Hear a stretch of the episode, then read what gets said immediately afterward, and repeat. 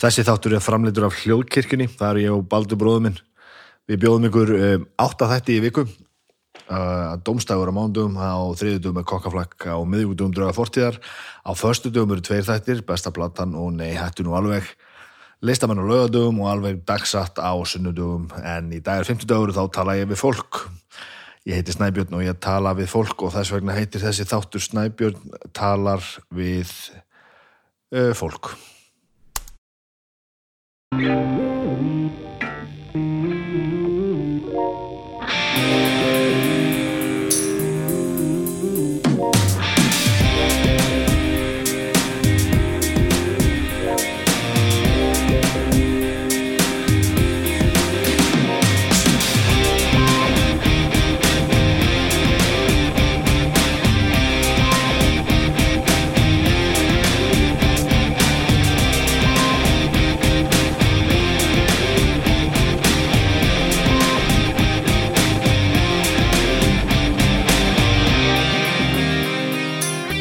Komið sælblásið, velkomin í þáttinn minn Snæbjörn talar við fólk. Í svona rétt í byrjun held ég þurfum að tala aðeins um það hvernig hljóma hérna. Ég vaknaði í morgun með eh, ég veit ekki hvort ég á að kalla þetta hálsbólgu mér er allavega illt allstaðar í hálsin en, en mér er líka illt bara einhvern, veginn allstaðar annar staðar fyrir ofan brjóttkassa í herðunum og viðbeinunum og, og með hlustaverki og ég veit ekki hvað og hvað. Eh, svona get ekki eiginlega sagt að ég sé beint veikur því ég er ekkert veikur en ég er bara allir ógislegur og hérna svo fór ég bara í ammælismat í dag og alla græður og var eitthvað að tala um þetta við eitthvað fólk og þá hérna, ég er búin að vera hérna bara í íbúfinni alltaf dag, bara einhvern veginn að, bæði verkastilla og svona reyna að ná niður einhverjum bólgum og, og hérna, þá sagði mér einhverja að þetta væri nú þekkt sem einhvern svona einhver eftirmálar COVID.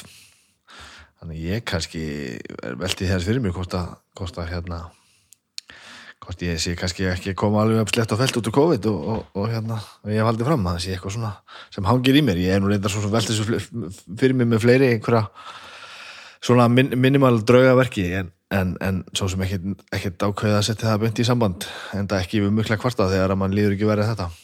En sem sagt að fólk fái einhverja svona þegar að venjulega væri bara einhver vísir að hálsbólgu eða eitthvað þá sest að þá, að þá setjist þetta bara í allt og ég einhvern veginn. Já, þetta er alltaf frekar skyttið ég, ég er með hálsbólgu bara frá brjóstkassa og upp úr og veit ekki alveg hvernig ég á að hafa mér. Þetta er fokkleðilegt en, en, en hérna, ég er ekki sárþjóður og ég miljur ákveðlega en ég hljóma nú samt svona einhvern veginn og samt orðin svona frekar Bjartar í tali heldur en var hérna framan að degi, nú er bara komið vel fram á kvöld og börnum mínu sopnuð og Agnes kannski líka henni í herbyggi og ég bara svona not- nota tíman til þess að drulla þessu hérna á tölvuna svo að það getur farið að gera hann að þáttkláran. Það er bara búin að vera páskar helvíti góði páskar, við ætluðum náttúrulega norður en svo bara einhvern veginn tók þetta COVID-drastl ég ætla að tauma með það. Að við ætluðum að fara að sjá eina leiksýningu hjá leikfæli Akureyrar sem hún leikur með Díum Byrna sem er, er í viðtalið í dag Benedikt Bólur, ætlum að fara með það með krakkana á það, svo ætlum við á Litlur Hillisbúðuna hjá leikfélagi Húsavíkur og þetta er allt, þetta voru allt á einu bretti. Og svona fleira sem að svona einhvern veginn stoppaði þetta, það er ekkert jafn gaman að fara til Húsavíkur og get ekki hitt fólk einhver stað svona með góri samvisku á, á stöðum þar sem að venjulega hitti, hitti fólk. Þannig að við bara slóum þess og frest, Eh, við erum eins og búin að fara í Já, ég held við sem búin að fara í þrjú matabóð þegar á stundum tíma til okkar nánustu, þannig að þetta nú er nú ræst úr þessu öllu saman sko. Þannig að þetta er, allt saman gott. Eh, náðum að horfa hans á sjónvarpið. Eh, við náðum, horfum á nýju heimildamöndur um Tínu Turner á HBO og það er algjört anskotas mestarverk, djúvillur um góð. Eh, bæði Tína Turner og myndin það er alveg allt í fína lagi að rekna með því. Nei, ég mæla með því, vá, ég er nú ekki alveg að tala hérna. Með allri aðteglinni svo horfum við líka á, heimildamöndurum Billie Eilish. Ég held að hún sé á Apple, Apple TV Plus, sem sagt, Apple Plus. Um, og það er frábær mynd. Allt, allt öðruvísi mynd. Það er náttúrulega myndur um tínu erum við náttúrulega að tala um, um, um hérna, 80 ára æfi Billie Eilish er ekki um tvítug og hún er búin að gefa út eina plötu. En kannski það sem er skemmtilegt við þessa Billie Eilish mynd fyrir það hvað hún er bara ljómandi vel gerð þá er hún bara svo inspírandi Billie Eilish er svo mikill snillingur. Platan hennar hennar og bróðurinnar er náttúrulega bara eh, meistarverk algjört meistarverk og þetta er einhvern veginn, já, inspírandi að sjá þetta bara svona venjulega stelpu já, venjulega sískinni sem takk upp plötu heima í Svefnabríki, skulum ekki glema því. Heima í Svefnabríki bara svona brjóta allar mögulega reglur urla með sko valla meiri græur en ég er með hér. Og svo bara kunnáttuna innsæð og, og, og snilligáðuna af opni og búa til þessa mistarlegu plötu sem að fekk svo bara grammi og ég veit í hvað og hvað þetta er og bara eh, ég hef trúið því að það sé listafólki svo Billy Eilish sem áttur að, áttur að bjarga þessu. Mikið djöfullin, mikið snillingur. Það er skemmtileg mynd, ógeðslega skemmtileg. Ger horfum við á hérna eh, King of Staten Island með honum Pete Davidson, hérna uppistandara á Saturday Night Gaur og Örgundalli og Glæsimenni, hann er mjög skemmtilegur. Leikstýrið af hérna Judd Apatow skrifaði þeim tveimur við þriða mann held ég. Og bara sama þar og algjörlega óhægt að mæla með því. Afskaplega mikið gott það, þetta er nú búið að vera svolítið póskatir bara svona einhvern veginn að brjóta rútínuna með krokkunum og, og nú bara búið að gott að páskatur eru búin því nú fyrir við bara aftur í rútínu sem að er gott fyrir alla. Já, já, já þetta er svona um, við skulum tala þessum samstafsæðilina ég er náttúrulega búin að drekka svo mikið kaffi um páskana að það er stórbrotið. Ég er búin að vera, ég er búin að drekka enn meira kaffi vegna þess að ég er búin að vera að að prófa með áfram með nýju kvörnina sem ég prófaði í, e, í á spilahelginni góðu sem ég fór í uh, fyrir sérstætt rúmur í viku síðan með strákonum spila Dungeons and Dragons og þar, þar drukkum við mikið kaffi og ég ákvaða að opna loksins kvörnina og nota hana. Og ég er búin að vera mikið í stillingum bæði hversu fínt þetta á að vera og hversu mikið kaffi ég fæ með, ég get segja stilt grófleikan og magnið og ég vil helst ekki, ekki mala meirin í þarf, þannig að nú er ég að læra á stillingarnar og ég er búin að brjóta um leið það sem að Torfi kendi mig fyrir mörgum mánuðum síðan, Torfi, var ekki eitthvað rost að skrifaðu niður það sem þú varst að prófa, þú gleymir í jafnóðum Þannig ég er alltaf einhvern veginn á byrjur reitt þegar ég er búin að, já, já, þetta passar, já, ég bara hef þetta svona og svona og þá passar það í könnuna. Dæin eftir, man ekki neitt, byrju búin neitt. En þetta er alltaf að koma og hérna gaman að vera komið með almennilega kvörd sem að getur stjórnað uh, grófleikanum sérstaklega. Það er magna hvað að skipti miklu móli. Þessi bústæðaferð gerði hins vegar eitt. Ég ætlaði náttúrulega að vera með mokkakönnuna á, á fullu, að hella upp á þar, en þar var spanhella og mokkakanna mínu áli hún bara dögur ekki þar þannig að við svona innan allra gæsalappa neittumst til þess að nota kaffikörnuna sem var á staðnum, svona upp á helliskonu sem var bara svona venjuleg kanna en sem betur fyrir bara hrein og þokkalega. Þannig að, þannig að það var gott. Og ég fann það eftir alla, allt þetta þamp þar að ég hérna mér langar að eiga þannig könnu, mér langar að eiga uppáhætningskönnu til þess að geta held mér upp á kaffi bara á gamla mótan og ég held já, Torfi saði mér einmitt fyrir löngu síðan Torfi, Torfi, Torfi, nú tala ég bara Reykjavík Róstis og Torfa sem allt, sem, sem mér hefur kent sem hefur kent mér allt sem ég kann. Hann er mitt sagði það að hann var í sjálfu komið með bara svona mokkamaster í eldhúsið þar sem hann reynilega bara gerir allt klárt að kvöldi malar í setu vatni og allt saman. Einu sem það að gera er bara að íta á taka. Eða reynilega að þú ert afsækið mig. Afsækið, voðalegt er þetta. Eða ég vil ef að ef að hérna þú ert enn lengra leitur þá getur þú látið bönni í nýtt og nefnir ekki fram úr. Eins og það hefur kaffi aldrei verið í svona morgun rútirinu hjá mér eh, áðurinn fötur húsi. Ég, hérna það er svolítið góð stund þegar ég sest niður í vinnunni og, og hérna og drekk fyrsta kaffibotlan þar. En, en ekki almennt á mótnana, ég hef kannski að fara að breyta því það er nú Reykjavík Rósters, það er nú gott og gott og gott. Herðu, svo er nú bara nýr aðli sem að ég þarf að tala um hérna, það er þykvabæjar þykvabæjar kartöblur um, ég fór náttúrulega að stassaði með aðeins vitandi það nú, hérna var ég komið hérna nýtt samstarf, ég er ekki mikið fyrir það að koma hérna og blara bara eitthvað um eitthvað sem ég veit ekki. Og ég er meiri sér að gengið svo langt að hafna samstarfi sem ég vil ekki vera í. Ég, ég vil ekki vera hérna en svo er það náttúrulega sjálfsögðu þannig að yfirleitt er ekkert mál að tala vel um hluti sem að vel eru gerðið sko. En ég fór að stassaði mig af alls konar hlutum, sallutum og, og, og forsónum og hinn og þessu gratinum og ég ekki hvað og hvað. Og svo var ég svona eitthvað aðeins byrjað að skoða þetta hvernig svona hugsa um hvernig ég ætti nú að nálgast þetta hvort það var ekki örugglega einhver einhver hérna á eitthvað sem var nú e, auðvitað að tala um uh, kem hérna fram eitthvað og, og þá er Agnes búin að búa til hérna einhver svona morgunbrönns eitthvað eh, alls konar skemmtilegt og satt hérna og var að borða og meðal hans var hún hérna með kartöflusalati sem ég hafi komið með heim kartöflusalati með lauk og græslug og var með það á diskinum og áður þess að ég, hún hafi haft hugmyndu nokkuð skapaðan hlut þá snýður hún að mér og sagði þetta er nú bara besta kartöflusalat sem ég hef fengið svona upp á dós. Þar hafið það það þurfti ekki mikið að hafa einhver sérstjök áhrif á það, þetta er bara svona helviti gott og ég settist niður og borðaði með henni og það er alveg satt. Þetta er nefnilega helviti gott sko. en ég er nú rétt að byrja hér á á þessu öllu saman. Ég er hérna líka með Bernes kartöflusalat með pínu fordóma fyrir því fyrir fram. En sjáum til.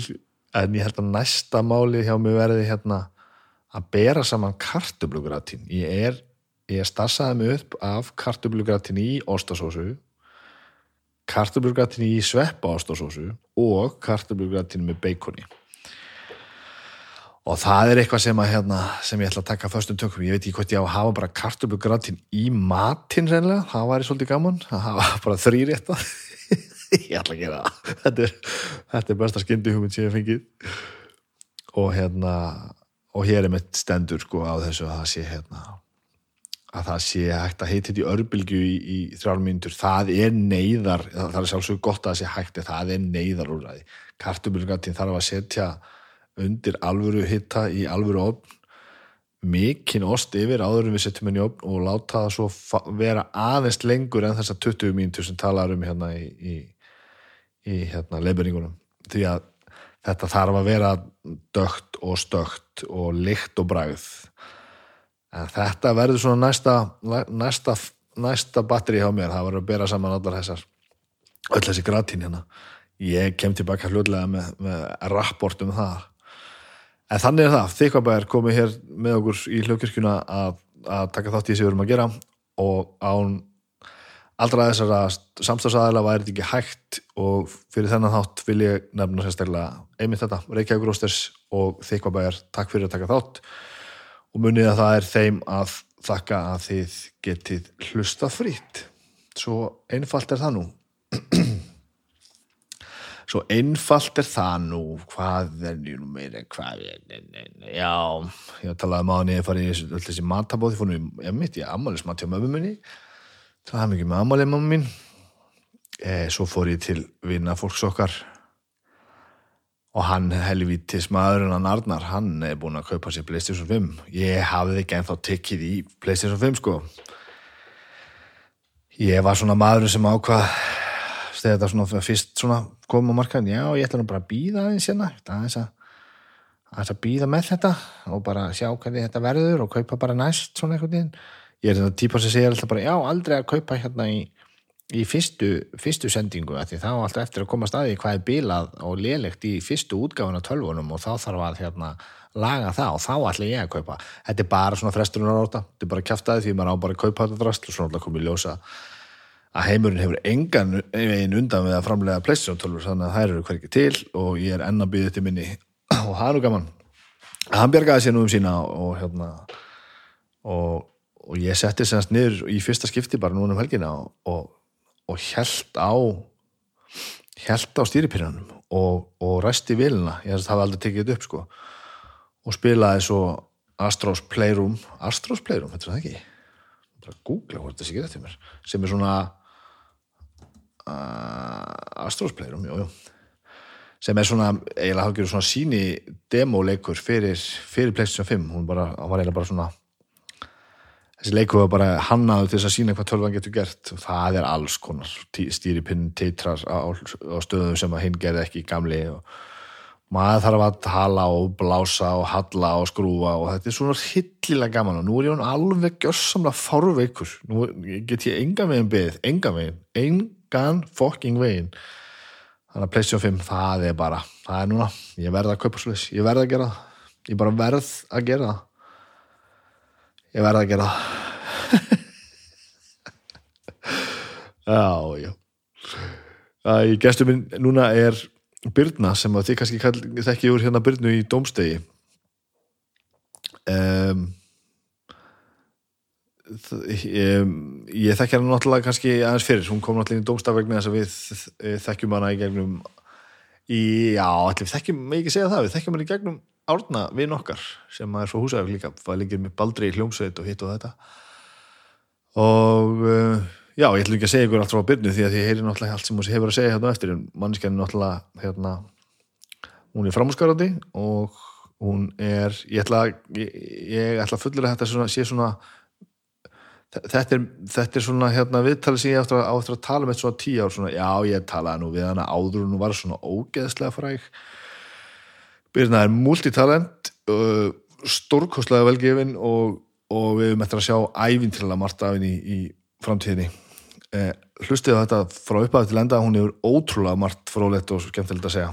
Og, og þetta spjall okkar hérna með eldursporið var eh, frábært. Eh, hlustið nú, ég ætla að kvíla þessu röndin á meðan þið hlustið á það sem að, það sem að Byrna hefur að segja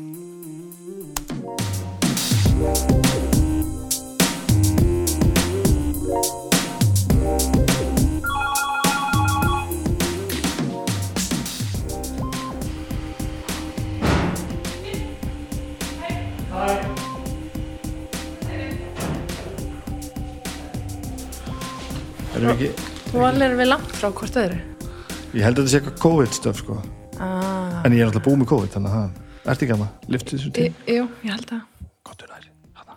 Hanna, ok. Nei, þú veist Þetta er ekki bara eldursporið mitt Ég veit það ekki. Þetta er bara svolítið svona. Já, já, ég er nú settið við þetta borðað á Já, ég veit það. Þetta er kaffi. Takk, ég ætla að fá mig kaffi. Gjörsal Þetta er auðvitað svolítið stert Og þá er hægt að gera minna stert með þessu hér sem er bara vatn. Já, ég vil hafa það er stert Hvað var að tala um? Líkt Byrja vel. Brakk hérna. En, en sko, þetta er Þetta, þetta með ilminna fórum fór líka bara fyrir mér að vera líka sko kultúr í kringu það, alveg sama og, og lyktin sko, þetta er augljóslega fyrir maður að hafa meira og meira skoðun á því sko, hvaða lykt maður setur á sig. Mhm. En þetta er líka þetta bara svona bara, já, býtu, þessi sinna, bara, hvað kemur þetta sko? svo, Já, svo, finn, svo, svo er þetta alltaf sem allt annað, maður, þá fyrir maður að finna hina sem eru svona, svona einn í vinnunni svona, Ísak í vinnunni alltaf svona bara er þetta Eitan Bob?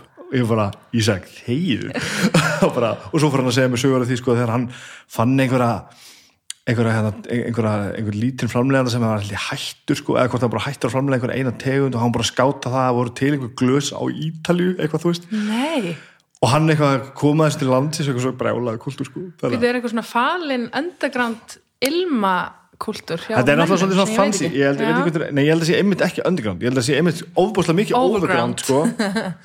sko. þannig eins og Matisúla sem Agnes er að vinna sko. Já. það er til dæmis fullt af Það er þetta sko. alltaf Það er fancy. og, já, og þá er þetta náttúrulega þú veist, og þá má maður ekki segja mikið að þau voru með svo snobbaður en, en það er samt þannig að þá er þetta svo gaman sko. Mhm. það er til dæmis fullt af einhvern pínlutlu framleiðendum sem að þú veist svo byggi var einu daginn sko, sem að, sem að á Mag- Já, Madsson- já, emmitt ánægt að segja þú veist þú mátt ekki auglýsa sko. þetta er eitthvað svona þeng sko. Ok, Þú veist, þetta má ekki verða eitthvað svona bara já, já, já hlöst út í búð og allir að kaupa sko. Þannig að veist, þá geðu eitthvað svona hugsul og baka þetta allt Já, þú vilt bara fá fólki sem að bara veit af þessu og búa til eitthvað svona pínum mist Já, já, já. þetta er líka pleb, að sjálfsögur þetta plebalegt algjörlega sko. Mhm. en Það kemurist með aldrinum maður verður líka að finna, eitthvað, finna sér eitthvað nýtt að gera maður Já. má ekki alltaf súra í því sama sko. Nei, ég sko hérna ótrúlega fyndi, ég fór í var fyrir austan, ég glemdi hérna ylvatninu mínu, var heima hjá fóreldra mínum á Egilstöðum, glemdi ylvatninu mínu og ég er mikil svona, ég elska góð ylvötn. Og ég fór í apotekið sem að er búðin sem selur ylvötn þar. Uh, og þar var kona að vinna og hún kannast um mömmu. Og ég fór eitthvað svona hún spurði hvort hún geti aðstofa mig og já, ég var eitthvað og, og datt strax inn á eitt ég sagði, mér finnst þessi lykt rosalega góð. Og hún bara, já, mamma þín á einmitt eitt svona. Já. og það er einhvern veginn sko, ok, það, það fara okkur sömu ilmir, okkur mömmu og það er eitthvað svona með litarhaftið og bara svona, ég veit ekki, það, þú veist það fer mér ekki sama lykt og ljósherri vinkonu minni sko, sem er eitthvað, þetta er, það er eitthvað vísinda bak við þetta sko sem ég þekki ekki.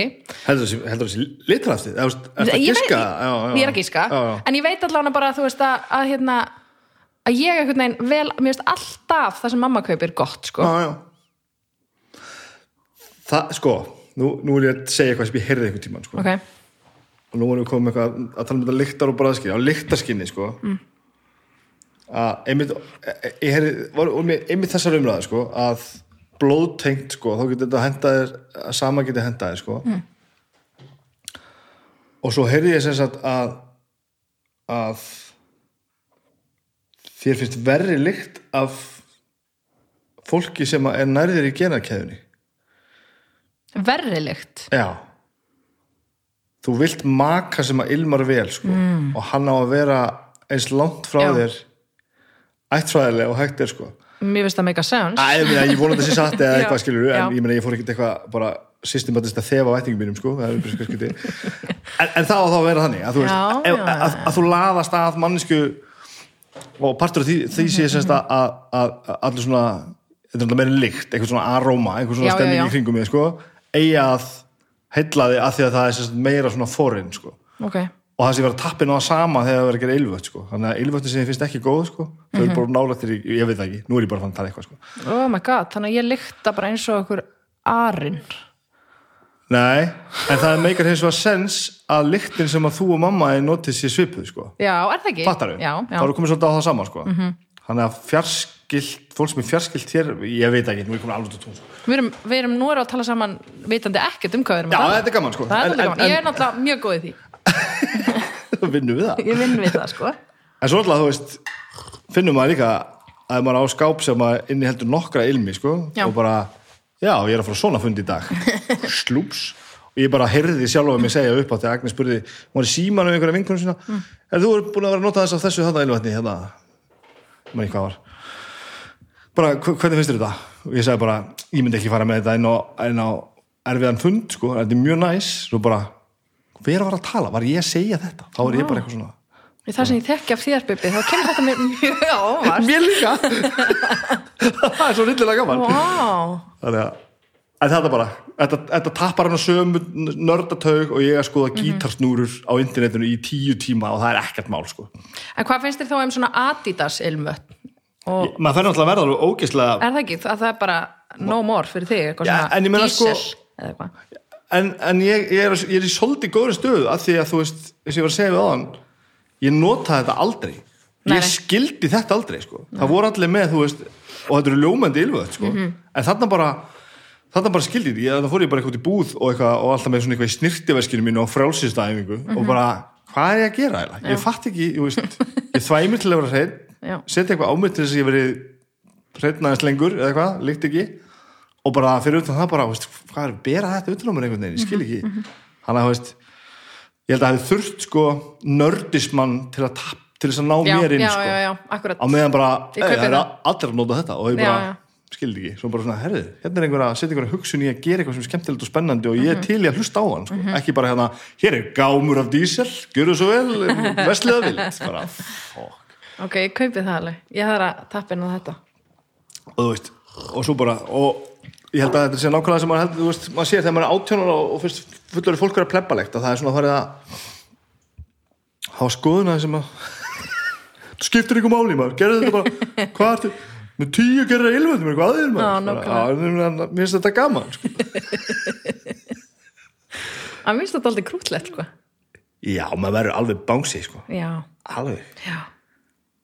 Já, ég er nefnilega, sko, Agnes, kona þín, hún er svolítið svona, að því hún er svo góð í, í hlutum sem ég er ekki góð í, sem er að vera svona æðsla fínum neglutnar og með svona plokkaðar og glæsilegar augabrúnir og, og svona, þú veist, hún er líka góð í að vera algjör sulta á sófanum, skilur, ég veit það alveg. En hún er, hún er góð í þessu, sko ég er svona, mér líður eins og ég sé núna loksins að verða svona alvöru kona. Svona, ég er að byrja að læra þetta skilur, að mála mig vel og, og svona að pæla í þessu öllu saman en það hefur tekið mjög mörg ár já líður svolítið þessu trikki og henni sé samt alltaf að taka allan svona heila leikan af þessu sko. það er ekkert hún er alltaf ógeðslega góðið sem að gera sko. já, hún er mjög góð í þessu en til dæmis að við komum hérna aftur þessu ilmastöfi sko.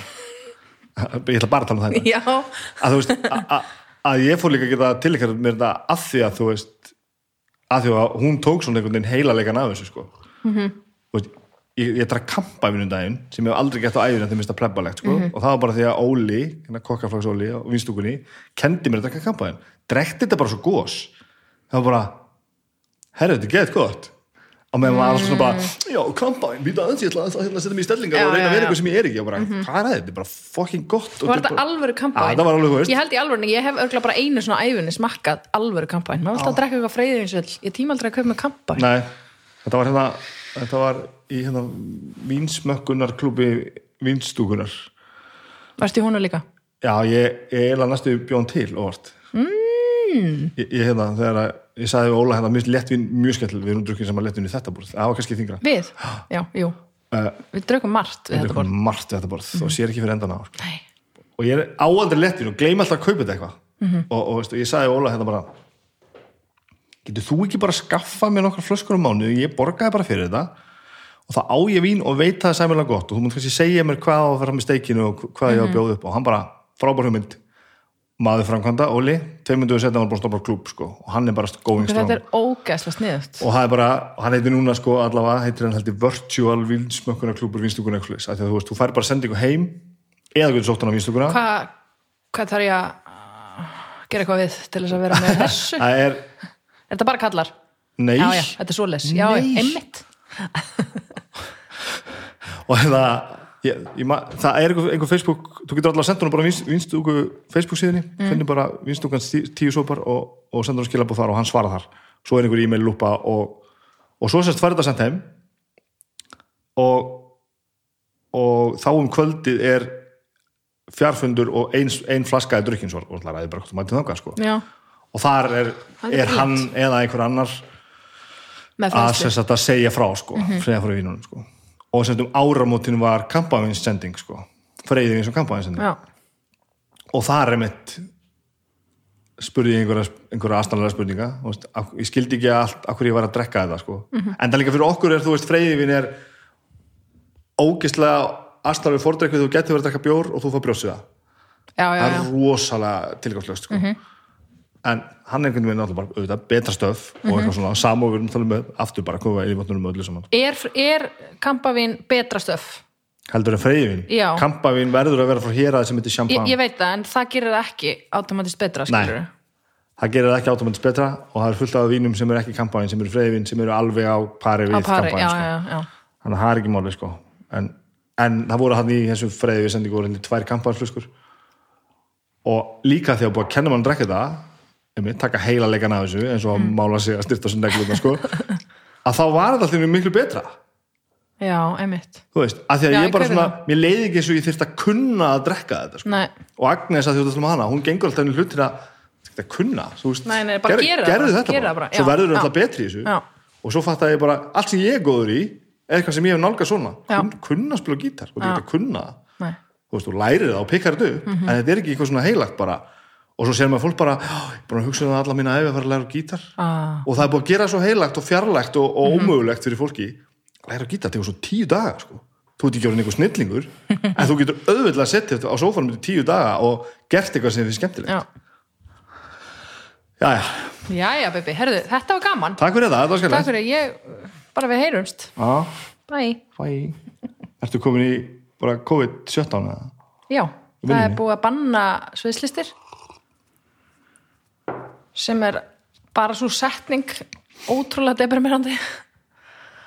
En uh, akkurat núna ég ætti náttúrulega ekki að segja þetta upp átt ég er alveg svona okkupongu glöð að geta verið með fjölskyldinu minni um páskana. Já, já. Og ég var svona að fara að veita fara að búa til ógleymanlegar fjölskyldustundir fyrir fjölskyldur þessa lands á meðan að Átni var að vinna í Reykjavík og mamma var að passa bönni mín. Já, þú hefði bara verið fjárverandi já, já, já, já, bara ok, ok. átta sýningar fyrir norðan sko. Já, að ok, það er svolítið sem að hefði verið ógeðslega gaman en líka pínu ávísun á bara aðlega samvinskubitt sko. En það er nú mín kynni af foreldra hlutverkinu að það er eiginlega samvinskubitt Ok, að þú ert fjárverandi eða að þú ert að gera hvað annað Já, mér finnst einhvern veginn alltaf að ég eigi að vera að gera um, eitthvað annað en ég er að gera Er ekki að fá einhverja greiningu í þessu? Ekki, þetta heitir örugleipan sko. Já, þetta er bara eitthvað sem hefur alltaf fyllt mér held ég sko það er eitthvað neginn alltaf bara eitthvað shit, ég þarf að gera þetta betur að vera betri þannig og laga þetta og eitthvað Í öllu sem þú hefur gert það? Já, pínu sko, eða þú veist, já, ég er svona ég reyndar veit alveg að, veist, það að vera með samviskupið er alveg eitthvað sem að mæður þessa lands og heimsins stekja sko. Mm það er mjög þekkt stærð sko, að vera einhvern veginn þú veist, með samviskupið yfir því að vera að vinna of mikið að vinna of lítið að leika of lítið við batnið eða fleti fleði, þú veist. Og svo einhvern veginn er líka svo grilla sko, þegar maður er með svona lítið batn þú veist, allt í náttúrulega með batn og þá verður maður að öllum kleisjónum sem maður ætlaði aldrei að verða. Sem er ótrúlega pyrrandi en líka mjög Já. grútlegt en ótrúlega pyrrandi ég var um daginn að sína vinkunum minni sem á ekki börn mynd af síni mínum á, á, á koppnum. Og hún bara svona hún er alveg svona no bullshit manneska sko, og hún horfði á mig og hún bara þetta er maður að skýta veist, hvað er að þér? Bara, það hefur engin gaman að sjá þetta nema þú. Og mér varst mjög erfitt að heyra þetta. En Já. þetta er alveg satt. Þetta er alveg satt sko. Þú veist, ég var bara svona, ok, nú þarf ég bara að get a grip, sko, þetta er ekki lægi. Þetta er komið út fyrir öll öll mörg núna, sko, og maður finnur líka að það er svo auðvelt að verða þessi manneska alveg sko. alveg, já, já, já. En náttúrulega eru margir, sko, sem að hafa bara gefið eftir og eru bara óþólandi, sko en ég er svona, ég er að reyna að- ég er að reyna að fara ekki yfir þá línu, sko en ég finn, það ég finn alveg vinnunum minni veist, þetta er svona mjög pipar er svona, þetta er mjög svona samheldin staður og þú veist, Mm. það vita allir hvað börnum mín heita og hafa oft séð þau sko. Það er bara veginn þannig Já. Þetta er bara þannig vinnustaður og þetta, það, það, það, það, ítur undir þetta já, og ég finn alveg að ég þarf að passa mig sko, að því mér, mér líður eins og þá hljóti þau að vilja vita allt um börnum mín Mhm. -hmm.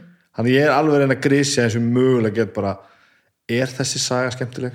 Já, veit. kannski er þessi saga bara pínu skemmtileg Já. ég læt hann að vaða en, en svo verð ég að muna að býða þrjár vikur þannig að ég segi næstu sko. akkurat, akkurat pick and choose, sko mm.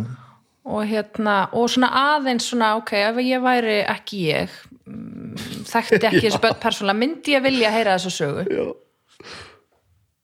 Mögulega ekki og ekki, sleppa, sko. já, sennilega, sennilega ekki, ekki sennilega ekki sennilega myndi mig langa að heyra aðra sögur meira en þessa sögur, og alla sögur og myndir, myndir sem er á bilinu sko, óþarfa til óþarfandi að sleppa þeim sko. sleppa þeim sko já, óþarfa, óþarfa sögurnar, maður líka sleppa þeim sko. já, en fólk skilur þetta ekki alveg sko. ég, eins og þetta að segja, maður fattar þetta alveg sko. maður verður bara blindur já já, en svo bara líka sko bara nú er sonu minn sko eitthvað, að verða eins og hálsás og þegar ég sé núna myndir á hennu sko þegar hann er nýfættur það sem ég setti eh, inn mynd á hverju millisekundu á hennu þar sem ég var bara svona að því ég bara, þú veist, mér fannst einhvern veginn heimurinn ekki skilja það sem var að gerast sem var að ég ætti óvart fallegasta bann sem hefði fæðist á þessari jörð.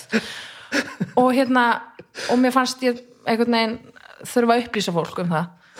Og sína þeim það nema að svo hérna svo núna þegar ég sé myndir þá er hann alveg jafn krumpaður og, og, og sætur eða ekki sætur og hvað annað badd skilur þegar hann, þegar hann var á þessum aldri skilur að því mér finnst hann alltaf bara verða sætar og sætari skilur og mér finnst hann gull fallegur og hann er svona minn, þannig að mér finnst hann fallega astur. Já, já.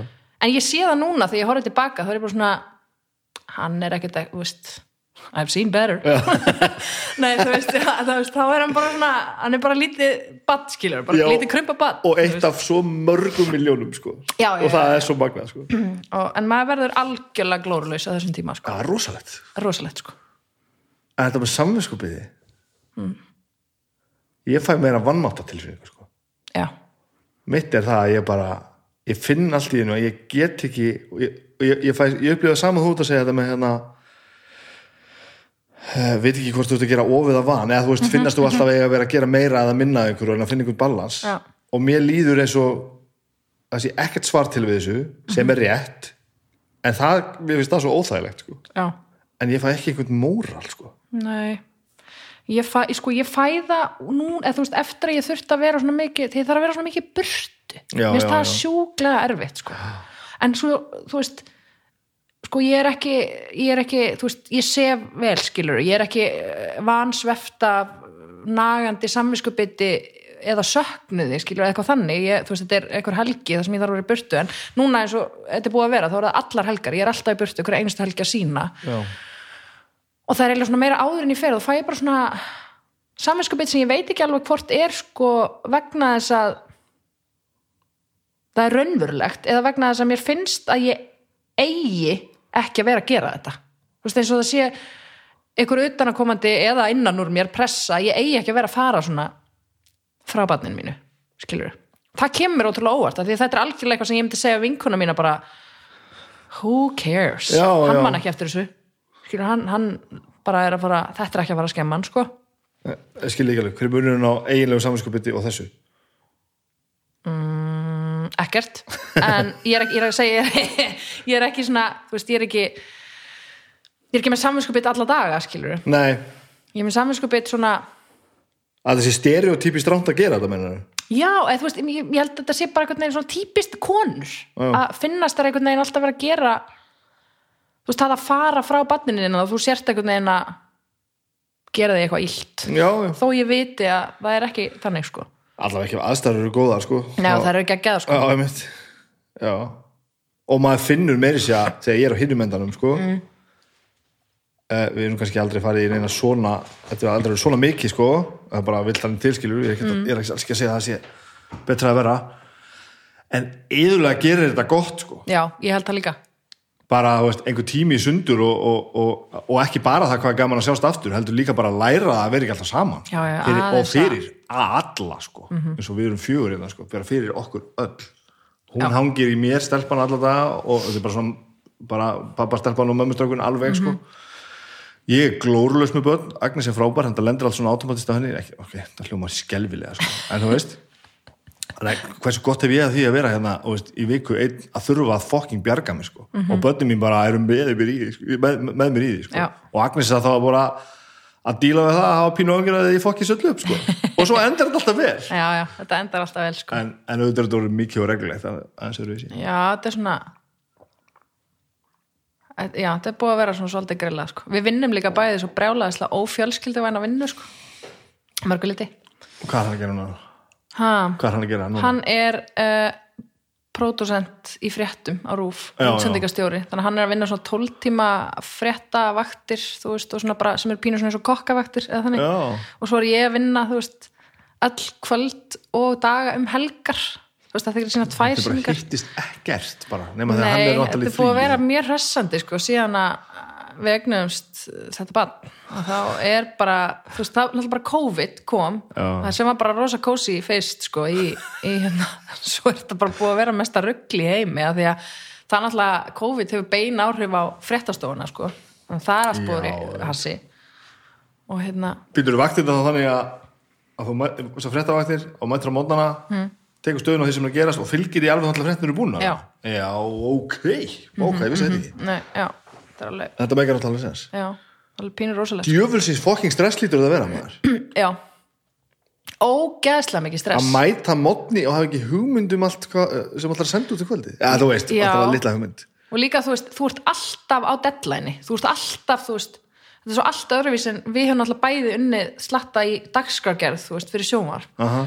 og, og þá ert einhvern veginn alltaf, þú veist, að vinna í einhverju skiluru og þú ert með eitthvað deadline, sko, in the future. Þú veist, svona einhvern veginn þú sér Já. fram á það eftir mánuði eða vikur eða eitthvað. En þarna er deadline alltaf í kvöld. Og alltaf, alltaf, vinnan mín er alveg stundum þannig. Já, það kemur ekki undan, það verður að gera þetta núna. Já. En það er ekki vinnulægið er ekki þannig sko. Nei, það er alltaf þannig náttúrulega. Það er það aldrei klikkað sko. En það það þurfa alveg svona sérstakar átnir náttúrulega gríðarlega rólegu maður sem er gott að því hann er maðurinn minn. Og heldur það því alveg í gegnum þetta? Að vera maðurinn minn? Það er svona. Já, en að vera rólegur í, í frétta. Já, já, að, ég held það, ég hef allan ekki heyrt annað en þú veist, nei, nei, hann þarf alveg svona stundum aðeins að byrsta sig held ég en en, en hann heldur í, hann er mikill rólindis maður, hann átni minn. Og svo er þetta ekki að þetta fréttast að það er alltaf að fylla alltaf þennan kvóta sko. Já. hver var að já, það er Helgi Seljan var það mm. hann var einmitt að tala um sko það er ekkert svo mikið í fréttum. Það er pff, það þarf ekki að vera með allar þessar fréttir. Bara tíu fréttir í sjónvarpinu einu svona dag, það gerist ekkert svona mikið ég veit það, og svo er þetta alltaf sama bara. Það sem að mér finnst þetta ótrúlegt og er alveg bara svona eitthvað sem að þarf að búa til leikritum eða eitthvað, það eru þessir endalösu aukafréttatímar þú veist, það má ekki bara ef eitthvað gerist, ef það bara- gerist, þá er alltaf bara aukafréttatími. Mér finnst það svona pínu krútlegt einhvern veginn núna, svona eftir ég þú veist, að það er alltaf svo ógæðslega mikið stress í vinnun og satna og ég er alltaf svona heima bara eitthvað þetta skiptir einhver máli. Ég er alltaf vinn, samt vinnu sem skiptir ekki máli. Nei, þetta er og við öll held ég nema kennarar og fólk í helbiði stættinu sko, já, líðumanni sko. Hvað hérna, nú, nú, veit ég, nú veit ég mjög lítið um þig sko. Er það? það er, það er, það er, það er alveg staðrindin ég veit afskaplega lítið um þig, ég veit ekki eins og hvað þú ert sko. Í frá Egilstu? þú ert frá eðistu Já, eða sko ég er samt eiginlega ekki, fóreldra mínir eru ekki frá Egilstu, mamma mín er frá Söðakróki og pappi minn var alin upp af lengstum hluta á Djúbói og svo hellu og ég er svo bara lærða þau út í Svíþjóð, koma heim og hérna pappi sem sagt læknir, mamma kennari og hann fekk stöðu eina fólki sem skiptir máli í. Já, getur svona rétt ímyndaðir hvernig, hvað áhrif það hefur haft á mig og mitt val í lífinu Nei, og, hérna, og þau fengu bara vinnu á eigilstöðum Veitu, hvar kynntistu? Þau í Já. mentaskólum á Akureyri Vá, hvaða ástasagar þetta maður? Þetta er rosa ástasa Þau sko kynntust í mentaskólum á Akureyri uh, þegar að ömmu bróðir minn Tryggvi Gíslason var skólamestari þar. Þá komið þau mamma rákróknum og pappi aðstan og meira veit ég ekki. Nei og hérna og, og þau spóru síðan saman út til Svíþjóðar að læra pappi að læra heimilisleikningar og mamma að læra að kenna og ma- mamma er ólétt af mér þegar þau síðan flytja til Íslands með eldri sískin mín tvö og enda á Egilstöðum þar sem ég fæðist Þessi þau fá þá bæði tilbúið vinnu eða? já, eh, ég meina þú veist mm, ætli með að við allt og allt vinnu vinna föðumins hafi ekki ráði meiru um það skilur þar sem að hann er hann er sem sagt uh, læknir og varð uh, fekk heimilislæknis stöðu á Egilstöðum og mamma fór að vinna á leikskólanum Hvað, leikskólakennari. hvað heitir þetta fólk? Hvað heitir fóröldarinn? Pétur Heimisson og Ólöf Sigri Ragnarsdóttir Tala svo mikið um það, alltaf margir pælið í hvað hvaða fólk þetta sé. Allt austurlandið bara Já. og svo, Ok. svo er ég þrjú sískinni og við erum alltaf að gera æfin til alveg ólíka hluti sko. þannig að En þú ert upp alveg á einstöðum Já. Og líður eins og sérst það sagt. já. Ég veit sko eins og systir mín sem er tíu árum eldri en ég hún hérna náttúrulega bjó þú veist í tíu ár eða, í sjö ár eða eitthvað út í Svíþjóð sko. Já, já, já. Hanna, og, og flutti svo og, og svo fór hún, þú veist, einhvern veginn í mentaskólan á Akureyri og hún er svona með hans öðruvísi tengingu held ég, heldur en ég við eilstæði sko. Já, en já, já, ég er bara fætt og uppalinn þar ég og, og, og bróður minn lillbróður minn. Og hérna já, og var í grunnskólanum á eistöðum og fór í kirkjusumabúðunar á eðum og allt þetta helst það bara og fóröldrar er alveg svona, þú veist eh, bara fest, eh, fest ekki festast þau finna sér alveg á einstöðum og eru bara þar í, í Já. bara, já, Já, en samt sko, þú veist, öll sískinni fóreldra minna búa, sískinni pappa öll í Reykjavík og, og sískinni mömmu öll á króknum það eða í Reykjavík. þetta sko, sem maður hugsa svo oft bara. Já, fara bara eitthvað, já, og vera bara þar. Fóröldrar minni gerði þetta sko. Já. og voru flý, kannski mögulega að flýja einhverja svona einhverja heimilishörmungar hérna be- beggja vegna held ég sko. Ok, en svo fluttu þau bara og byggu bara á laugum í Reykjadal. Einmitt engin tenging sko. Nei. og bara, nú ætlum við að búa hér. Bara, Ég veit að þetta er mjög grillað sko. Já. En þetta er nákvæmlega það sem að þau gerðu og, og, hvorugt að flýja hörmungar sko. Já. Þau bara fengu þarna þessa stöðu. Ég held svo sem að þau hafa ekkert endilega ætlað að ílengjast svona rosalega en þau bara vilja hvað er ekki annars það að vera þannig sko, við erum mjög ánægðar og útalega mikið útivista fólk og svona bara betri en ég í mörgu Já, já. Það, ég, það á að vera þannig sko, já. til. Og hvað, og, og, hvað ertu lengi á eistum?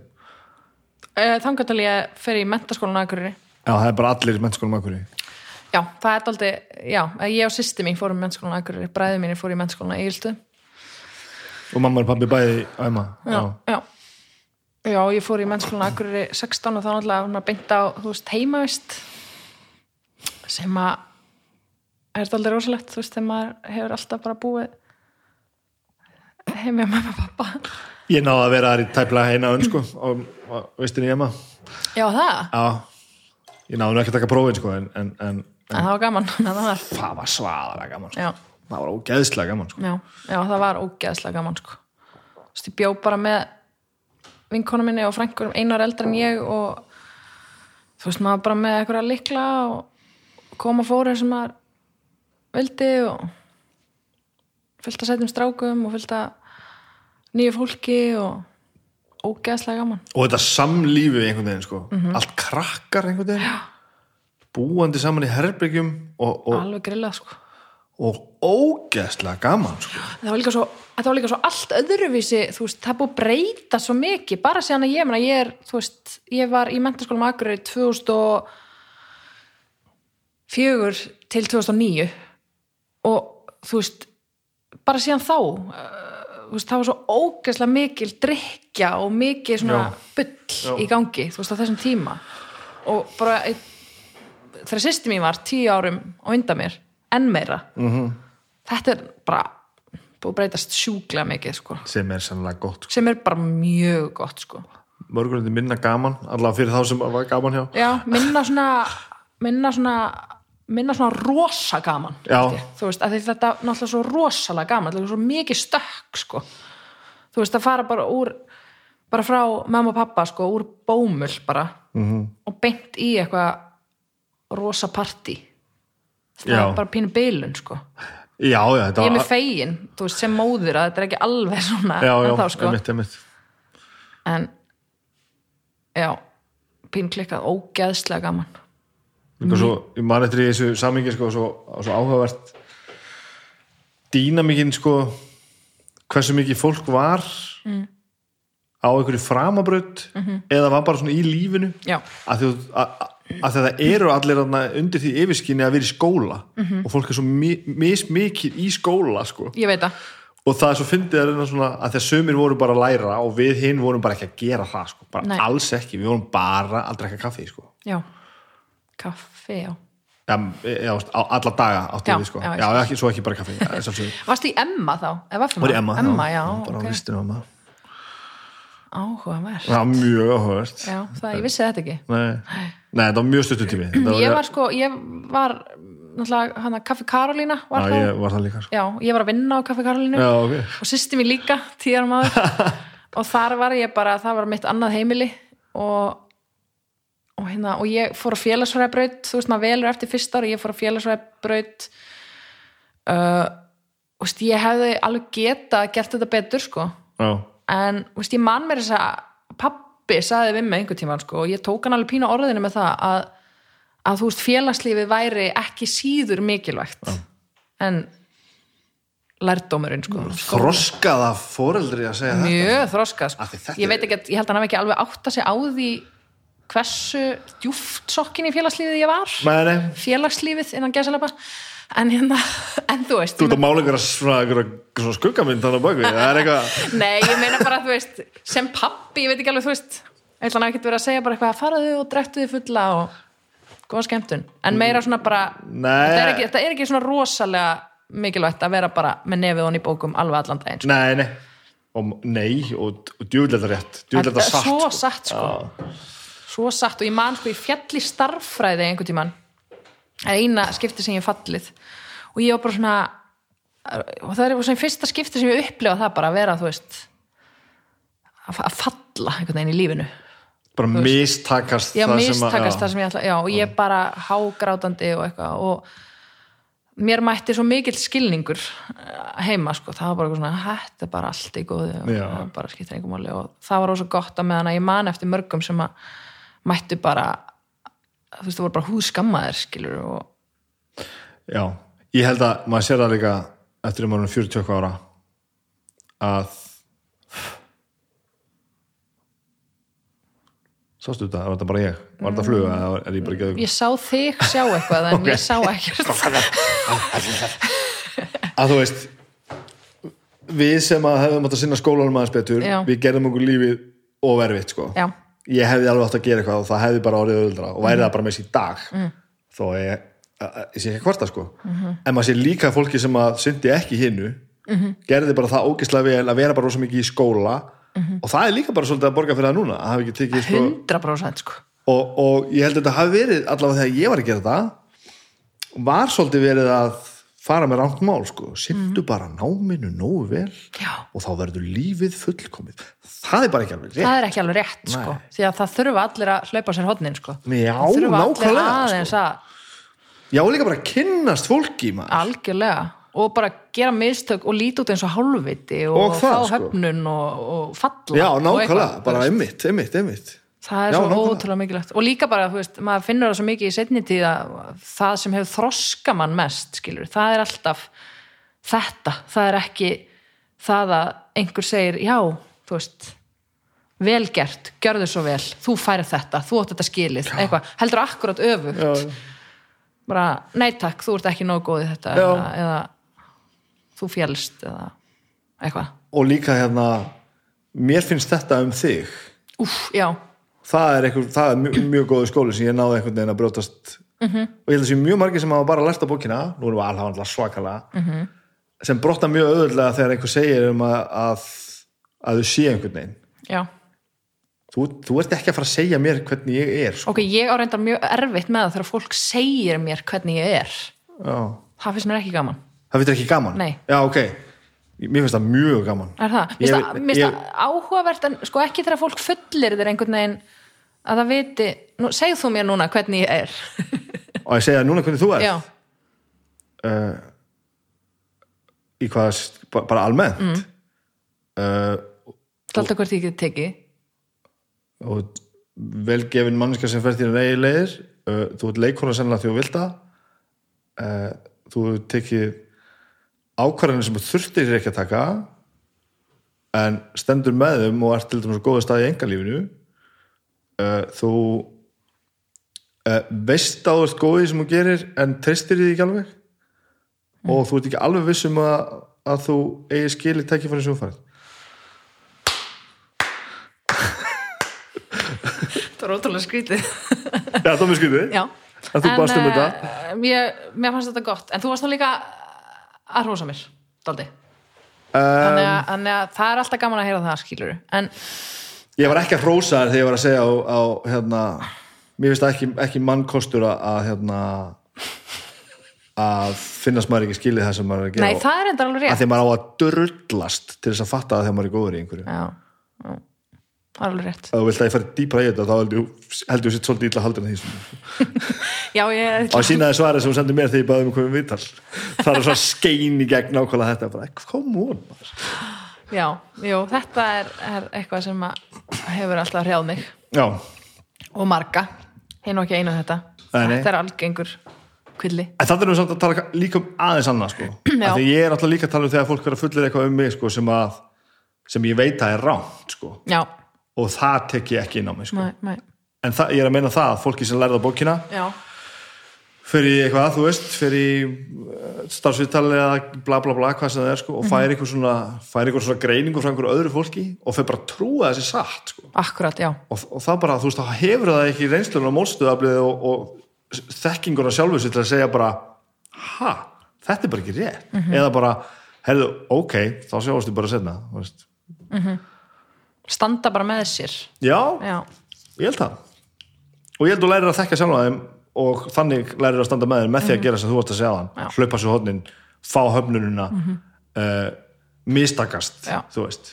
Ég hef alltaf, sko, það er mjög stutt síðan að ég byrjaði að, að slaka eins á í, sko, því að, að svona já, geta höndlaða að vera léleg í einhverju eða að, að gera eitthvað sem er ekki fullkomið þú veist. Já, og einhvern veginn bara leifa því að gerast og, og verða þannig betri í því þú veist, og ég held að það hefði hamlað mér alveg ótrúlega lengi í bara, þú veist, að komast eitthvað aðeins lengra er að þú veist ég þorði ekki að taka skrefið ef, það skildi mishefnast sko. mm, sem er þetta ókslega algengt en, en þú þarft samt einhvern veginn að fatta sjálfur að þú ert að gera þetta. Að þú ert að eiginlega koma í vekk fyrir eigin tækifæri sjálfur af því þú ert svo hrættur við að hrættur um að lítið lút eða, eða mistakast eða eitthvað sko. og ég bara finna að þú veist einhvern veginn bara það er svo miklu auðveldra bara að vera til. Það er svo miklu auðveldra til dæmis að vera í leikhúsinu og vera bara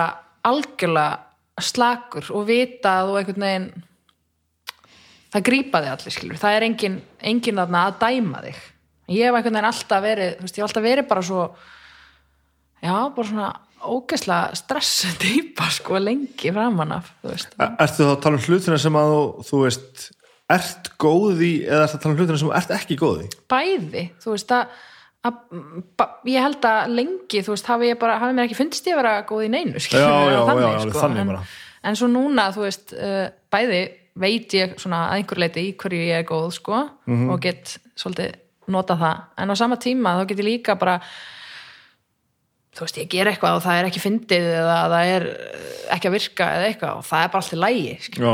það er bara fínt, move on sko. Já, það er líka þarf sko. Þa, það er svo mikilvægt sko. og, og hittir heldur ekki hægt sko. hitt er ekki hægt og að reyna að elta það er rosalega líjandi og leðilegt sko. að þú að tala um hlutina sem að þú vildir óska að þú væri góð í en ge- getur ekki Nei, ég pæla eða aldrei í því Nei, þannig, ég ég veit ekki sko, það sem að ég það sem ég langar að vera að gera er ég núna að gera flest já, sem er algjörlega geggjað sko. Veit. það er alltaf ótrúlega að geta sagt það það er bara eðislegt sko. Mhm. uh, en ég er líka að njóta þess ég var alveg að gera það líka skilur ég hef alveg gert það áður og verið ekki að njóta þess og hvernig er það munurinn? Bara sjálfsgaggrinin og ég, ég er bara búin að vinna óksla mikið í sjálfur mér sko. já, bara, bara, bara almenn líðan bara já, bara almenn já. líðan sko. bara, þú veist, ég meina bara mentaskóla óksla kvíðin og eitthvað svona alls konar sem að maður var ekkert að díla við skilu og bara uh, ótrúlega mikið að hérna, halda áfram að að djama og, og svona og svo fór ég út og, og svo kom ég heim og þá einhvern veginn, þú veist ég held ég að ég hefði svona bara pínu haldið að ég myndi bara það myndi bara gerast.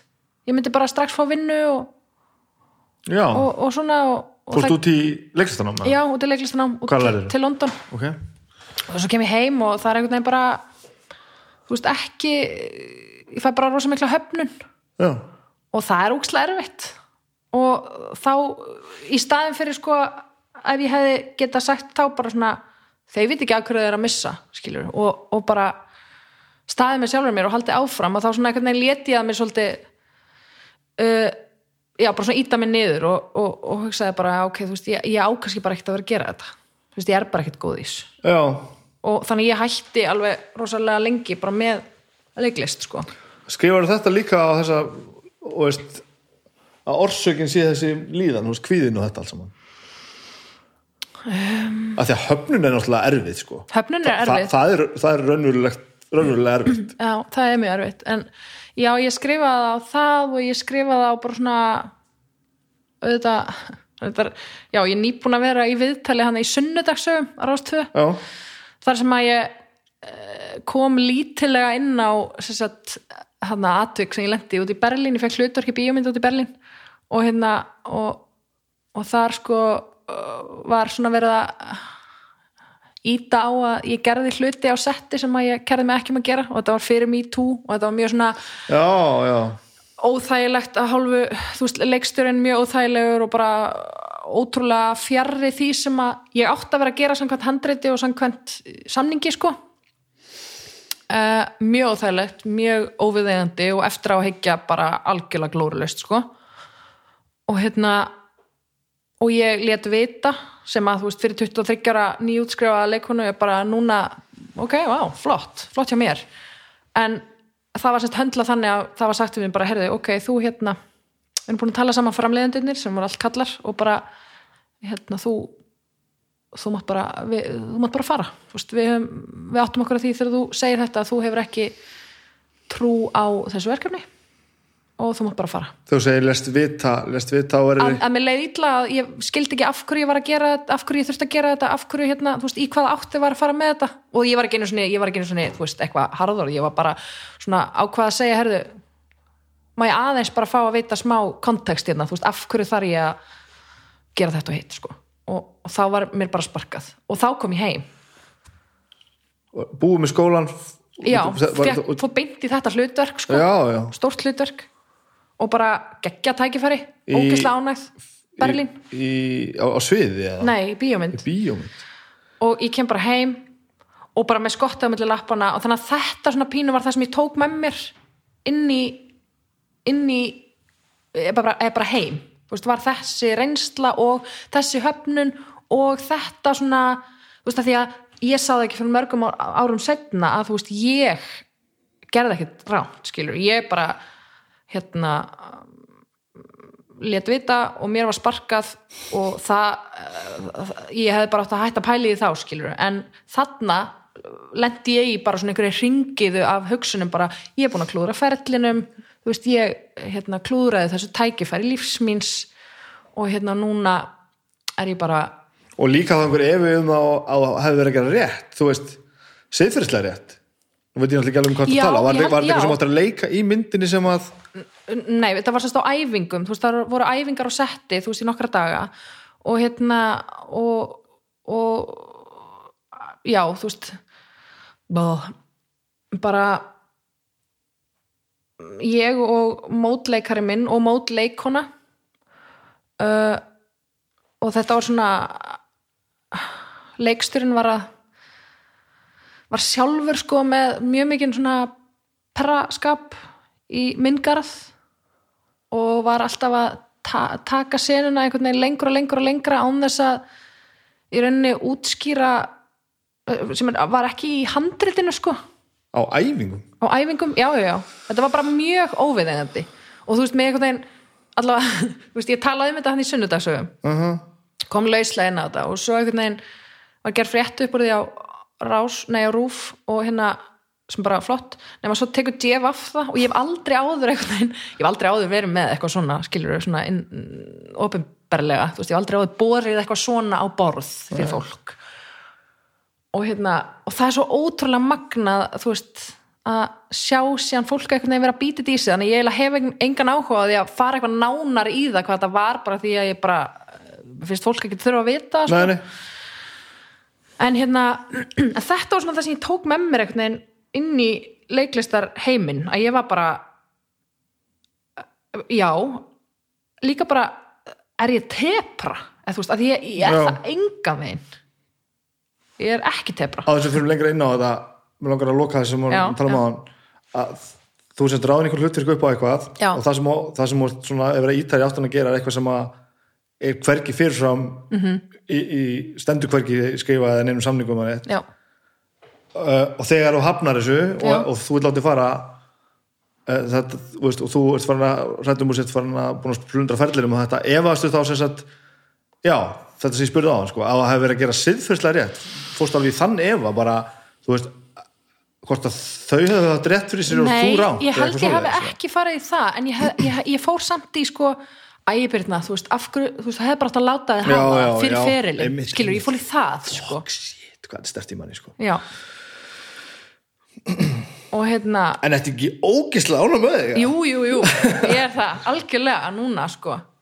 Og hérna og náttúrulega bara uh, svo einhvern veginn gerist me too og þetta og þú veist, þetta er ekki eins og þetta sé eina sagan sem er áskiluru og Nei. ekki svo versta heldur. En, Nei, meina, nei, en þú veist, svo gerist það og þá bara sér maður, þú veist, hvað þetta er grasserandi víða. Já. og og hérna og, og svo bara og það fer ekki einu sinni auðvitað fer það eftir fólki hvernig það höndlar svona en í öðru eh, bara á öðrum stað og öðrum tíma hefði ég ekki gert þetta, þú veist, það hefði ég látið mig hafa það Já, skilur, þetta er bara það fer eftir svo mörgu og það er svo innilega ekki við þá leikkonurnar að sakast skilur, ég meina, þetta er náttúrulega bara Nei. ekki í lægi, sko, hvernig og hvernig er þetta færa viðgangast veginn líka, það er bara útrúlegt Finnur mikið fyrir þessu í dag, eða?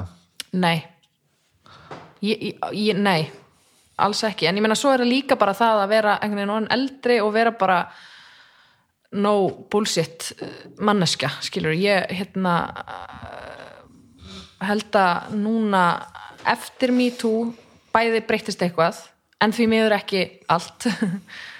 Eh, en svo hef ég líka bara verið heppina að vera að vinna með geggjuðu fólki og Þegar þú segir ekki allt, þú meinar að það er ekki allir sem að tók til sín, eða nei, nei, það veit ekki alltaf einhver góður sem sagði þetta sko að svona byltingar og sérstaklega svo sjást mjög, mjög vel í Me Too.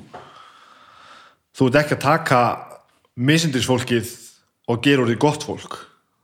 Þú ert að taka góða fólkið og minna það á að það verður að vera gott. Algjörlega. Þú, brey, þú breytir ekki fávitunum sko. Nei. en þú breytir til dæmis fólki eins og mér sko, sem bara tók þetta allt inn og bara Mhm. herru, ég, ég þarf bara að hugsa bara mjög margt upp á nýtt sko akkurat og það er auðvitað frábært Þa, og það er, það er svo bara það er svo, það er svo, er svo mikil gjöf að hafa fengið þetta bara svona í hendundana og þú veist, ég hu- hugsa nú þekkandi sjálfum mig að ég hefði aldrei stend mér í voða að öðrum sko en þetta var bara hugsunargangurinn var bara ekki alveg heilbrið sko. Nei. hann var bara ekki alveg á leiðinni rétt átt sko. nei. nei, en ég meina þú veist já, ég veit ekki þetta er ótrúlega flókið af því að auðvitað fór me too ekki á stað þannig að það settist einhver niður og bara nú ætlum við að vera með hérna eitthvað átak. Og þetta er markmiðið. Þannig að þú veist það er ótrúlega erfitt að sko mæla það hvort að markmiðin hefur verið náð eða hvort að, hvort að veist árangurinn sé fullnægjandi eða eitthvað svoleiðis. En af því að eins og segir þetta er frábært, veist þetta er frábær árangur að, menn sem að bara, já bara almennt. Menn hafi svona að hugsa sig um og bara séð hefur ok, þú veist ég hef verið í aðstæðin þar sem að þetta og þetta er að gerast og ég get kannski tekið skýrari afstöðu eða verið, þú veist, aðeins meira vókal með alls konar hluti og, og, og hjálpað vinnum mínum að taka betri ákvarðan og allt þetta. Uh, en hitt eru þetta ennþá veist, það er ennþá drullusokkar sem eru að drullu upp á Já, bak já, já. út um allt skilur og í þessum gera alveg svo næsta sko og allstaðar sko og allstaðar, já, já, það sem þetta gerir líka gott er samt eh, þetta og þess að þetta er svo aðdónum eftir að þú náttúrulega komið úr þessum aðstæðum er að í dag ef þetta er gæst í dag værir með miklu skýrar vopni í höndunum sko. Þá væri búið að setja einhverja línu sem var ekki búið þarna sko. Mhm. og ég held að við séum mjög fljótt að gleyma því hvaða lína var óskýr sko. já. Þetta var bara einhvern veginn. Þetta var bara einhvern veginn sko. Og þetta er náttúrulega, sko það sem ég held að gera þetta líka svo erfitt í þessum bransa akkurat, er að sko og, og ekki síst á Íslandi er að bransin er ótrúlega lítill landið er lítið. Og einhvern veginn maðurinn eða konan eða samstarfsmaður þinn eða hver sem er sem að er að brjóta á þér eða, eða uh, haga sér ósæmilega eða hvað það er, er líka einhver sem gæti mögulega sko komið í vekk fyrir að þú fáir vinnu eða eða jafnvel sko geti verið mögulegur uh, vinnuveitandi eða eitthvað skilur þú veist það, það er svo margt í þessu í svona, þegar, hópurinn er svona lítill sko. Já, já, veist, ég held að, og mér heyrist það bara, ég menn það er ekki eins og ég sé veist, með einhverja á- mm, rosa langar reynslu skilur þannig.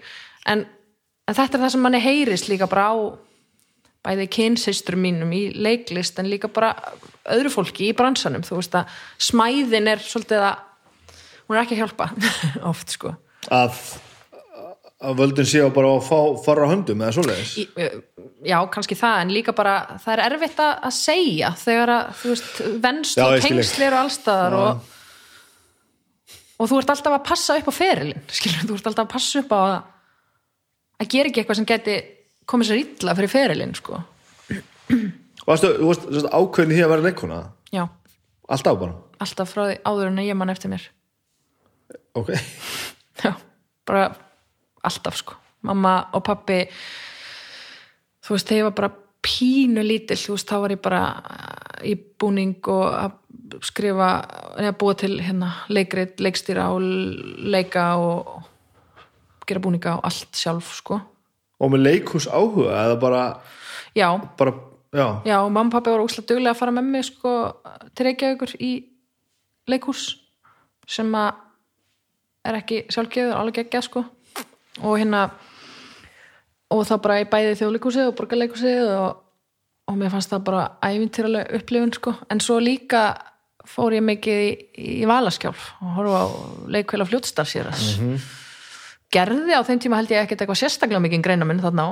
Nei. fannst það algjörlega æðislegt og þú veist ég man eftir að vera eitthvað svona pínlítil og það var einna galdrakallin í Ós og stelpan sem var að passa mig Margrét, hún var að leika? Dórutu og ég er náttúrulega bara, það er óglemalegt og og ég, þú veist, fór fekk að fara bakvið og þar voru svona leikararnir í styrstu ég veit ekki hvort ég man þetta kannski pínu svona vittlust en mér fannst þetta allt svo geggjum svona kommunu fílingur og þú veist, ég var auðvitað bara svona 8 ára eða eitthvað 7 ára. Og það ég var bara eitthvað, þetta leikúsið maður. En þú veist, þetta var auðvitað náttúrulega bara þú veist, einhver rafvirki og, og, og einhver veist, skólastjórin eða eitthvað eins og áhuga leikfélög eru skilur, var, Þetta samt- var ekki leikúsið Nei, þetta er samt satt, sko. Við- en þetta var bara svo mér fannst þetta svo æðislegt.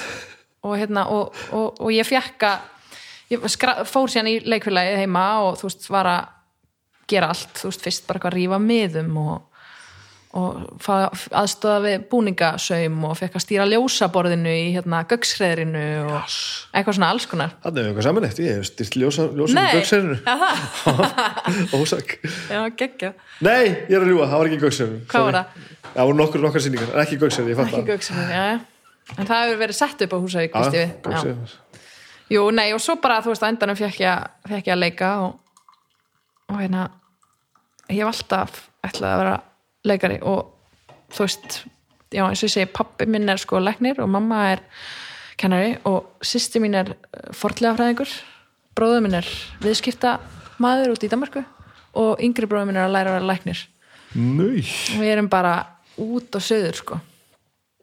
Þannig að ég var svona alveg mjög lengi með svona eh, hvað svona svona akademiska skömm. Eða þú veist, mér fannst ég eða ætti maður frekar að segja listaskömm mér fannst ég, mér fannst ég eiginlega, þú veist, mér fannst ég alltaf þurfa einhvern veginn að vera og ég er alveg pínu ennþá, að mér líður pínu eins og ég þurfi að fara í eitthvað líka sko. Með veraldlega gráður. Já, á, þú veist, ég er samt með háskólagráði í leiklist, en Aha. ég menna samt þú veist, ég, mér finnst ég þurrar í gráður. Já, einmitt. Eitthvað svona Það er að lesa stærri bækur. Já, já, pínu sko Þetta var beint sagt, bara að fara á að læra. Já, já, og það var líka held ég það sem var svo erfitt sko, að við að síðan að þú veist, Já. að því að sko, mót, ég man eftir því skilur þú veist, í Emma að hérna, ég var í hérna, leikfélaginu í mennskólanum og þú veist, það var slag margir sem voru með mér sem að voru svona að svona spá, eða svona já, kannski maður fara að læra þetta. Nei. Nei, ég held að þetta verði bara svona áhugamál. Ég, þú veist, ég fari bara í eitthvað svona praktist og og ég, ég raunverulega skildi þetta ekki. Veist, ég var bara, Að fólk væri ekki með bara svona þetta- brennandi passion. Já, já, já, bara finnst þetta ekki þið finnst þetta ókslega gaman. Akkur viltu ekki vinna við það þá? Og þú veist, og þetta var svona bara svona naíf, bara svona batsleg ást einhvern veginn hjá mér. Alveg þangað til að ég kem heim og bara svona ó, og bara svona þurfti að fara að móka skít sko, þú veist, þurfti að bara fara að gera eitthvað annað skilur í, eitthvað tíma sko. Og, varstu viss fram að því að þú myndi bara stökkvinn í þetta og verða bara eða hugsaðu bara ekki döða kannski?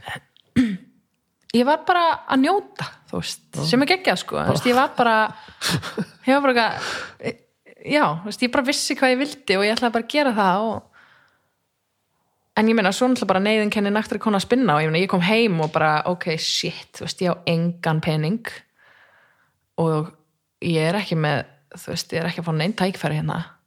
Þannig að þú veist, ég var að vinna á milljón stöðum. Bíllaus. Í 30 fermetra stúdjóíbúð með tveimur vinkonum mínum og ketti á dínu með eina litla tösku. Tók stræt út um allt. Ekki frábær tími. Uh, og hérna þá og varstu hér? Þá var ég hér Reykjavík sko. Akkur, hvað var það? Mm, ég bara kom veist, heim til Íslands, ég átt bara engan pening og bara fór bara að vinna eitthvað og var bara að leia og, með vinkonum mínum sem voru í háskólanum En þú hafðir ekkert búið hér á, þú veist fram að því? Nei, nei, ég ennbla fór beint frá eiginstöðum í Emma og þaðan og út og þaðan út og já, og hérna Og hér bara til þess að vera nær tækifærum eða bara til að gera eitthvað Já, nýtt, ég eða held bara- að, ég held já. að, ég held að ég hef ekki vilja svona alveg sleppa, þú veist, takin á því að þú veist, það gæti gæti eitthvað, eitthvað svo bara, þú veist, var ég að krepera og vinkonu mín var að stopna leiklistar og dansskóla á Akureyri og hún ringdi í mig og eitthvað svona bauð mér bara vinnu við að kenna leiklist. Og það var bara þess vegna sem ég fóður norður. Ég sagði, æ, ok, ég feg bara í, þú veist, smá tíma og, og bara kúpla með hans út. Það var mjög gott en ég ílengdist þar í sko síðan 5-6 ár. Já, já, auðvitað. Og, og þú veist flutt, eða 5 ár, já, flutti tilbaka til Reykjavíkur fyrir tveimur árum. Og hérna og það náttúrulega bara, þú veist, ég kynntist manninu mínum og og þú veist, var að vinna helling í, þú veist, ég vann aðeins á N4 svo vann ég í, á Rúf eh, var umsjóna með landans -hmm. og þarna var alltaf að kenna smá leiklist on the side. Og hérna, og svo bara var, voru pröfur sem er nú ekkert ofta á Íslandi fyrir kabarett hjá leikfélagi Akureyrar. Og ég bara svona, ok, ég, ég prófa þetta. Var þá sko búin að stopna að taka upp eh, leiklistina aftur og stopnaði leikóp umskiptinga. Og við erum búin að setja upp eina sýningu sem við fengum grímutilumningu fyrir. Þið líður alveg eins og hafi bara hætt já, og byrjað aftur. Já, ég gerði það, Þrátt, fyrir að hafa verið að kenna og svona, þú sér það bara sem bara annað Já, Já. þú varst bara ekki með rullu upp á sviði bara, eða fyrir frá myndaður Nei, ég hætti, ég gerði það raunverulega, ég hætti, þú veist, ég, og ég hugsa alveg tímbil bara, já, ok, ég mun aldrei leika aftur, sko. e, Ok Já.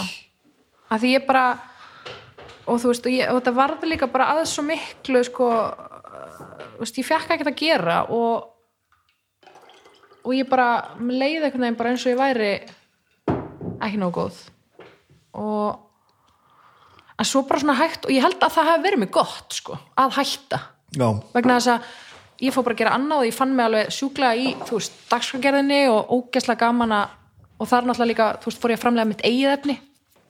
Og svo bara þú veist, allt í henni bara svona byrjaði að, veist, vera í kringum fólk sem að vara mitt fólk, skilur, mitt fólk í leiklist fólk sem að uh, eins og Vilhjálmur B. Bragason vinnu minn sem að, og leikskáld þú veist, að, þú veist að við förum að tala okkur saman og fleiri og þá bara svona út frá því byrja að fæðast hugmyndir við setjum hann upp eina sýningu og þú veist, það var svona allt gert í svona þægilegu svona litlu umhverjani ég, svona, ég gæti svona hægt og rólega stíð aftur inn í þennan heim sem ég einhvern veginn var bara búin að pína afskrifa.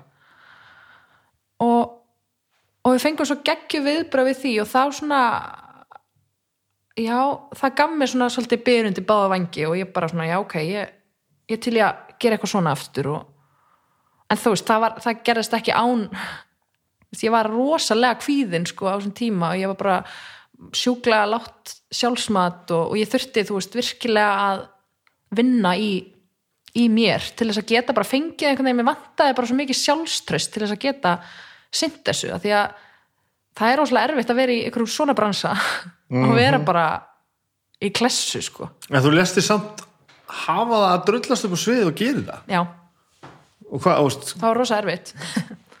Já. Þú veist, hvað, hvað skilur að þarna? Af hverju, af hverju gerir maður þetta?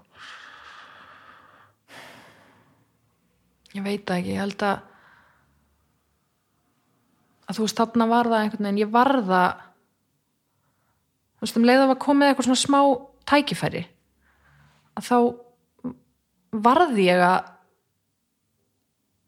að gera það því að hitt var verra gera það ekki og sjá eftir því Já. þú veist og og svo bara einhvern veginn já, þú veist bara manns stærsta hindrun í öllu einhvern veginn er hausinn sko uh -huh. og þú veist ég bara já, þú veist, hef þurft bara mjög mikið að að vinna með hann sko. Og, og í dag, þú veist, líður mér ofta eins og ég sé miklu eldar en ég er bara út af því ég er búin að vinna svo miklu að vinnu í, í, á þessari línu sko, af því ég var svo mikið að skemma fyrir sjálfur mér, svo lengi.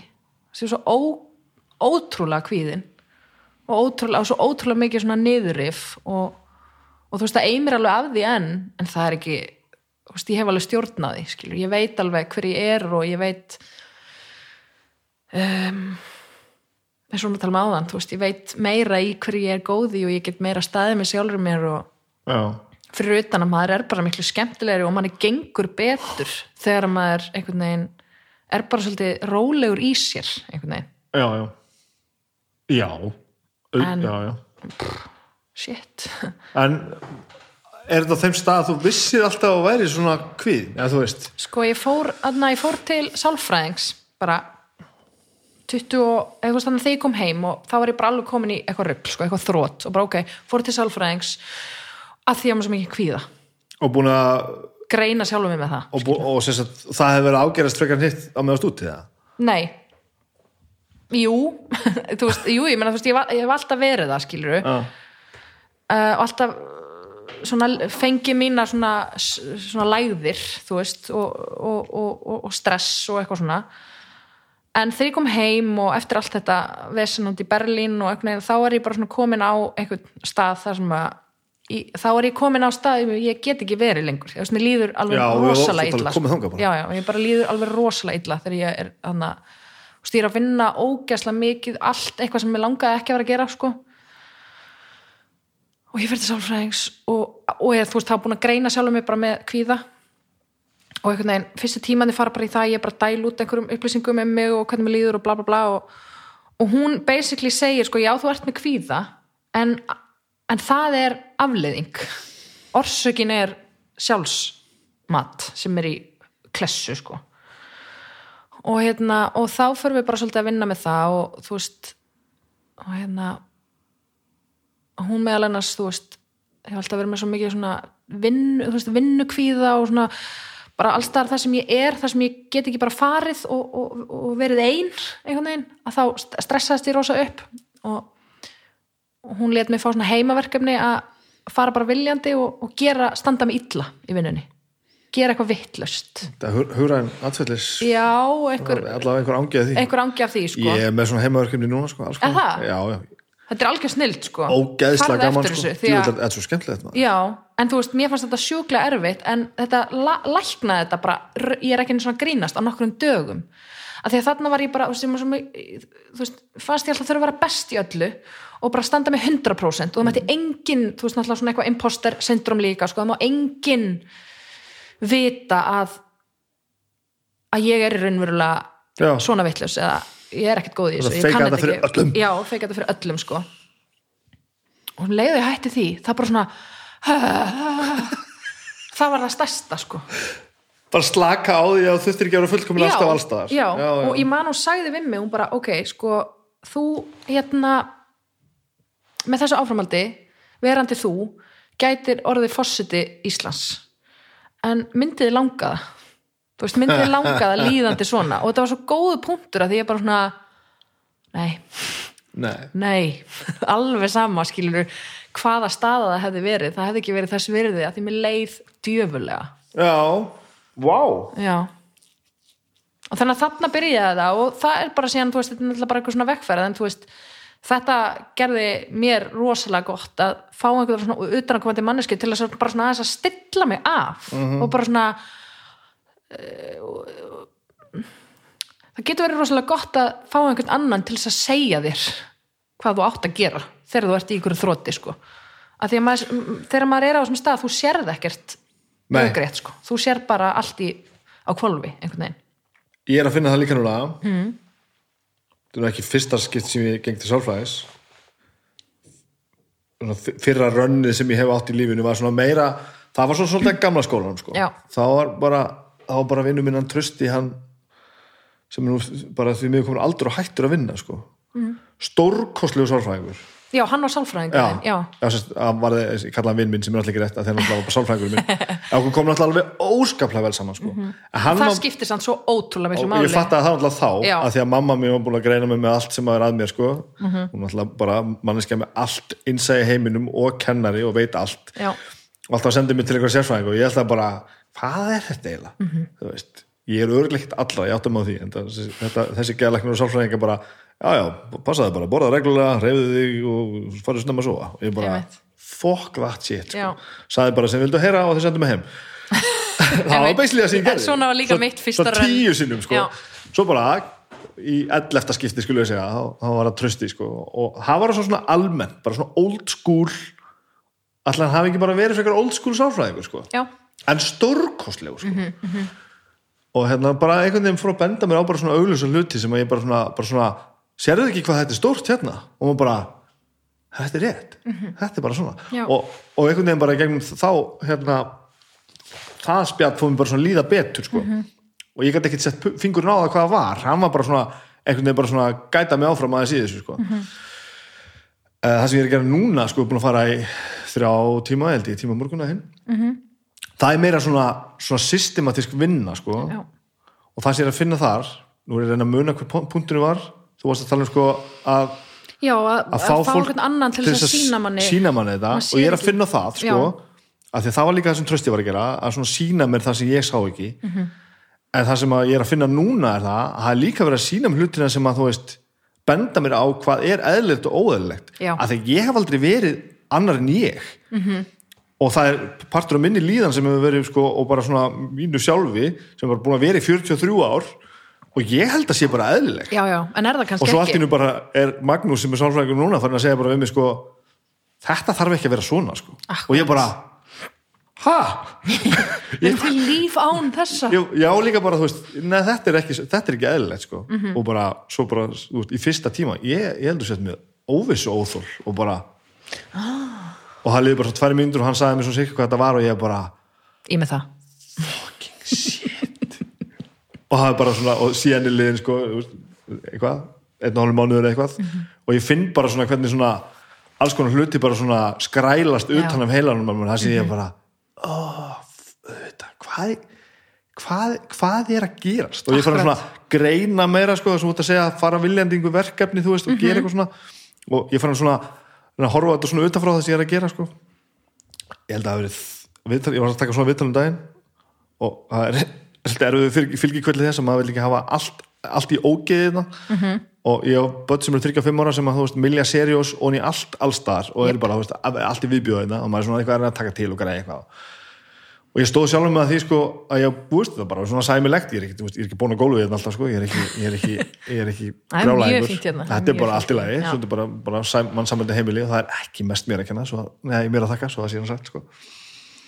En hérna, ég, þetta er að fara út með ruslið og ég bara, ég fer bara út með ruslið bara, uh, bara þegar viðtalið búið. Það var svona 25 minnur að viðmældan að mæta sko og bara,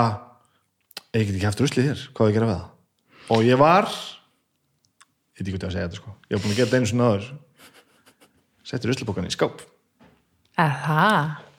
þarna var ég næstu búin að gera það sko. Setja bara inn í skáp þar sem enginn sér það og fara bara að múta eftir. Svo bara, akkur fer ég ekki út með ruslið?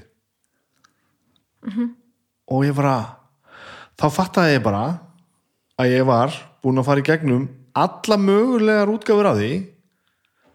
Ef að viðmælandi myndi mæta snemma ef ég myndi læsa mig úti og þetta er ekki einhver paranoja sko þetta er ekki það að ég sé eitthvað ógeðsla hrættu við að læsa mig úti eða eitthvað svoleiðis Nei. fullkomlega sko ómölu fyrir mig að læsa mig út í þetta ég er með alls konar leið til að komast inn sko.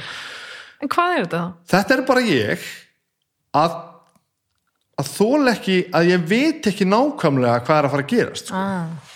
Og ég er ekki alveg komið til bossi eins og ennþá sko. ég, og ég áttur að tala mjög mikið við hann um þetta sko. Magnús Blöndal eftir að- bara bóra meir í hausinn á mig Taka sko. fleiri lög að þessum lög en, en hann, hann sá þetta eftir sex mínúna smjall sko. Mhm. og ég bara, ert ekkert að Akkurat.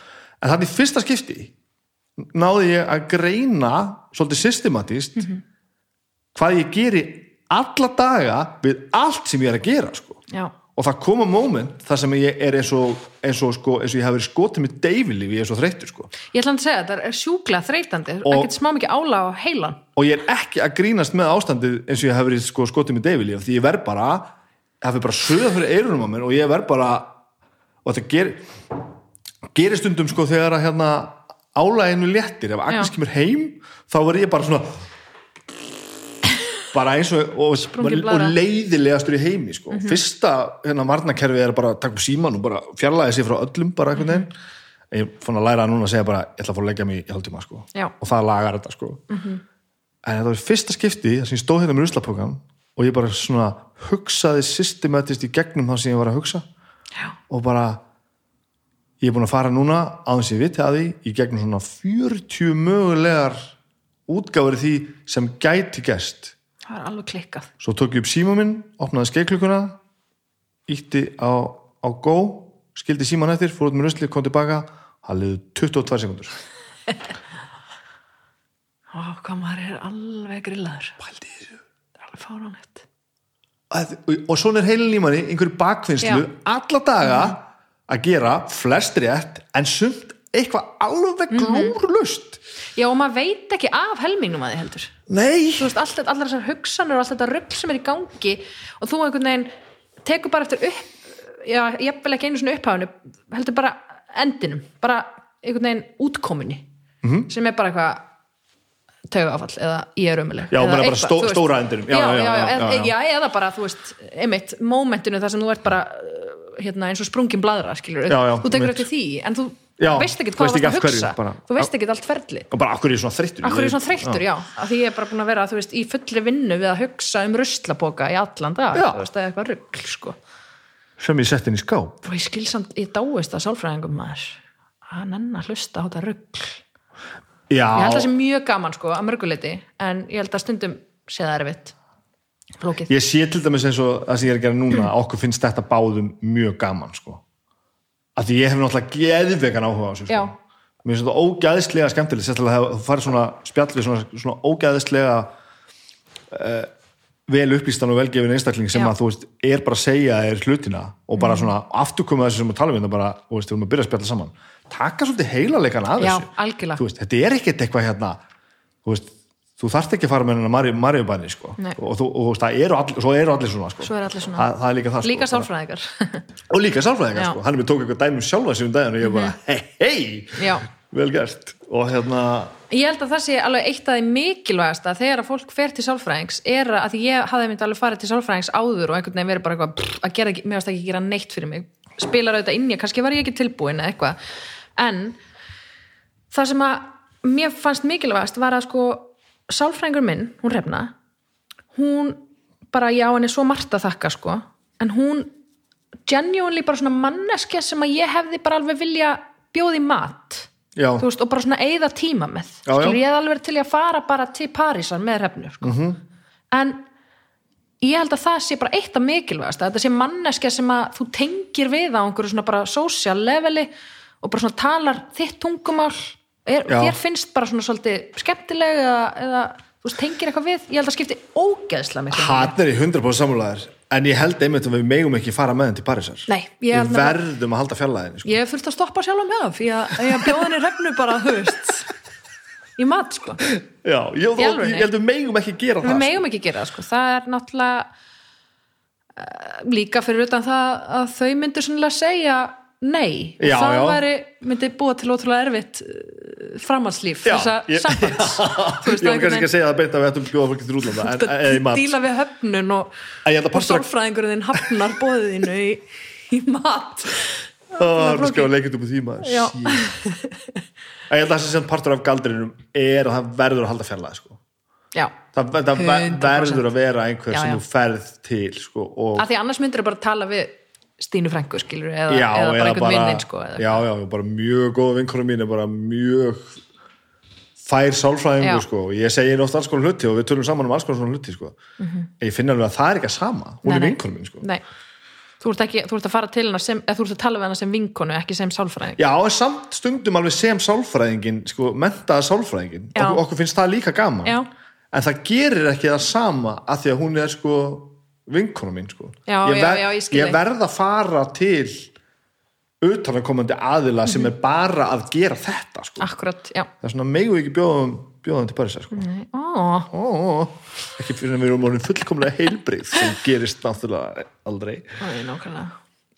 En var þetta, þú veist einhver líkill á að því að þið fóru að líða betur almennt eða? Já, bara að vinna í bara sjálfsmynd sko ég held að, veist, oft sé það veist, oft sé kvíði og veist, ég er ekki sálfræðingur en, en ég bæði skilst mér það á henni en líka bara einhvern veginn, maður heyrir það út undan sér að að þú veist, kvíði og alls konar svona andleir kvillar eru kannski meira eða oft afleiðing en ekki orsök. Þú veist, að það er eitthvað annað þú þú ert að eiga í einhverju sambandi við sjálfa þig sem er að láta þig líða illa sem er að búa til alls konar neik, eða bara hafa neikvæð áhrif á líf þitt veist, að, að, og það var 100% það sem var í gangi á mér veist, ég var bara alltaf að rífa sjálfa mig niður, alltaf veist, bara ekkert var nógu gott og, og bara, þú veist eh, svona rosamiklir svona líkamskomplexar og, og, og svona útlitstengt og rosamikið hérna í, bara, þú veist, að ég væri ekki nógu góð, ég væri ekki, þú veist, að ég hefði ekki það sem að þyrti, skilur og, og þar með einhvern veginn meiri segja, þú veist, hafnaði ég þú veist, alveg einhverju, bara því ég, ég, ég, ég treysti mér ekki í það, ég var komin svo mikið, mikið, mikið hnút, sko. Þú veist, hafnaði ég tilbóðum í, í, í, í leiklist að því ég bara treysti mér ekki í það lengur, þú veist, ég var komin bara og hvort var það að því að þú helst þú myndir ekki ráða við að gera það mm. þú veist að, að þið myndir líða of illa eða þú gætir ekki gert það því þú var ekki nógu góð. Ég held eiginlega stundum kannski svolítið erfitt að greina hún á milli sko, en ég held eiginlega að sem meira bara að ég treysti mér ekki í vannlíðanina þú veist, ég treysti mér ekki í þú veist, ég hugsaði, ok, það verður geggja þegar þetta verður búið, en ég geti, ég treysti mér ekki að láta mig líða svona illa, svona lengi.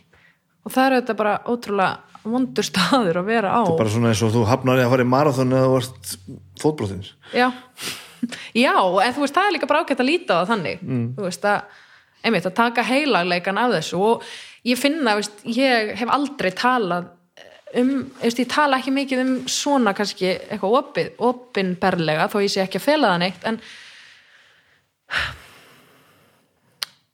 að ég veit ekki. Það, það, það er auðvitað ekkert til þess að skamma sín fyrir en, en það er svona, ég held að bara látt sjálfsmat sem ég svo sem veit ekkert endilega alveg hvaðan kemur, bara eitthvað sem er algengt að það skemmti kannski mest fyrir mér en, en sem betur fer þá bara dílaði ég við það snemma og, og bara er betri fyrir vikið sko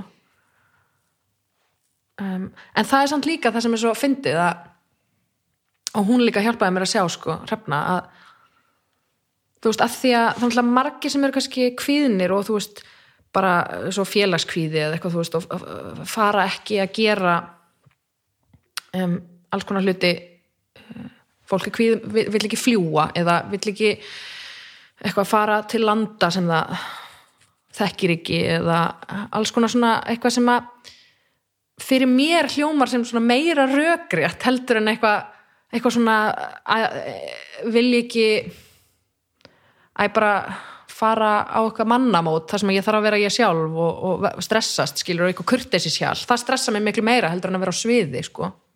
Uh, að hún svona við vorum svolítið að skoða það sko að ég til dæmis alltaf ferðast rosalega mikið einn, það stressa ekki neitt veist, það væri alveg eitthvað sem ætti kannski að tryggjara kvíða hjá einhverjum, væri að veist, ég fór einn á bakpókaferðalega um Íran fyrir nokkrum árum.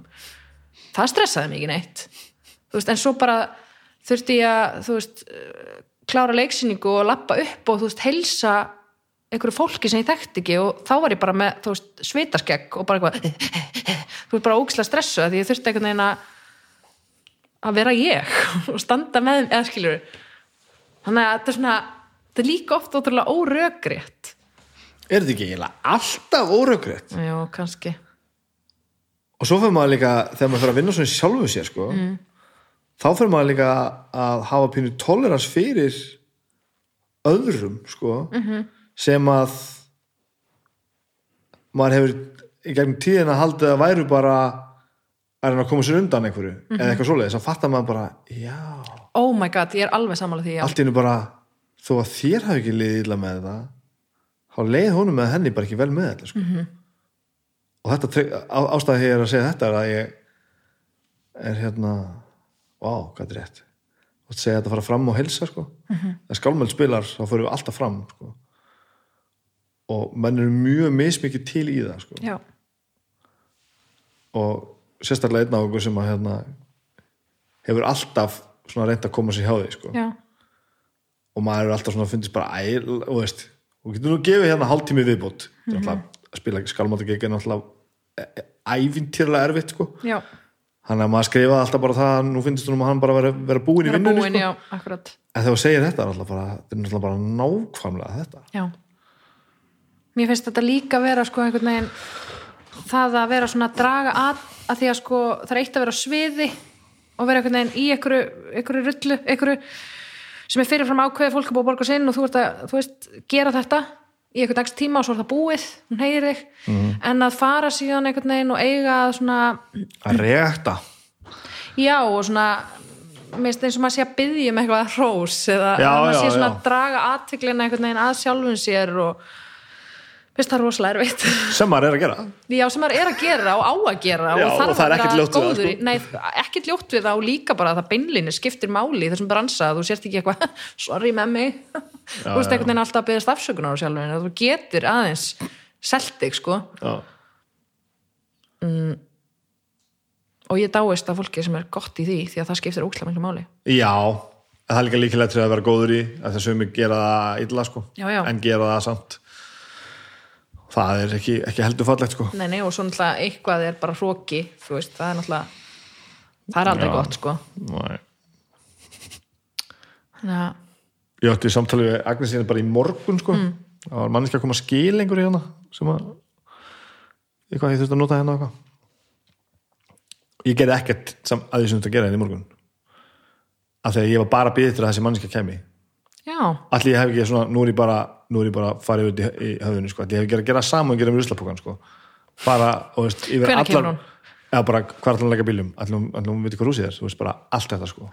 gerði það verkum að, að ég var ég held í svona á tvo diska seri og seldi og svo Agnes gerir bara rest þannig að það við erum með fokkin tvö börn sem þarf að koma út úr húsið þetta er ekkert eðlileg vinna sko. já, já, alveg useless vá, ég hefði lamið þig Já, ég meina þetta, þetta er náttúrulega eitt, sem, eitt mitt stærsta vandamál bara í heiminum, það eru þessi hlutir sko. Já, og það er ekki að því ég vil ekki gera það ég bara, Nei, ég og nú er ég bara einmitt að finna, finna hérna systematist út úr í með hann og Magnúsi hvað, Já. akkur í andskotarum ég get ekki klætt börnum mínu móðuna sko. nei, akkurat og þetta er því að greina það sko, og, mitt, og svo var öðrum búin að skila börnum á leikskólanum og skullir, í vinnuna Já, og þá segir Dagnes bara við mig bara þetta var ekki mjög gott sko.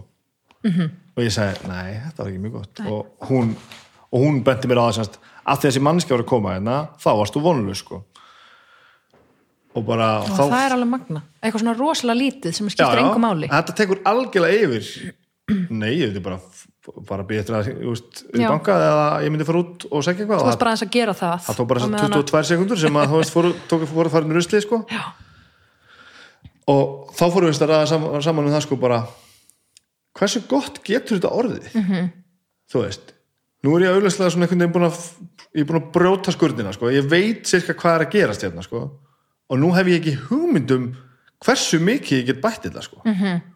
ég finna að ég get bætt þetta mjög mjög mikið sko Já, ég gaf henni töluna 70% í morgun sko -hmm. veist, ég veit ég get bætt mig um svona 70% í þessu já, vá 30% verða eftir sko Mhm.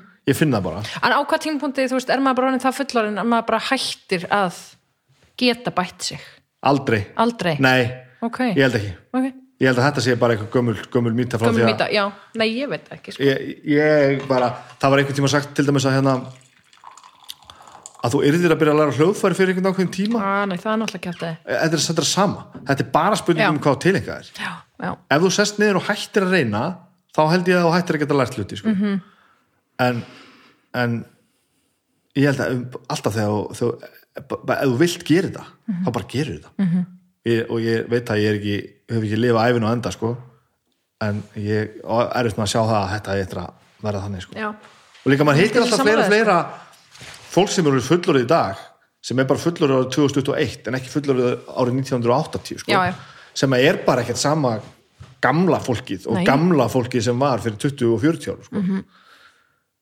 En ég er að velta þessu fyrir mér núna sko. hversu langt hversu hversu mikil bæting? mikið getum að bætt sér sko. það er spurningin til Magnús í næsta tíma sko. já, ég hlakka til að þá er heyra ég hvað komin Magnús segir. langt á þetta sjálfur mér því ég er náttúrulega, veist, nú er ég bara, að tala um endin áður en ég er farin að vinna í málunum sko, almennilega. Það er nú alveg klassist er gaman sko. Magnús getur hjálpað með það setjum við alltaf Magnús. Já, en þetta varst, varst að byrja á þessu sem varst að tala um hérna með með kabarett og hatt saman? Já, að þú ert búin að gera, bara búin að gera ums, umskiptinga? Já og við stopnum umskiptinga 2017 Já. og, og hérna gerum sýninguna fram hjá Rauðahúsinu og niður stigan og þjált stutt og gott nafn. Og svo fór ég hann í pröfu fyrir kabarett og flauginn og hef síðan bara verið að leika hjá leikfélag Akureyrar síðan með eh, stoppum hér og þar svo sem en hérna en það var svo geggjað því að hérna pröfur í leikhús er ekkert mikið, týðkast ekki eh, mikið á Íslandi. Um, en það var svo æðislegt og ég á hérna Mörtu Nordal og, og þetta líka Þorvaldi og, og fleirum í, í hérna í leikhúsinu fyrir norðan. Svo ótrúlega mikið að þakka bara því að eh, þarna þú veist sköpuðu þau vettvang þar sem að ég gætt komið og sínt mig og mitt. Já, og og þetta alveg opna pröfur? Uh, já, bara fyrir þú veist mentaðleikara já, ég meinti, það, já. Já, bara fyrir norðan og hérna er ég gauk og já, ég fekk hlutverki í kabarett og, og svo bara hef ég verið í, verkunum þar síðan. Djúvel Eh, var það góð sýning maður. Já, það var ógæslega góð sýning. Það var agalega skemmtilegt maður. Já, ég man því Agnes komið. Já. það var alveg ógeðslega gaman sko. Mm. Og alveg svona já, ég er ég á mjög öðvöld með að finnast leikhús ekki, ekki frábært sko. Þetta var alveg bara svona bara mann leið svona sem var 20 minnur lína sko. Já.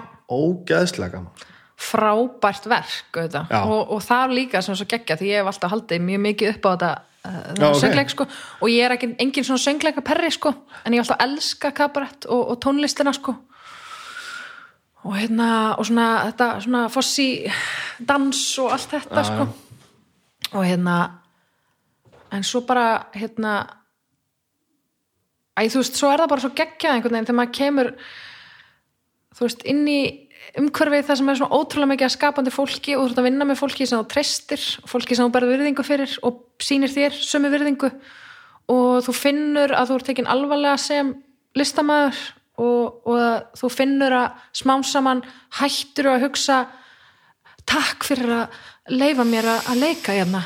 Og byrjar að hugsa þið eru nú alveg að fá eitthvað já, með því að, að, að gefa mér vinnu. Þú veist, ég hef alls konar að gefa. Það er ótrúlega góð tilfinning og hérna já, og, og ég eiginlega bara þú veist, náttúrulega Marta er bara ég á henni gríðarlega mikið að þakka fyrir að hafa líka bara því ég var þarna mjög svona brotættum stað sko.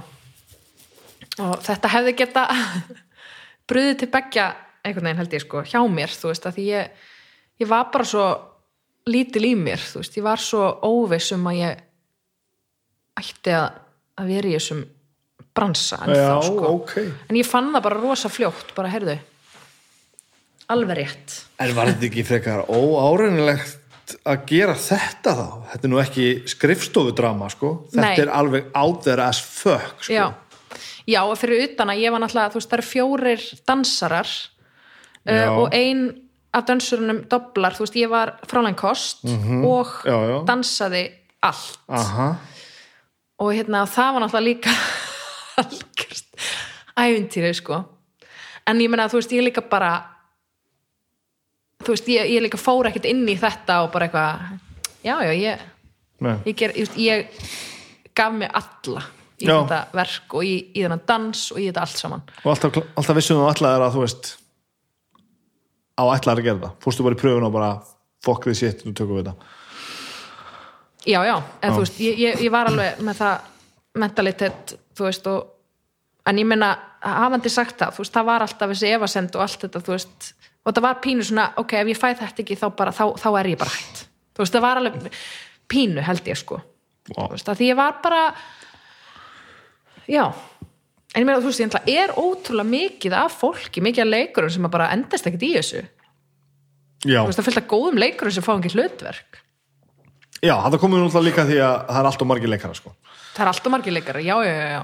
Og þetta er bara, bara vinna fyrir marga að, að fá, fá hlutverk og, og svona en, en veist, núna er ég bara úgesla ánæg með að hafa drullast til að móka skítin og, og halda áfram því að núna líka sko þú veist eh, er ég, þú veist, við erum búin að búa til svo mikið á okkar eigin efni og það er svo ógeðslega gaman. Þú veist, og- þið með, með Eða, umskiptingum og það bæði umskiptingar og svo gerðum við djáknan á myrka og það var Agnes Wild og hérna og, og miðnætti og komið það hérna sögur og svo núna erum við að sína fullorðin sem að uh, er bara þú veist algjör steipa upp úr okkur. Og ógeðslega skemmtlegt um, það er ég og Vili, Vilhjálmur Bergmann og hérna Árni Beinteinn. Og, og svo, já, og hvað fyrir tveimur árum skrifum við líka badnaverk galdragáttina. Þannig að þú veist, allt í einu svona einhvern veginn er maður bara svona, ok, mm, svona alveg búin að gera alls konar. Já, og það er rosa gott. Og maður er svona orðin svona nokkuð örugur einhvern veginn í, í því sem maður er að gera. Og það er rosa góð tilvinning mm um, hafandi sagt það, ég meina, þú veist, jú, ég hefði ekki haft að móti, skilur að bara mæta heim og fá strax samning eða eitthvað skilur en akkurat núna þá bara vá, þú veist, þetta er, alveg búið að vera mikil sjálfsvinna og mikil vekkferð bara að komast hingað. Um, og þú veist, við erum búin, líka bara búin að gera, þú veist, þurfa að gera svo margt annað. Þurfa í samtölu leiklistinni eða Nei, ég í- bara þurfa að vinna við svo margt Já, annað heldur en leiklist, þú veist, bara til þess að draga fram lífið skilur og, og bara og ó, langt stopp í dagskargerð og mér langar alveg að halda áfram veist, í því. Þið erum bara að framleiða sjónvarsefni Já, já, það, það er alveg eh, það er alveg fra, veist, frami það er alveg, þú veist það er alveg meira heldur en bara eitthvað svona jobb það er eitthvað sem Já. þú gerir alveg. Já, við hann að ég fór í og er í master í þjóðfræði en alltaf bara svona tek bara lítið einu, mér finnst það ótrúlega skemmtilegt. En Ert þú í? Já. Ertu, en, Já. hérna, en ég er samt ekki í neinum áfengum núna vegna þess að ég bara þurfti að hætta. Ok, af því ég bara hafði ekki tímið en, hérna, en ég var sérst í áfanga í safnafræði og við fórum út til Vestmanni að vinna eitthvað verkefni. Þannig að 2000 og eitthvað, 17 held ég.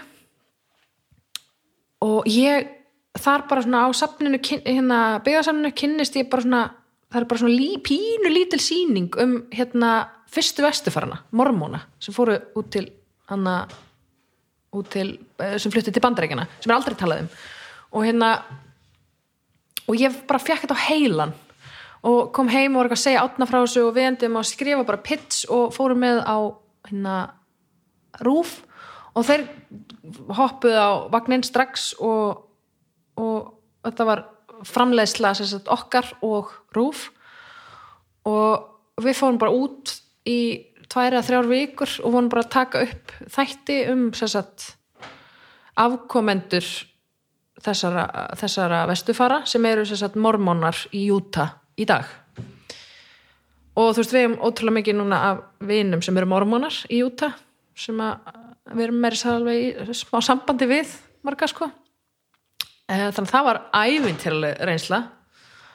Og og við uh, bara uh, framleitum þessa þætti og þeir voru síndir núna í fyrra á, á rúf og mér finnst þetta ógeðslega skemmtilegt. Já. þetta er klálega eitthvað sem ég langar að gera meira af sko. bara heimilda gerð þessi já, heimilda, heimilda þátt að mynda já, já, ógeðslega skemmtilegt. Einhvers veginn það að það var glóðlösast að vinna í heimi. Það var einhverju vittalið um það. Já, Baldvin Setta sko. Já, hann var að segja sko bara, algjör bílun að gera bíómynd sko, hann hafi gert eina heimildamind hann sagði að það var alger styrlun það var algert, algert brjálaði sko. já, en eh, ég voru að feina frá margir til í það, já, gott heimildastöf er náttúrulega það Best. það er ævintýralega skemmtilegt Já. og það er, ef heimilda, heimildamundir eða þetta eru vel gerir það er alveg saman um hvað þeir eru Mhm. -hmm. alveg, já, ég er alveg saman því maður getur alveg dottið inn í eitthvað sem maður hefur engan áhuga á. Ef það er vel sagt frá á ástriðu Mhm. þá bara, á, mér finnir alveg saman um hvað þeir eru að tala.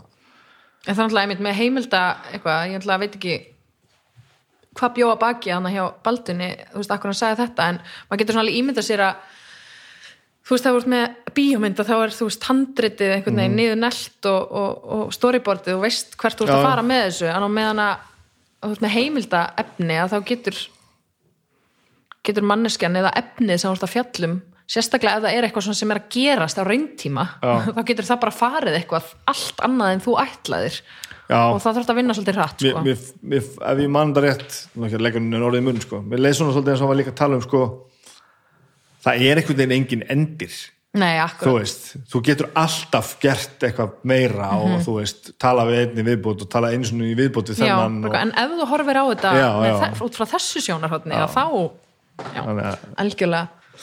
Þannig að held ég að heil í mér myndi hæ- hætta að virka sko, ég þarf að vinna inn í eitthvað gritt sko, Já. Bara að, þið voru líka búin að gera eitthvað enn fjórum að það ekki, Jú, heimildadótt þar. Jú, við hérna náttúrulega byrjum þar bara þú veist að og þar svona kannski kviknaði smá þú veist þessi nesti og svo bara hættum við og stopnum okkar eigin já, Fyrirtæki, fluga já. þetta. já, fluga hugmyndahús og fórum að að hérna búið til okkar eigið efni. Og svo bara eiginlega þú veist hérna náttúrulega það ógeðslega mikið hark. Já, og bæði þú veist fór leiklistin að taka upp meiri tíma hjá mér. Og átni síðan bara fór að vinna á rúf Mhm. og þannig að fluga hugmyndahús liggur í dvala eins og er. En þú veist hver veit kannski okkur finnst náttúrulega ókslega gaman að vinna saman. Já, og hérna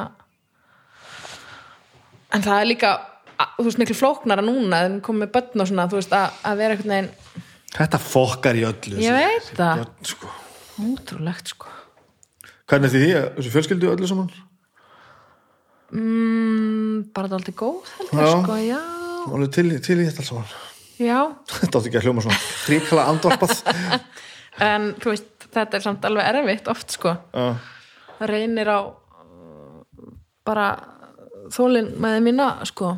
Bara fyndi þú að tala um þetta Instagram spree og þetta, þegar maður er svona einhvern veginn er að fara að vinna vinnunni í alvörinni sko, en ekki bara setja myndir af böndur oh my god, já. Shit, og þetta er ógæslega erfitt samt. það er ógæslega erfitt að vera fóreldri já, svo líka sko að því að þú veist núna er ég með hérna líti líti bad, ég á sem sagt eins og hálsas son og síðan áttara stjúpdóttur mm. sem að hefur samt verið í mínu lífi síðan á að tveggjara og hérna og svo þú veist, en maður svona já, þú veist, svo þegar þetta, þetta þegar bleiðu businessin og það allt er búið þú veist, þá hérna, verður þetta ekkert mál við höfum alveg talað um þetta eitthvað líka, Já, sko, af eftir því að þetta. þú varst að segja að þú er svo lélegur í, þú veist, óvita business, Já. en þú myndi vera svo góður í, í hinnu, sko veist, Já. business já, uh, og ég er svo sem ekki þannig leitt hugan af því en, en bara þú veist ég er, búin, ég er búin að vera að vinna svo mikið með fólki núna sem á úlinga og ég er allt í hennu bara ok, þetta er ekkert þetta er ekkert búið. Þetta hættir ekki sko. hættir ekkert sko. Nei. nei, Nei, nei, nei, nei, nei, nei, Og veist, það það er eru ránkvömyndir sko. Já, veist. En ég finn samt að þetta er að rætast af mér. Já, að djöfull er ég fegir með hverju það er ekki lengur kúkableiður sko nei og, nú, og, þau, og núna getur hann líka öllu, sagt sko. sko, já, veist, það, þetta er að, það þetta. er stóri, stóri að Um svo leið ég minn er að byrja fá- því núna að geta talað sko. sko. aldrei gott en að ránkvömyndir að halda að þetta verði eftir að búið sko já, og auðvitað þegar að stóru vandamálin koma þá eru þau vantalega miklu stærri sko. já, þau eru það held ég sko þau eru ekki bara, þú veist, njálgur eða eitthvað nei, nei já, það bara detta á hausinn já, já, veist, eitthvað þessi tók þetta af mér. Já, það er svona oft stærstu vandamálin sko. en já, ég held að sé neða, eitthvað svona raunverulegt raunverulegt drama. Fyrir utan raunverulegt sko raunveruleg raunverulegar tilfinningar líka, þú veist, ekki það, ég ætla ekki að gera lítið úr tilfinningum lit, lítill að batna, en þú veist uh, ástæðan fyrir þessum sterku tilfinningum barna eru, eru minni. En þú veist þegar þú ert úlingur og það er bara einhver leðileg við þig eða þú veist, þú ert skilin út undan eða laður í einelti eða God forbid, aðleggja í einelti eða eitthvað svoleiði skilur Guð mig góður, hvað það lítur að vera erfitt að Taka þessu öllu. Þetta byrja snemma sko. Já, Dóttir mér kom brjálu hérna heim um daginn og gríti Spiderman peysunum sinni í gólfið af því að ekki sinni, Spiderman peysunum sem hann fengið lána hjá bróður sinum og þeim fannst að fyndi að vera bá, bæði í Spiderman peysu og við dönsum upp einhvern Spiderman dans um morgun alveg, þetta var glæsilegt sko, henni fannst mínu fyndið það í fötum en fannst þetta svona skríti sko. Já. Hún er alveg svona bleik prinsessa sko, svona í grunin kom svo heim alveg bara miður sin og gríti þessari fucking peysu í gólfið og sagði aldrei ætla ég þetta aftur. Hafði þá einhver haft þessu. fucking fimm ár. Astnalí í Spiderman peysu. Börn eru grim sko. Já. Þau geta verið það sko Það hræði mig mjög mikið Já, þannig að koma líka því aftur að, að banna vera á heilagur sko, maður það bara að taka hlutunum eins og þau koma. Já.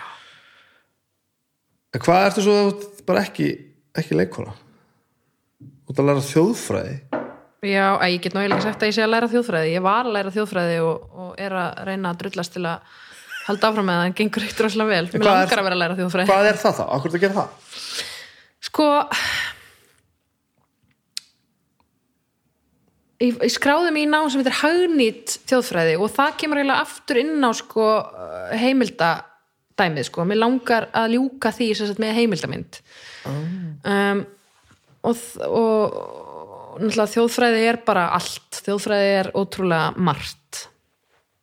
Og hérna og ég hef alltaf, veist, ég hef gaman af, þó að ég sletti nú alveg duglega eins og núna en eh, hérna, ég hef gaman af, veist íslensku og ég hef gaman af sögu og svona um, mér fannst einhvern veginn þjóðfræði heilla mig bara átrúlega svona, fjöl, svona svo fjölbreytt og svo þetta hagnýtt fyrir framann þýðir að ég gat svona stýrt þessu svolítið inn á þessa heimildamyndagerð og heimildaþáttagerð og, eða, eða útastháttagerð eða hvað það er sem að, þú veist þannig að það er svona markmið en uh, gengur hægt, gengur rosalega hægt. En ertu, ertu mest að gera þetta bara til þess að gera eitthvað sem þér langar? Þú ert ekki, að skildurækni já, eða atvinnuriki eða eitthvað já, já, já, nei já, þú veist, ég segi það ekki. Jú, jú, ég, held að það vera alveg gott að hafa enna, master í einhverju svona daldið öðru ofan á það sem ég er með fyrir leiklistinni en hérna en fyrst og fremst finnst mér þetta bara ótrúlega skemmtilegt. Og þú veist, það var í þessu sem að ég til dæmis fekk hugmyndina þáttunum okkar í góðri trú. Ok, þú veist að það var hann út í Vestmanneim þú veist þá það var í, það var í áfangaferð þarna og já ég, nei ég held að sé ekki ég held að sé fyrst og fremst þú veist að því að mér finnst það gaman. En hitt spilar alveg hann inni líka þú veist, mér langar að klára master til þess að hafa tikka í það. já ég held að, ég, ég skammast mér ekkert fyrir það Ég, Það er ég er nefnilega ekki bara að spyrja þig að því að, að því að ég sé svo fórhaldin sko, um, um, bara um Nei. þig sko, því að ég þetta er möguleika sem að ég var til að gera sko. bara eiginlega alveg þess að þú ert að lýsa sko. já, já, já, getur maður þess að gert þetta og farið tekið bara áfanga og áfanga og bara já, já ég kann ekkert á þetta, ekki neitt Nei, en þú veist, þetta er bara þú, þú jú, þú veist, þú getur alveg pínu gert þetta held ég með puttarera sinnum skilur og bara uh, gert þetta illa. En þið, einhvern veginn núna þú veist, mér langar ekkert að gera það að því mér langar ekki að gera þetta bara til þess að vera með þessa gráðu. Mér langar að gera þetta þá vel. Já. þú veist, og, og ég finna þú veist að að þú veist eins og ég man bara eins og bara í mentaskóla og svona, þú veist, þá var maður bara þú veist, ég mætti í munnlegt próf og ég, þú veist, hafði ekki lesið bókina skilur og eitthvað svona, en núna langar mig að lesa það og mér langar ekki bara einhvern veginn að lesa þetta og, og til þess að klára bókina heldur að skilja það sem ég er að lesa. Já, sem náttúrulega æðislega mikið þroska merki, sko. Það er það náttúrulega sko, en það er rosa skitt þegar maður sé þeirra aðstöðu að, að að maður sé í skóla og bara alltaf að komast upp með eitthvað. Mm, það er fáránlegt eða þóknast einhverjum ef ég gerir þetta þá fæ ég fimm veist, hva, hva, hver er tilgangurinn eiginlega? Akkurat, fáránlegt. Það er pínu að ég, og nú, ég er einmitt bara núna, núna árin að slíða á svona finnum maður veist, en maður getur bara fundið sér einmitt námið sko, sem að tikkar í það sem þú vilt gera sko. og bara, þú veist að því, svo er maður alltaf eitthvað að gera. Ég veit það. Maður er alltaf eitthvað að gera og það verður einhvern veginn ekkert svona konkrétti úr því sko. maður er, jú, jú, jú, auðvitað, auðvitað er svo veist, hljóðkirkjan alveg töff sko. en ef ég væri að setja þann tíma til mig síðan bara verði eitthvað, en ekki bara eitthvað sitja hérna og bladra við fólk endala, sko. þetta er samt svo, heimitt ég hef alveg pælt mjög mikið í þessu þú veist, að því að þú veist, það var ótrúlega mikil tími þú veist, að búa til leiksýningu og eitthvað þannig en ég hefði alveg, einmitt, ég hefði geta verið búin að menta mig miklu meira Já, að því að jú, þú getur sett bæði á ferilskrána þina, skilur en það er bara, það er líka það er ótrúlega mikið sko þú veist, mentun er í hávegum höfð í okkar samfélagi. Já ekkert smávegi sko. ekkert smávegi, sko. Þú getur sett inn sko hvað ætli sé búið með mörg, margar háskólagráður varandi tíma og effort með hljómsveitinni skálmöld til dæmis? Já, nákvæmlega. Eh, margar, ég fæ enga gráður sko. Nei, ég fæ ekki launaðekun nei. Ég fæ ef eitthvað er sko. Þannig að þú veist, og ég er ekkert að tala vel að illum neitt en staðrindin er samt að, og þetta er vel, orðað að möttur í háðum höf sko, sem er auðvitað frábært. -hmm. en, en hvað þá með allt hitt sko, þá fyrir maður að hugsa bara af hverju er ég enn einu verkefninu? -hmm. hvað er ég að gera með eitthvað hlaðvarpsbrjálaði Já. af hverju er ég ekki bara í háskóla með eitthvað? -hmm. Af því að eftir þrjúar þá get ég alltaf sagt bara ég er þessi hér já, og þá bara get ég notað það til þess að koma stað já, það er eitthvað svona, einmitt, eitthvað svona nafnbót Já, sem að þú getur bara fylgir utan að þér, þetta gildir áfram. Já. nafnbótin rockstjarna er svona freka flimsi sko. það er ekki alveg það gefur ekki að heldur það sama og, Þetta er að því að svo er líka sko bæði mentun er í hávegum höfð en svo er bara mentun og mentun ekki heldur það sama. Nei, nei. en það er nú svona sem betur eitthvað aðeins held ég að þú veist, ég man til dæmis þegar ég var í mentunskólum Akureyri það var svo ótrúlega mikill rígur á milli Emma og Vaffema þú veist, og við, það voru, við vorum saman á vistinni og ég man bara, þú veist fólk sem var í Vaffema var bara bara við döðan styr skilur, maður var bara svona, já, já. Ok, hann er í Vaffema, hann var sætt strákur hann er í Vaffema, já, já, og raunverulega svona? Já, alveg algjörlega, sko. Wow. þetta er bara skjættaskipting ég skammast mín fyrir að segja það núna en, en hérna, en þetta var það var mikill rígur þarna á milli og þú veist bóknám, ég meina og það ætti ekki koma neinum óvart að bóknám þú veist, þó að ég hafi verið að sinna ekki að sinna náminu eins vel og ég hefði þetta verið að gera og var, já, þú veist að það var bóknám og hefur alltaf verið einhvern veginn ha, hafið yfir verknám. Já. þó það sé enga megin þannig Nei, í raunveruleikanum. Nema að svo man ég að hérna ég var hérna að vinna hana á N4 og var að taka eitthvað viðtal upp í Vaffema við eitthvað stráka sem voru að útskrifast af um, sem vélstjóra braut eða eitthvað. Og það er mesta það var svo eye-opening augnablik þar sem að ég var hann eitthvað að taka viðtal við það því að þeir voru þú veist búin að búa til þú veist eitthvað eitthvað, eitthvað æla maskínu sem að uh, þú veist, ég man ekki hvað skari sundur fiskflög eða eitthvað þú veist, og voru búin að selja prototípuna til Maril eða eitthvað og þeir voru, þú veist, 21 eða eitthvað. Og ég var bara svona, þegar ég var að klára mentaskóla, þú veist, ég var bara það er að gera eitthvað rugl, sko, og þú veist bara já, veist, ég myndi ekki ég, ég, ég læði ekki margt, sko. En þú veist, ég meina, ég, veist mér varst þetta svo gott af mig Já, af þannig var ég bara svona, vá og ég hugsaði bara, ó, ég vildi að ég vildi að ég hefði eiginlega að því, að því líka ég, sko ég hefði verið ógislega góð í mörgu þarna. Á þessum tíma? Já, ég held að ég hefði en, en þú veist, það, þarna var voru bæði einhverju svona fordómar og, og bara svona hugmyndir sem var haldið á lofti held ég í samfélaginu og er sem betur fyrir eitthvað aðeins að vinda stofana þessu núna en þú veist þú fóst í bóknám eða þú fóst út af beinubröndinni skilur, það var pínu þannig alveg sko, pínu bara þannig ef þú ætla lesblindur þá fórstu að læra eitthvað annað heldur en á bókina sko. Þannig. Og þú veist, ég bara mun alveg ég vona bara að mín börn þú veist, verði bara hérna, og ég er ekki að segja að þetta hafi verið eitthvað endilega frá foreldra mínum komið. Ég held að þetta sé meira bara það sem var í Nei, það samfélagið Það fullt þessu, og er að þá maður. En ég vona að þú veist ég vona eiginlega að þú veist, mín börn geti bara valið þetta svona út frá bara, ok að, að, að, að þetta sé raunverulegur valmöguleiki fyrir þeim. Mhm. að þetta sé ekki eitthvað svona lesser than veist, þetta sé ekki eitthvað, eitthvað verra en hitt. Þetta er ekki svona eitthvað cop-out að því að shit, það er svo geggjað sko. Og bara þú veist ótrúlega gott að hafa eitthvað svona. Fyrir utan, ég meina ég hef alveg fullt af vinum, þú veist, í þess að Hjaltirúnar vinum minn sem er að leika með mér fyrir norðan, veist, hann er bara og, og Jóhannax er líka veist, þeir eru báðir að vinna sem yðnaðamenn, on the side, þeir eru ekki að leika. Já.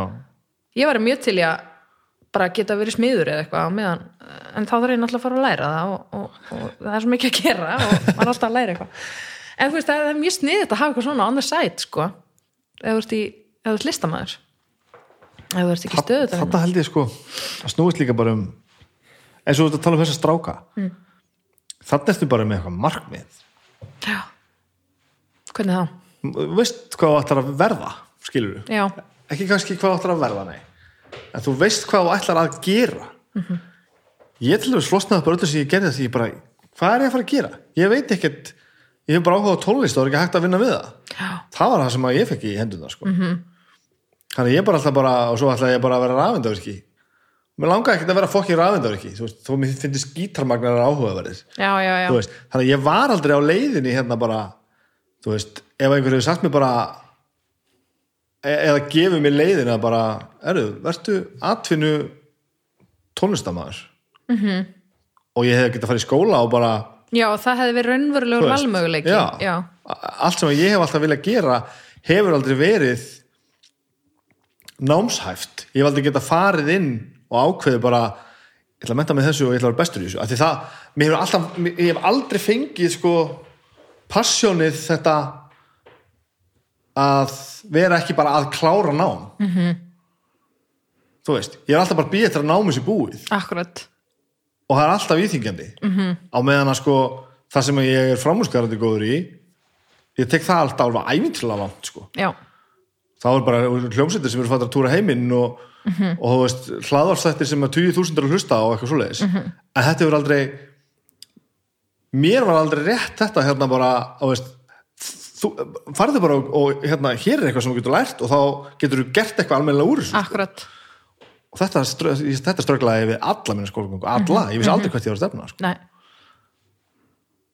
en þú ætla að vissu að þú ætla að vera- leikari en þú varst alltaf á leiðin eitthvert. Já, en hvað er pitstop til dæmis þessi félags, félagsfræðibrut í Emma er það þá bara eitthvað sem þú, þér líður eins og þú þurfið þá bara svona einhvern veginn að þrauka svo þú getur farið í það sem þú ætti að fara Já, að gera ég reyndar, sko, held að ég hef nú aldrei ég held að það hef aldrei kvarlað að mér, sko, að klára ekki stúdenspróf, sko. Nei, Það bara var alltaf að fara að gerast. Það var bara svona já, ekki inn á mínum ratar að flosna upp úr uh, því, sko. manni En og, og fyrir utan að þú veist að ég vissi að mér langaði að læra líka leiklist, þú veist að fara í listaháskóla um, hann að já og ég, og, og, veist, og ég fór alveg í Emma þú veist út af leikfélaginu og þú veist mér langaði að- að Já, og, félagslífinu þú veist ég fór ekki Emma út af félagsfræðibraut heldur út af öllu hinu sko. Og sé ekki eftir því. Um, og pæli aldrei í því skilur ég að ég hefði eitthvað að gera það betur eða eitthvað skiptir Nei, engum nei, máli. einmitt, einmitt, Guð minn einmitt. almáttur Já, ég held ég hafi eh, svona eftir á að hyggja bara gert það mjög vel þú veist, á, á minn hátt skilur ég djamaði mjög mikið og eignaði skeggjaða vini. Ég fór sem skiptinni mig líka til Brasilíu. Þú þurfum að fara að tala um þetta sko. Já, Ég ætlaði bara að gera þetta á, aðeins á einu bretti því að maður, já, nú er eitt fara að stinga mig sko. Þú ert að tala um einhverja, þú veist, tala um brotta sjálfsmynd og svona einhverja svona erfileika upp í því sem þú veist að og vilt, vilt gera og vilt vera góð í. Mm. og þú veist, sem hefur greinlega bara mótaði alveg helling og íþyngtir alveg fullt. Já, en svo ertu líka bara að tala um bara já, ég ætlaði nú aldrei að flósta upp skóla sko. og svo segir þú bara, eignar ógeðslega marga vinni og ógeðslega gaman. Já, og svo fyrir eini bakfæðalega um Íran, herri, svo fyrir skip sem skiptir, þetta þú veist þetta kemur ekki alveg heim og saman sko. ok, Ertu, ég er ekki að skamma þig fyrir að hafa gert þetta. En þú veist hefða mann man líður ekki sem að sé að- tala um sömu manneskjuna sem að fer með það er akkurat það sem ég var að tala um áðan. Þú veist að kvíði og, og brotin sjálfsmynd og þetta á sér svo þú veist þetta er oft held ég ekki fólki sem þú kannski heldur.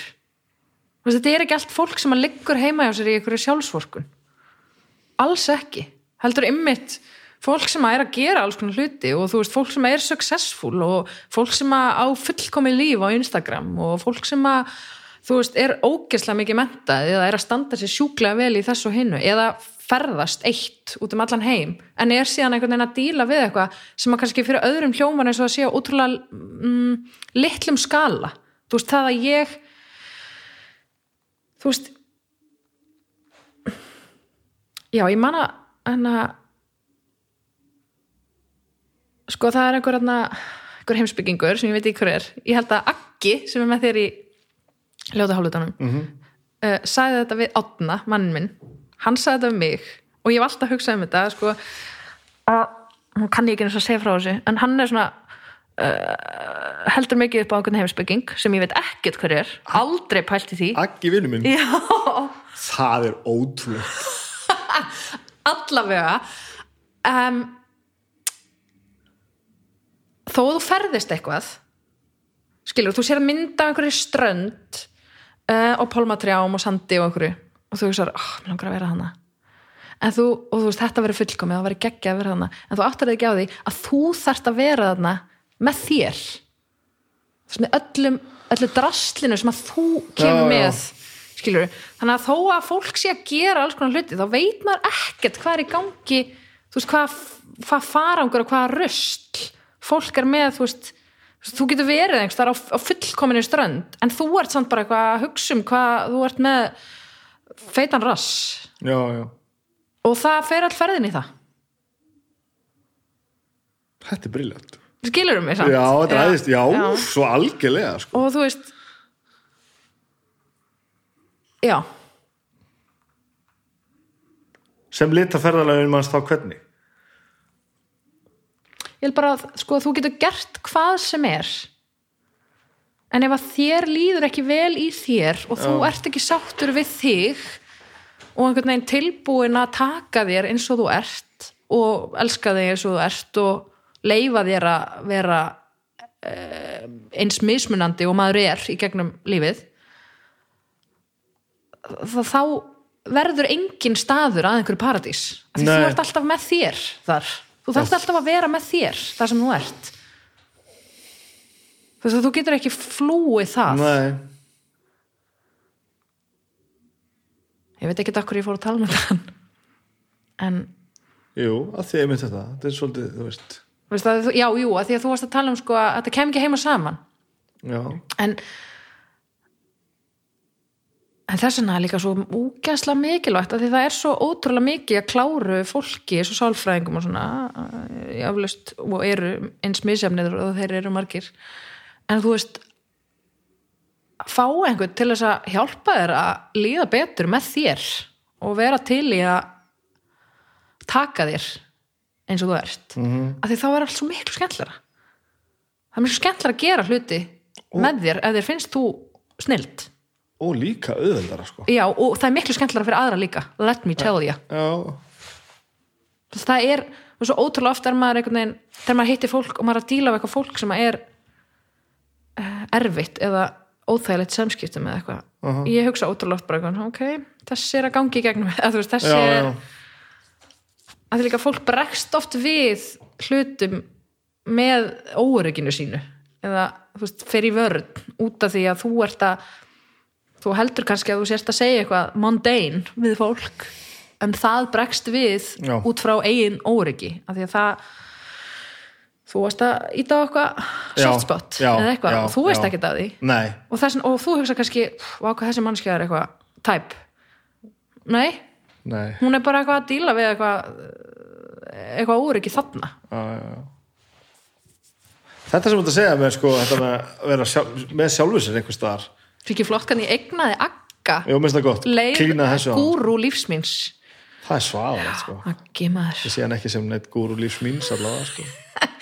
að því að, að, það skal samt sagt að hann er bara besti vinnu minn bara frá upphæði sko. um, þetta sem þú segja með ferðast og þurfa að vera með sjálfum sér sko.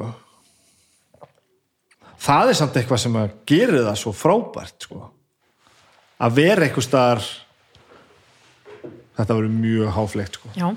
Að vera eitthvað stað bara að horfa á sjúkarlof skilur í, í Ríó og þú ert bara þessi sem var bara, bara nýkom með vinnu og fokkaði upp stúdiprófinu sínu og, og gerði það allt saman sko. það gefur svo miklu meiri vikt heldur en að fljúaðanga á þyrlunni sinni já, þú, nei, ég er ekkert ekki að líta úr því heldur sko, af því það er alltaf líka veist, fólk þarf alltaf að vera að díla við sitt sko. Mm, Nei, nefnilega, en, en, en, en þú sko, veist aldrei alla söguna upplifunin er ekki bara það, það sem þú ert að sjá Nei, það er heldur að, að vera með allt þetta venjulega sem fylgir er alla daga Já.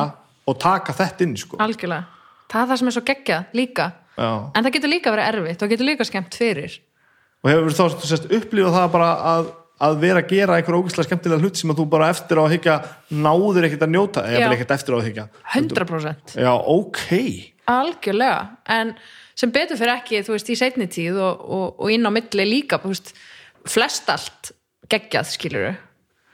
En, en ég líka oft farið í, þú veist, óslega löngferðalög þar sem að, náttúrulega bara, í langan tíma og þá ertu, áttu þínar hæðir og þínar læðir. Já, já, En ég held að þetta sé líka eitthvað sem kemur með, þú veist, sem til með samfélagsmiðlum að, þú veist, þetta ratar ekki tangað, sko. nei Nei, er þetta kannski, er þetta ekki einmitt það sko? mm.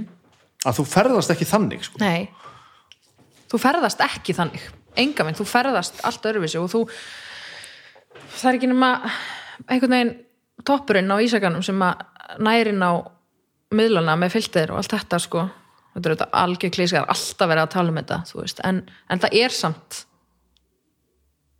svona. Já, en hafandi sagt það, þá er það að ferðast.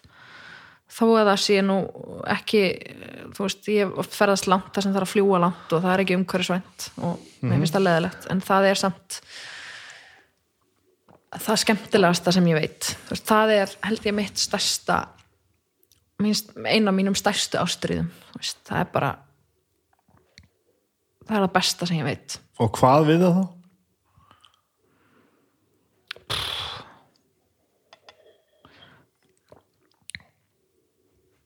Bara allt Bara taka nýja hluti eða, eða komast Já. í burtu svo að þessi út vön að gera Nei, það er ekki svo mikið að komast í burtu það er meira bara svona að vera í augnablikinu bara einhver staðar að komast frá A til B og upplifa það sem nú ert að það sem er á leiðinni og það er svo geggjað.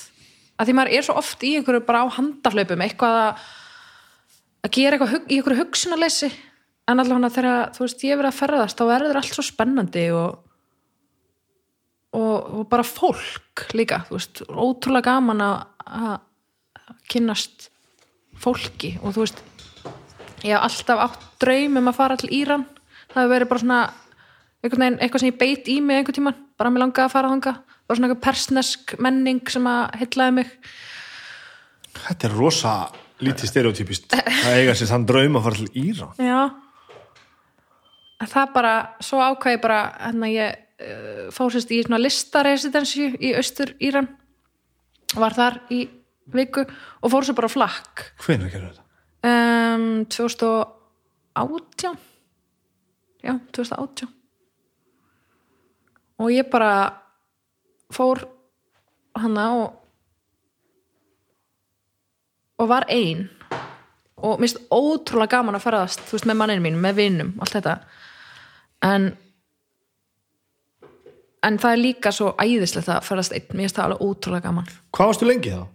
ég var í þrjár vikur held ég Og alveg svona stór partur af því var eitthvað sem við myndum bara kalla frí eða þú veist Uh, út í Íran? Já. já, já, stærstur hluti að því ég held að það séu mjög mörg okkar sem að sjá það til þess bara ekkert sem option Það er og höfum ekki núna.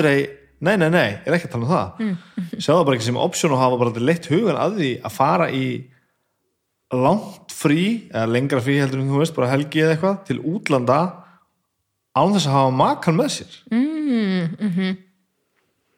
ég hef að séu ekkert mjög margir þarna sem að Nei. bara velta, ég tala ekki um að fara einn kannski er eitthvað að fara með vinu sínum já, já, en að fara einn og skilja eftir heima og ég er ekki að tala illum þetta sko, að að við finnst þetta briljant Já. en ég bara er, ég er ekkert vissum að ég hef bara lett mjög oft hugan að því að þetta sé hægt nei, þetta er hægt og þetta er geggjað Já. og mjög holdt já, ég alla, bara, bara, bara, svo, bara blúprinti segja maður þetta sé já, hótt já tala nú ekki um að fara á eitthvað svona stað sko. en, en ég mani mitt þú veist, eftir þetta þá, þú veist, átni átni hefur líka ferðast aldrei mikið eitt sko. og við erum bæði alveg svona mjög við skiljum þetta mjög vel hjá hvort öðru þetta er frábært og og ekki að heimsækja neitt Nei. þetta er ekki svona mission þetta Nei. er bara, eða þú veist, jú, mission en, en ekki svona einhver svona en, endapunkts aðgerð Nei. fara eitthvað með einhverjum eða heimsækja einhvern, heldur bara Mm. fara í, í ferðalag mm. -hmm. mér finnst þetta alveg briljant sko. já, þetta er geggjað en líka allt öðruvísi allt öðruvísi heldur en að já, já, en þarna komum við aftur inn á það að þú, þér, þú þarft að fíla þig svolítið sko. Já. Þú veist Þú þarf- eh, því þarf að líða vel eh, þú þarft að vera góður í að vera einn basically. Mm Mhm. og já, það skiptir máli. Mér hefur reyndar alltaf fundist, þú veist, sama hvar ég hef verið í, í lífinu þannig, skilur, þá hefur mér alltaf fundist gaman að að ferðast einn, sko. Já, og, og hérna en ég held að, þú veist, ég fór hana ég fór sem skiptinu mig, sem þegar ég var 16 ára. Og ég man ég setti sko Brasilíu í fyrsta sæti yfir lönd sem ég langa að fara í og Tæland í annað sæti. Og svo man ég ekki Argentínu eða eitthvað í þriðja. Uh, og sko ég ákvaða að fara sem skiptinu mig og bróði minn hafði líka fara sem skiptinu mig. Hann fór til Brasilíu. -hmm. og þannig að það eina sem ég vissi var að mér langaði ekki að fara þangað. Ég ætla ekki að gera eins og hann og svo fór ég að skoða bara öll löndin sem voru í bóði og bara, þú veist, lesa allt og skoða allt. Og það bara var niðurstann að ég er að fara til Brasilíu, mér langaði það bara mest. Og hvað var það sem var tryggjara það? Ég held að það hafi nú verið sko að mörguleita eitthvað svona stereotypist sko, eitthvað bara samba Copacabana og, Copacabana og, og, og strönd og fótbolti fótboltastrákar, ekki fótbolti yngan á fótbolta, en, en þú veist eitthvað svona eitthvað stereotypu Brasilia Aha. og svo náttúrulega fer ég út. Og er lendi á hérna nautabúgarði in the middle of nowhere í síðsta fylki Brasilíu sem er sko kúreka sem er svona gaucho menning argentínsk svona kúreka menning. Já, það sem að enginn talar einsku bara nýri á fórstu ykkur svo þar eða? já, uh, sunna, já þess að þetta er inn, inn, í, mm, austar já, og alveg, þetta er alveg hjartað í Rio. Grande do Sul, síðsta fylkin í Brasilíu sem á í rauninni landamæri að sko Argentínu, Argentínu, og hérna og þar um, lendi ég hjá svona byssuglöðum kúregum uh, og er bara eitthvað uh, þetta er ekki það þetta er ekki það sem ég var að hugsa. Þetta er ekki Girls from Ipanema. Nei, enga megin sko. Og hérna og það var náttúrulega bara ævintýraleg reynsla og ég og sérst, pappi minn hann úti sem var í svona bombassi svona stórum svona kúreka buksum, kúreka stígulum með hérna með uh, lítinn hníf hérna öðrum megin, skambissu hérna megin og svona sveðju aftan í buksunum með, með hérna, fengi hérna, hérna lömunaveiki sem bann hann hann var með svona styrfút og haldraði uh, nú ertu bara að ljúga. Nei, ég ekki að ljúga sko. Og hérna og hann þetta er svona persónlýsing sem maður myndi lesa í bók og bara, að þetta er aðeins svo mikið. Þetta er náttúrulega alveg fáranlegt sko. En hérna hann Gilberto Gilberto hann hérna uh, uh, reyði þannig allu og ég og hann eldum grafsilfur lengi. Ok. reyðumst gríðarlega. Ég var náttúrulega bara forréttinda byggla frá Íslandi sem að var bara ég útrópaði hann sko rasista kvenn hatara allt sko. Hann bara? Já, já. Ég, við rifum svo mikið því að þú veist, ég mér fannst, þú veist, þannig er ég einhvern veginn 16-17 ára og einhvern veginn að finna mig sem aðeinslega mikið feminista á Íslandi, skilur og kem þarna í eitthvað svona ótrúlega kallægt samfélag, kúreka samfélag uh,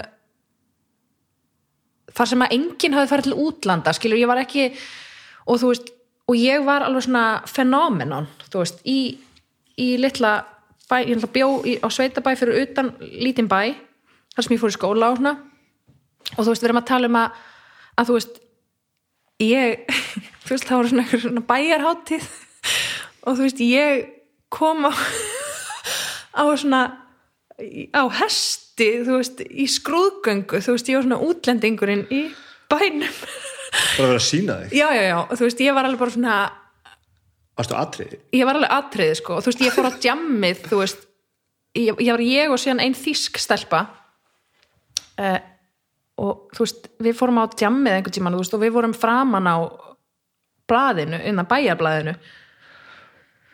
Vá, Já. Og, og hérna og þú veist svo eignaðist ég eitthvað kærasta sem að var sko svona trommu, trommari í svona sambaljónsveit og hérna svar- sveittur sveittur, svartur líka og það var hérna, þar kynntist í því sko að hérna við vorum saman, sátum saman á torkinu og það var hrækt á okkur wow. og sagt bara hérna, þetta væri engin leið fyrir hérna, evrópska læknisdóttur að haga sér að vera með Já. og ég man sko uh, þú veist, þeir töluðu alveg við mig hana, fjölskylda mín úti og bara þetta er ekki, þú veist hérna, þetta er ekki uh, þetta er ekki venjan. Þú veist, ertu vissum að þú vilja gera þetta? Ertu vissum að, þú veist, akkur ertu ekki bara finnur þér ekki einhvern hvítan strák? Þú veist, og ég bara eitthvað svona alltaf, átt ekki or, or, orð, en líka, þú veist, ég var svo ung og ég skildi heldur ekki sko neitt svona sögulegt samhengi skiluru og ég skildi ekki stjættaskiptinguna og ég skildi ekki sem ég skil miklu betur núna mm. um, og þá hefði ég geta einhvern veginn farið inn í þetta samtal á veist, haft meiri vopn sko. en, en þú veist ég var bara þeir eru veist, og, og, og sem gerði mér enga greiða, greiða heldur sko. en, hérna, en þau einhvern veginn hérna, og svo töluðu þau við, við hérna, pappa fóreldra hans, eða pappans. Og ég man alltaf þegar hann sagði mér sko, í fyrsta lagi var ég ekkert að segja þeim þetta, þetta bara kom til þeirra einhvern veginn, í, hérna, through the grapevine sko. þú ættir kærasta já, já. og hérna og þau sko sögðu mér að hérna, þau voru búin að tala við pappans og, og hann væri góður svertingi. Þau, þau væri, þetta væri svona einna fáum sko. Oh, er náttúrulega, þú veist, þarna í söðu Brasilíu er, þú veist, mikið afkomendur sko Ítala og þjóðverja og þú veist, þeim er sunnar, þeim er ljósara. Já, og þú sér það svo skýrt sko á bara stjættaskiptingunni, bara húsakosti og öðru, þú veist, í bæjarfélagunum að þú veist, í fátækra hverfunum þú veist, þar verður húðliturinn dekkri. Já. og svo lýsist hann eftir því sem hann kemur í fýtna hverfi. Og ég meina, þú veist, þetta er á svo mörgum stöðum.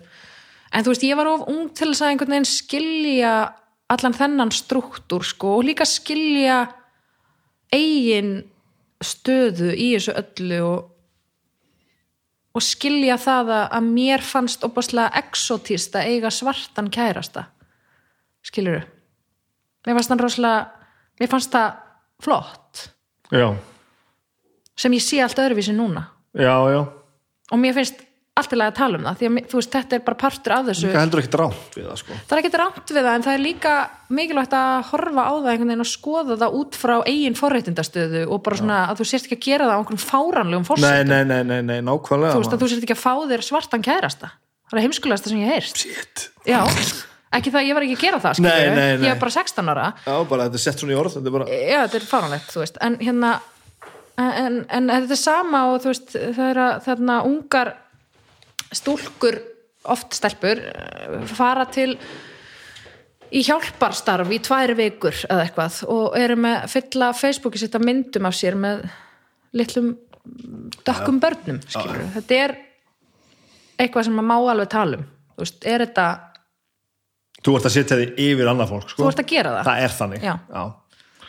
og ég er ekki að segja að ég hef verið að gera það þarna en, en ég sé mína stöðu allt öðruvísi núna, þú veist, horfandi tilbaka líka bara gagvart til dæmis þessum pappa mínum hann úti -hmm. þú veist, að, að ég er einhvern veginn að koma inn í eitthvað samfélag sem er bara, eng, þú veist, ég er gestur þarna -hmm. og, og ég er að koma inn í eitthvað samfélag og er að gaggrýna það ógesla mikið og útrópa hann eitthvað út frá mínum gildum og því sem er rétt í mínu samfélagi sem er hinum en hnettinum sko og hérna, og þá var óksla fyndir fórum við aftur, ég og maðurinn minn fórum í fimm vikur á bakbókaferðalag fyrir nokkrum árum. Þá hefði ég ekki komið í mörg ár sko, ekki sín ég var þannig úlingur, eða veist alltaf í góðu sambandi við þau og þú veist þau komið við þarna og og ég var búin að hugsa svo mikið um það sko, að, að þannig kannski að segja það fyrsta að það endaði alltaf á svo æðislega góðum nótum hjá okkur sko og ég kendi honum rosalega margt og hann kendi mér rosalega margt. Og hann, veist, við ólum hvort annað mjög mikið upp og það var mjög fallegt samband því þetta var, veist, við vorum bara, þetta var stál í stál bara rosalega lengi sko. Og svo bara varði þetta að einhverju beautiful, lærdomsríku sambandi sem er náttúrulega bara mjög óvennlegt einhver stelpa af Íslandi eigi einhverju stormasömu sambandi með einhvern kallfösk út í söðu Brasilíu, það er mjög skrítið. Hvað var þetta langur tími? Hvað varstu lengi út í þannig? ár, Já, þetta er heilt ári. Já. Þannig að það er alveg tími til að taka alveg svona einhvern, já þokkalega einhvern boga í þessu. Já. Já. Og við förum svo hana út og þá er ég búin að hafa hana ákislega mörg ár til þess að melta þetta og hugsa þetta og kenna og hugsa alltaf bara tjóðl var ég ömuleg, þú veist, tjóðl var ég ömuleg við þau. Mm. Tjóðl var ég ókslega mikil forréttindabelja og ótrúlega mikið að gaggrina allt í stæðin fyrir að sjá hluti í sögulegu samingi og vera, og svo sem enginn gerir skilur 16 ára, en þú veist, ég var svona, ég búin að vera að hugsa þetta rosa mikið og svo, svo kom ég út. Og ég er búin að vera hann í svona einn dag. Og þá er ég bara svona nei ok, hann er náttúrulega alveg óþrandi líka. Já, já.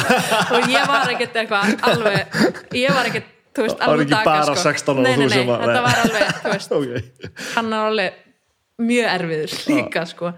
Þannig að það var það var gegja ógeðslega gaman að fara aftur út og, og líka að fara með átna og sína honum þetta allt þú veist, og, og þú veist pappi minna núti að sína hún byssusafni sitt og eldaði hérna heilgrillaði beltistýr fyrir okkur og eitthvað þú veist bara, Brasilia er rosalegt land, sko. já, Það er svo stórt land það er risa stórt land og það er svo margt í svona stóru landi Mhm. sem er ekkert í einhver, eitthvað í einu landi, sko. nei, það er náttúrulega bara þrísvarsinum Argentína Það er óbóðslegt að vera þarna og upplifa Mhm. bara hvernig fólki, sund fólk getur ekki tala saman og, og, og, og það allt saman, sko. Og ekkert endilega byggt á rasisma, sko. hefur komið til Brasilíu? Já, já, emmitt, geggja. Hvert hefur farið? ég var í Ríó bara, ég fór bara á karneval í Ríó. það, var, Einmitt. það var alveg, þú veist, svo bara þú maður einhver, einhver, einhver svona, einhver svona skottúr út fyrir, sko. Já, það þá- er rosa gaman. Það er mjög gaman sko. Og minn túrismi er náttúrulega er, og hefur alltaf verið þannig. Ég er ekki, ekki alltaf túrismann sko. Ég reynir svona að kynast lokalum sko. Já, og þá fann maður rosa stert hvað þetta svona stórt land með svona flókna sögu og fólk frá svona ólíkum bakgrunni hvernig ætlar að láta þetta fungera sko? Og það er auðvitað ekkert alltaf hægt sko. Ríó er ofbóðsleg borg sko. Rosaleg borg. Hún er ofbóðsleg og hún er svo margt. Hún er svo óbúslega margt sko. og bara munurinn sko, fjarlæðin á milli hörmunga og hamingju. Hún er svo stutt sko. bara, bara, bara sko, landfræðileg fjarlæð Já, það er ekki eðlilegt hvað maður getur heyrt byssukvelli í mikilli hamingju. Sem þú stendur bara það sem allt er frábært og þú heyrir byssukvellina rétt hjá þér sko. Það, er- það er magnaður askoti sko. ég man þegar við, við fórum hana við átni og vorum á hérna áramótunum á hérna Copacabana ströndinni í Ríó og við fórum, þú veist, um morgunin og keftum bjór og freyðivín og hérna samlokur og alls konar og smurðum og tókum með okkur hérna bara svona keftum kæliboks og vorum svo bara, fundum bara geggjaðan stað og vorum bara allan daginn, vorum búin að plana þetta allt sko, vorum allan daginn þarna áströndina, vorum alveg svona prime spot á Copacabana þegar flugveldasýningi byrjaði og allt dæmið.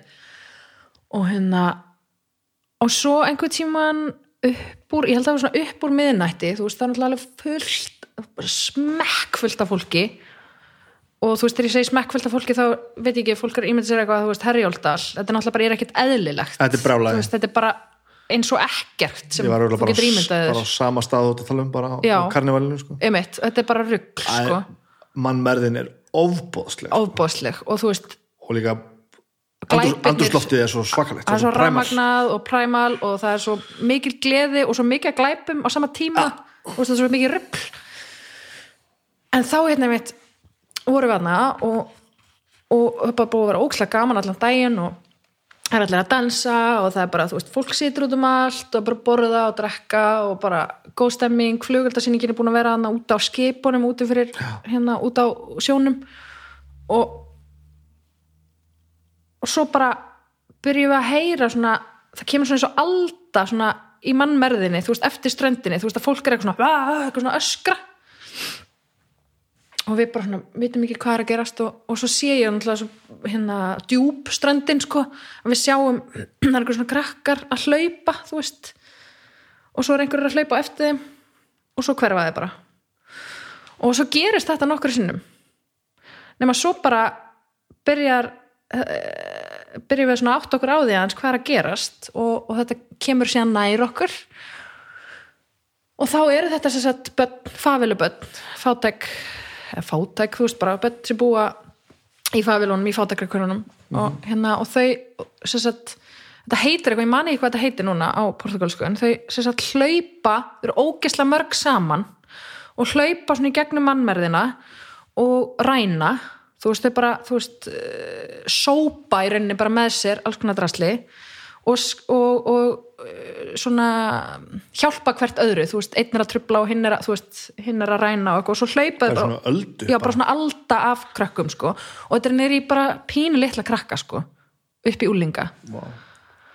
nema að hérna það sem að öskrin eru sem sagt fólk að láta vita þú veist, að þau sé að koma Lókallinn á- lókallinn, þú veist, er að ó, kalla og, og svo bara, þú veist, bara maður sem satt hliðin á okkur, þú veist, hann tók bara úlengstrák og kildan bara þannig að hann var meðvitundalaus, þú veist, og svo draga er þá bara og ég fór eitthvað að reyna að skipta mér af og bara, þú veist, eitthvað, hann bara bann, þú veist, hann var svona 12 ára og þau segja bara, þetta er ekki fólk. Nei. þetta er ekki fólk. Þú veist, hættu, hættu þessu væli. Og við horfum upp á þetta þú veist og þetta er bara eitt ógislega sem ég sé á æfinni og þetta eru fullasta kallmenn að berja bara í köku á ströndinni sko. Og Allt viðkjönd allt viðurkent og þú veist og þarna sér maður einhvern veginn svo ótrúlega skipt bara fyrringuna sem er í svona rosalegri stjættaskiptingu og svona ótrúlega mikilli miklum aðskilnaði líka stjætta þú veist, ég held að hvorugur aðilega til að sjá í hinn sem fólk, eða þú veist að Aðskilnaðun er ofbóst já, þú veist, þú hleypur hérna í gegn og ert að ræna og, og sem er einhvern veginn eitthvað sem að við verandi úr okkar fórreitinda uh, paradís gátum, þú veist, við hugsaum bara auðmikja börnin. En enga megin þar sem að fólkið liðna okkur hugsaði, skilur Nei, bara heldur- kýldu þau niður til þess að ná þeim og þeim var alveg saman þess að bara, þú veist, þú drepur einn og það sprettur upp annar, sko. Og þetta er heldur örugglega ekkert svona einfalt Þetta er ekkert bara um ekki börnin sko. Veist, Það er engin Þetta er- saklaug sko. Nei, þetta er ótrúlega flókið og þetta er ógeslega rótgróið og eitthvað sem þú skilur ekki.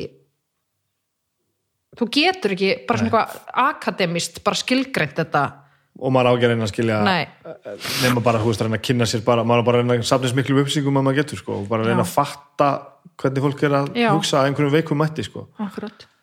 En, já, ég mani einmitt, þetta lýsir þessu bara alveg, sko. Ég náttúrulega sá ekkert svona, sko. En bara upplifa hvernig hverfi geta leiðið saman -hmm. og það er ekki viðlit að fólk fari úr einu hverfi yfir í annað. akkurat Ekki út af einhverju þrjósku, heldur bara út af, út af því að þá kemur ekki tilbaka, sko. Mhm. og maður er, ég hef alveg verið í alls konar borgum þar sem er einhver svona stórhættur glæpakvarfi sko. Mhm. en þau eru þá líka bara þar einhver staðar í aðrunum eða einhver staðar í miðjunni og þú ferð ekki þar inn sko. Mhm. þetta er bara svona þetta, bara, þe- þetta liggur bara hvert einhvern veginn ofan í öðru sko. og munurinn, og horfa yfir favelun, sko. Byggingarnar þú veist, stemningin og svo hallirnar fyrir neðan sko. þetta er bara, þetta er ofbúslegt sko. þetta er alltaf bara skap, mikið af fólki sem er bara ekki, er ekki með kennitölu eða skilur þú fólk sem er bara ekki Já, til já, já, og er ekki neina pappurum og... en alltaf þetta skapa líka ótrúlega menningu þú veist. Já. það sem kemur fallegt og, og, og jákvæmt út úr þessu er náttúrulega framúrskarandi, þetta er ekkert smávegis afl sko.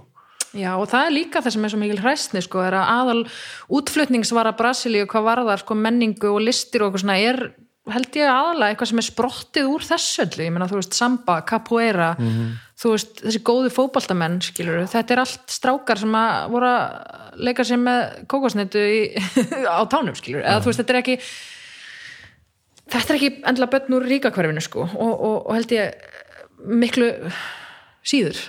Já, og, og þú veist og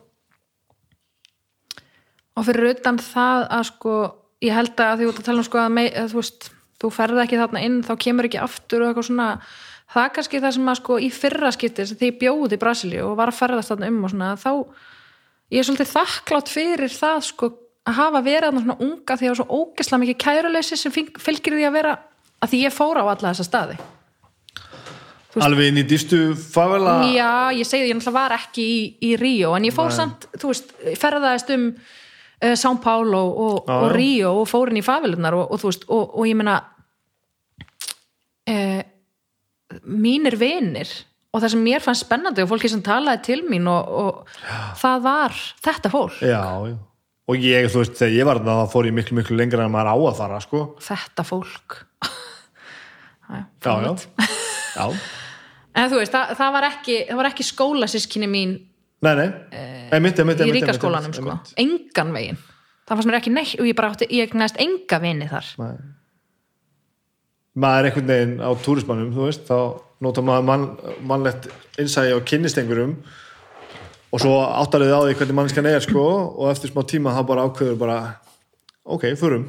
Já, og þannig ger ég þetta sko. Já, þannig að ég, ég fór miklu miklu lengra inn í þessi hverfi heldur en heldur en bara á að fara heldur það sem stendur á plagginu í hótellobbyinu sko. Já. Og það er alltaf bara sama sagan, þú veist hvað sem maður er þá er alltaf gaman sko. Það er alltaf gaman og, og, og flestir eru góðir. Já, bara næstum því allir. Næstum því allir, Og þú það veist, er það er þannig. undantekningin. Já, að- þó að þú sért líka í glæpagengi sko, þá áttu það er alveg þína góður hlýðar sko. þetta er setning sem að stendur með mig bara alltaf. Það var, ég man ekki eins og hver það var sko, eða veist, ég myndi ekki geta satt nafnið. Mm. en það var einhver maður sem að heimsótti öll ríki heimsins. Það var bara misjón. Ok, og það var, var mikið gert með það þegar hann sér satt kláraði það, eðlilega geðvikt misjón sko. Og hann spurði hvað stæði upp úr eftir að hafa gert þetta allt saman. Og hann sagði, hann sem stendur upp úr það að það eru allir góðir hlutfallið á milli góðra einstaklinga og slæmra það er þannig að það er engin slæmur í heiminum. Það eru allir góðir. Það er bara þessi tendens að við þurfum alltaf að vera að upphefja frávíkin sko. akkurat. Og draga okkur í dilka og setja okkur okkar menningu eða trú eða eitthvað upp á móti eða einhver, einhver öðru en auðvitað og það sem hefur reynst mér óbúslega vel þegar ég er að ferðast sem að maður kannski, þú hefur kannski mistið með þegar þú var 16 ára að maður verður að passa sig á því að vera gestur sko. algjörlega, það er, og, og það er mikil kunst er mikil að geta sagt frá því á hvað þú trúir og þín gildi Já. en vera samt gestur já, og vera að segja það ekki til að upphefja sjálfan þig eða tala einhvern annan niður eða stilla því upp sem einhverjum mótvægi við já, eitthvað einmitt, annað einmitt, sko. einmitt, sko. og ekki, ekki ekki setja í þessar stellingar á þetta fræðing Nei, guð minn góður. Það er samt íslenskt held Þa, sko. það er harfla við vil, virðumst alltaf vita þetta best og þurfa að útskýra fyrir hinum hvernig þetta er Já, og það er bara, bara ekki gera það ekki gera það sko. jafnvel þó þú áttir á því að það sem mútt að segja er innan allra heimsins gæsalappa rétt Mhm. -hmm. af því að þú veist ég held að ég getum ekki að fara að rífast um hvort að mannréttindi séu, séu hérna séu skoðanaratrið sko. Já, nei, algjörlega. En það er, það er mannréttindur ekki, þú veist, hérna, debatable, sko.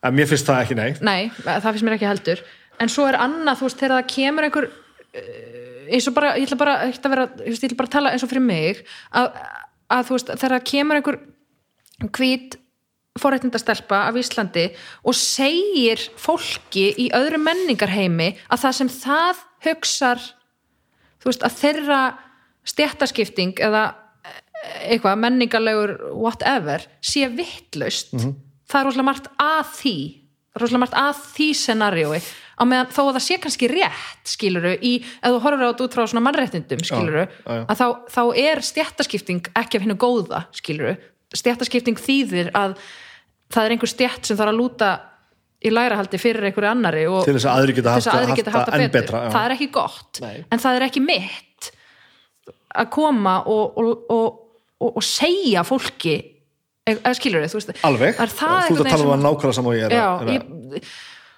og það er svona bínuð það sem að ég fæ svona uh, tilfinningu, þú veist, ég hugsa tilbaka ekki það, ég var, ég var ekki í ykkur hérna, crossför þarna um, nei, nei, en, en, en þú veist en ég held að þetta sé bæði ríkt í Íslandingum og svo er þetta bara svona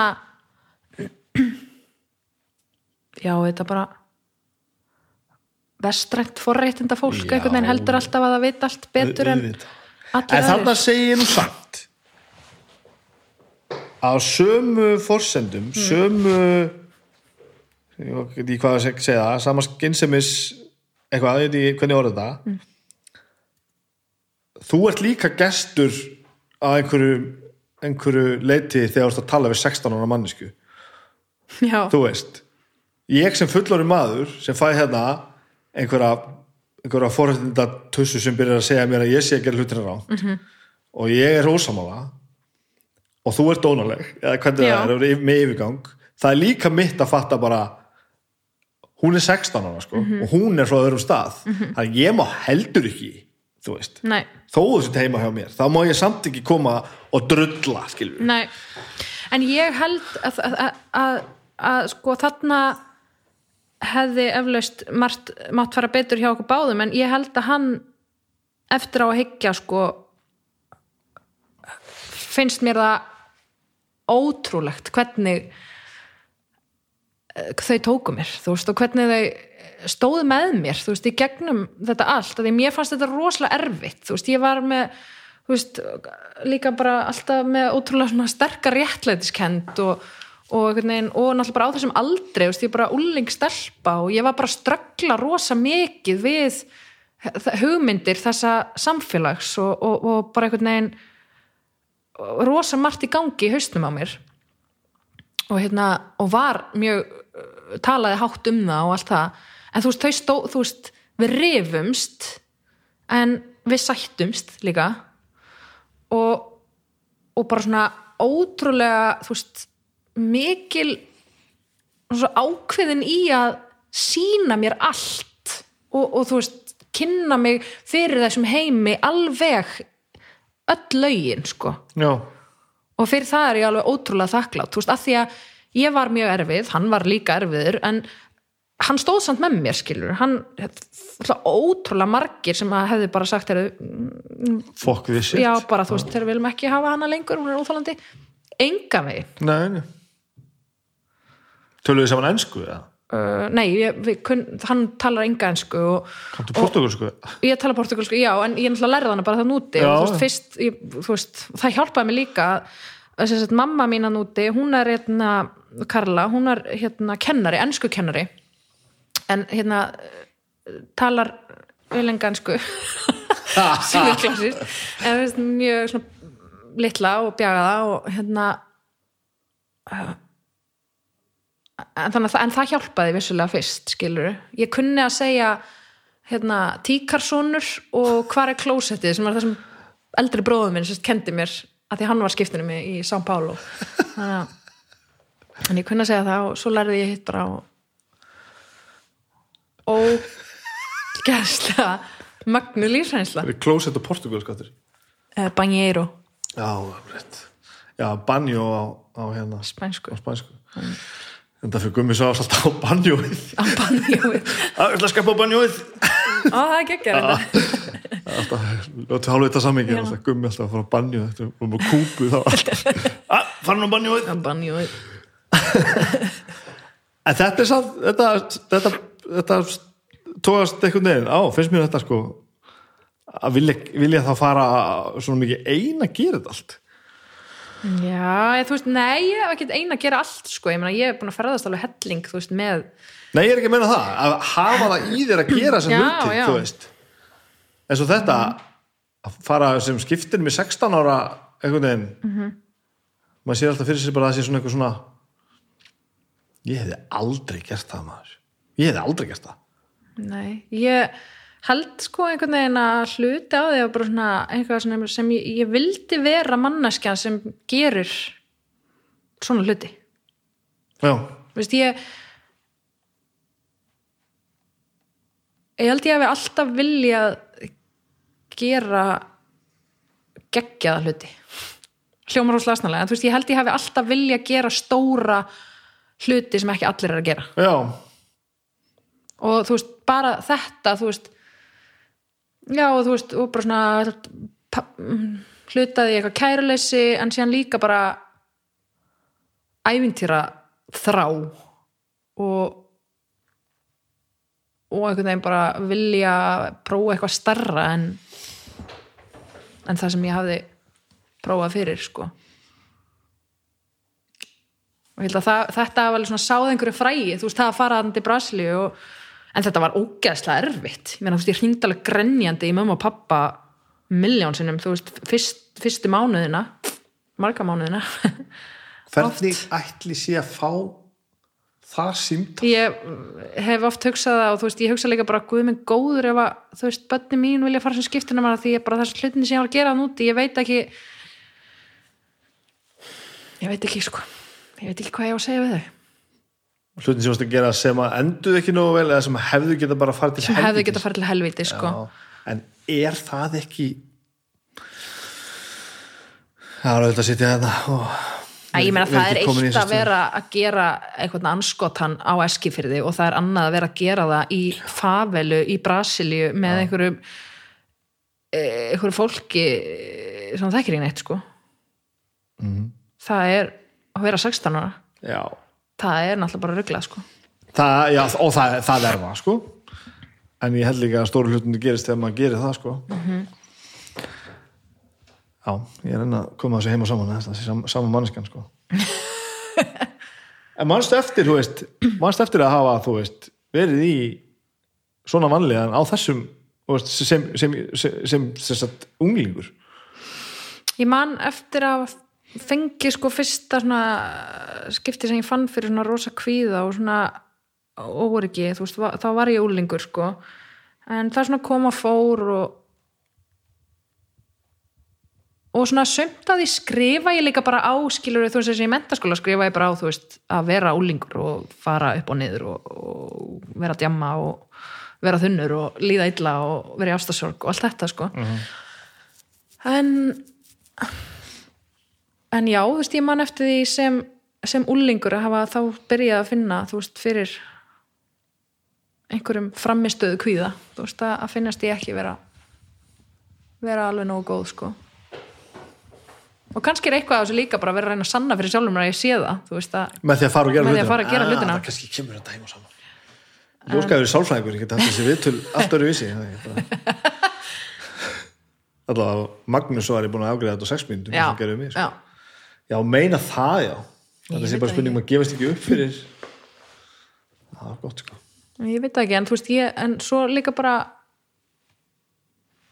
er náttúrulega bara mjög margt sem að spilar inn í og þú veist uh, en ég held að mitt, minn, mitt, mitt stærsta var svona látt sjálfsmat einhvern veginn að vita bara ekki og bara svona niðurif þú veist og ég þekki svo marga þú veist, sem eru þarna og festast þarna og og veistu ekkert hvaðan þetta kemur?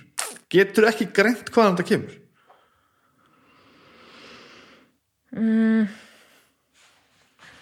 Nei, ekki.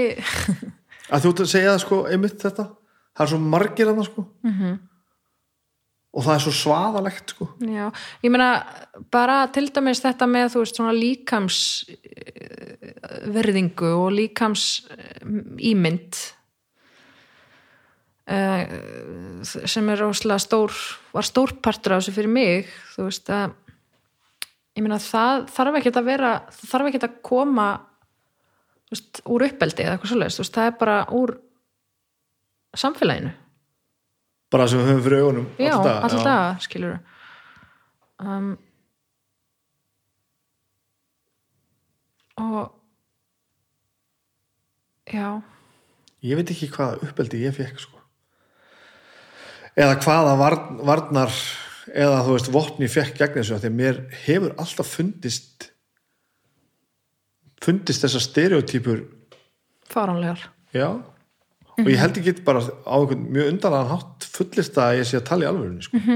ég er ekkert að segja að mér finnist allt í lægi að vera hvernig sem er nei, eða fólk sé hvernig sem er nei, en ég held að ég ég held að ég meti hvað það ég áraða þetta fegur fólks, ég veit ekki hvort ég má segja það mm -hmm.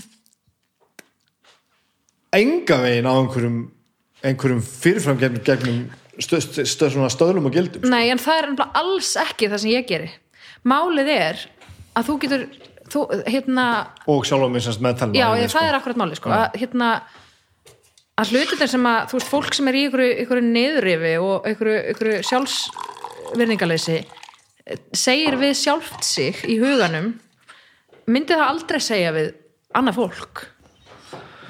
Skilur þú ert er miklu harðara við sjálfa þig heldur en að heldur en að þú ert við náungan sko.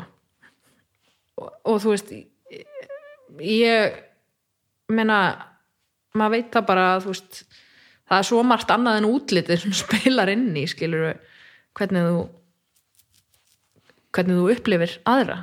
Já, og bara oft allra síst útlitið sko, veist, það er bara svo margt ótrúlega margt sem gerir fólk aðlaðandi eða hvað það er sko. Og fyrir utan að það var bara alltaf mikið, mikið þú veist, það fær útlit alltaf mikið vægi.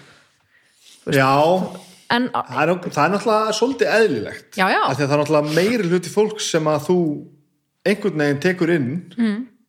er fólk sem að þú átti aldrei eftir að upplifa neitt annað heldur en útlitið útlitið, á og ekki bara í blöðum og, sjónvarsáttum heldur líka bara út á götu sko. þannig að auðvitað hlýtur náttúrulega útlitið að spila að því að fæstar mannesku sem sem að eru í kringu þig eru mannesku sem að þú kemst eitthvað lengra heldur en þangað sko. já ég man sko að þú veist, þegar ég var lítil þá var einna, þú veist, ég og mamma mín og sýsti mín eru báðar svona enna, tölvört lægra en ég í loftinu og, og grennri en ég. Og hérna og, og ég man bara, veist, frá því ég var pínlítil veist, ég hef alltaf heyrt hérna, veist, eitthvað svona rosalegt er stór. Og, og hérna, og rosalega þú veist, hérna já, þú yngri sýstrin eitthvað svona veist, ég Já, já, já. og ég hugsa þetta oft sko, veist, þetta er bara svo saklaust skilur en þú veist, ef þú heyrir eitthvað svona, svona ítrekað bara frá einhverjum bara frá, þú veist, bara fólki út í bæ sem þú heitir og, og einhverjum frængum og fræng, eða skilur, einhver svona fólki að þú veist að þá byrjar þetta að verða einhvern veginn svona pínu þinn sannleikur, alveg svo, alveg svo krakkar sem eru, þú veist, með aðdeglisbrest eða eitthvað og það er alltaf verið að segja þeim að að einbetta sér og gera svo vel að sittast niður og allt þetta, þú veist, þá verður þetta svolítið svona þinn sannleikur. Og þú veist, ég er svona pínu held stundum, þú veist, að, að því mér hefur svo oft liðið einmitt eins og ég sé sko tröll sem ég er enga megin og ég veit alveg núna, þú veist, en ég held að þetta sé ógeðslega algengt hjá bara stelpum, konum, þú veist, að vera einhvern veginn að upplifa sjálfa sig sem eitthvað allt annað en það eru. Ef þú upplifaði bara sem bara, bara mjög stóra mannesku þá? Upplifði, já, eða þú veist, bara svona eins og ég þyrfti alltaf svona pína að mink- minka mig, líka út að ég var alltaf svona hávær og, og svona eða þú veist, með eitthvað svona veist, það þurfa svona aðeins stundum að þegja og já, vera dannaðri og, og vera minni og mjúri já. Og, og upplifðu þá bara að að það væri abnormal eða þú væri bara aðeins til hliðar við hið eina sanna norm. Af því að þú veist það getur enginn horta á þig og sagt hún er risa stór af því að það er bara ekki satt nei, nei. Nei, ég bara, þú veist, þetta er bara eitthvað svona, eitthvað svona líkams, þú veist, komplexina, maður er ekki nógu, Þetta er algjörlega fókt upp djúvillig búið að síkja samfélagið óbúslega maður. En þú veist, þetta er bara, einhvern veginn, minnst einhvern veginn allir kannast við þetta, eða þú veist, um, konur, skilur, að hafa á einhverjum tímapunkti, þú veist, ég er ekki að segja að það sé allir eitthvað helsíktur að þessu alla æfi, en þú veist, að hafa á einhverjum tímapunkti, fundist þú vera ekki nógu mjó, ekki með of stórbrjóstu og lítið brjóstu og lítið rass og stóranas og flatanars og uh, eitthvað þunna húð og uh, eitthvað stuttamilla augnana eða of þunnar varir eða of stóri eyru eða of þunnt hár eða eitthvað. Þú veist, allt þetta rugl að því svo er þetta líka já þá er ég komin á dýpið. Nei, þú veist, svo er þetta líka bara þú veist, þetta er allt einhvern veginn eitthvað svona ótrúlega eibul fólk sem er ekki, býr, ekki við, er ekki með líkamlega föllun eða það er allt fólk sem er einhvern veginn að vorkenna sér fyrir eitthvað sem að skiptir einhver máli. Það er allt þú veist, að, þú veist, maður gleymir líka að horfa á veist, það sem maður þó hefur. Maður fókusa svo mikið á allt, allt ruslið, sko. Svo finnst mér þetta með þess að stundu verið komið þanga að þú veist, fólk er farið að sko hafa ágjör að einhverju sem að enginn annars sér. Já, já, Ég skil 100%. alveg, þú veist sömbrjóst eru lítil og sömbrjóst eru stór. Og þá ertu kannski mögulega með einhverja ágjör af því. En svo ertu kannski farin að hafa ágjör af sko einhverjum sko, eirunum aður sem eru fullkomlega eðlileg sko, sem eru bara eiru já, já. Þú veist, og það er og þá ertu farin að sko með þess að pródusera vandamál til þess að hafa ágjör af sko. þetta er komið í eitthvað alveg svakalegt svakalega steik sko. Algjörasteg og bara það fer alltaf mikil tími hjá uh, fólki sem að það var líka einmitt eitt sem ég hugsaði þú veist, með henni hérna hrefnu minni sko. Hvað fór ógstlega mikil tími í að hugsa um allt þetta þegar ég hefði getað verið að gera eitthvað geggjað sko, mm. ég getað verið að búa til en ég var bara eitthvað eru brjóstur á mér nær gólfinu í dag en þeim voru í gær skilur, og það er eitthvað svona bull? Og raunverulegu tími sem fór bara í að velta sér fyrir sig ok, ég er svona, já, ég skil, ég skil, já, bara, meina, já, já, þetta er ekki bara svona já. tími sem fer í að- gaggrína sig og rífa sig niður og, og hafa áhyggjur af einhverju sem að er ekki þínum höndum og er ekki eitthvað sem ætti að hamla þér eh, í þínu daglega lífi skilur, þú, þú getur alveg uh, skrifað skáldsögu þó að þú sért með uh, stóran rass eða uh, skakt nef sko þetta er mjög gott sko. skrifið þetta á legstinu minn skrifið þetta á legstinu minn já, ég ég mér lítur að hafa verið kent þetta sko. ég fekk náttúrulega ógeðslega gott uppeldi sko. já, ég líka uh, og ég er ekki að tala þetta uppeldi niður sko. Nei, Og nei, þetta er bara en þú heyrðu það, ég, ég er líka maður sem sitt ruslapókan í skáp sko. þannig að það fór nú ekki allt vel sko. en hérna mér lítur að hafa verið kent þetta á þess að ég muniði sérstaklega að taka frekar sér einkennin og finnast frábara og sérst ekki eins og allir hinni sko. Mm, já, þú veist Finn, fara, þú veist, bæði líkamlega og, og, og, hérna, og, og félagslega og andlega og allt hitt sko. þú veist gera eitthvað með það sem er sko. þú veist, ef þið vekk skegg verður þá með skegg sko. uh, eins og þú veist fá skalla ég er að byrja að fá skalla, mér finnst það, finnst það er briljant, já, já. Allt í einu gæti verið gaurið sem fór svona að greiða með svona með greiðu, svona hér svona, Já, svona, svona, já, svona, svona sleik veist, ekki, ekki, er ekki komin í komófi sko, sem ég ætla það klálega að gera samt sko. 100% en veist, þessi gaur sem greiðir allt svona, þú stendur svona fyrir ofan með því sitt þá sérðu svona, sérðu svona glansa í- og ég bara, veist er, ég er þessi gaur með, með þetta. Það er, er snildarlegt sko. Og ég labbaði hérna ég labbaði inn í klippingu hjá, hjá stjúra vinnum mínum nafna mínum, snæbyrni sem vinnur á Kormungur skildi Mhm. hann er svona ekkit ósvipar lægin og ég. Og hann var í svona buksum sem að, sem að, sem að fara svona upp á bumbuna. Nei, og svo svona einhvern svona búin að reyra þér á sig. Og ég bara, ok, þetta og, og, og þá sér maður alltaf bara að maðurinn er alltaf mjög gildur um sig, bara svona svo já. ég bara digur um mig, sko, bara ég er með svona, ég get keft mér svona buksu, þetta er geðveikt, sko Mm. Staðan að þessi svona- maður er töff og með bumbu. Já, það er alltaf mjög vel sko. En, en, en, en þetta var svona ekstra hérna, ekstra leið til þess að bara þú veist þú getur ekki verið í þessum fötum nema að vera með þessa bumbu Já, sko. akkurat, þú akkurat. veist, hann allt þetta sko einhvern veginn ég náði einhvern veginn að já, vel gert. Ég hlust ekki, mér finnst poptónlist leiðileg þess vegna ætlum ég bara að gera öðruvísi tónlist sko, Mhm, þú veist. Þetta er svolítið það, í stað fyrir að reyna einhvern veginn að, að þú veist, kaupa mér rammarskýttar sem að gefur og veist, ég ætla að kaupa mér svona magnuna og svo líka svona tónlist og bara, Nei, ástin mín þetta var- ein er svo ótrúlega falleg og bara veist, ég er bara ekki þarna sko, herru, ég hef áhugað þessu og ég get gert þetta og ég ætla að gera þetta. Herru, ég hlusta á þungarokk og ég kann að yrkja. Herru, ég leta geta gert eitthvað á það.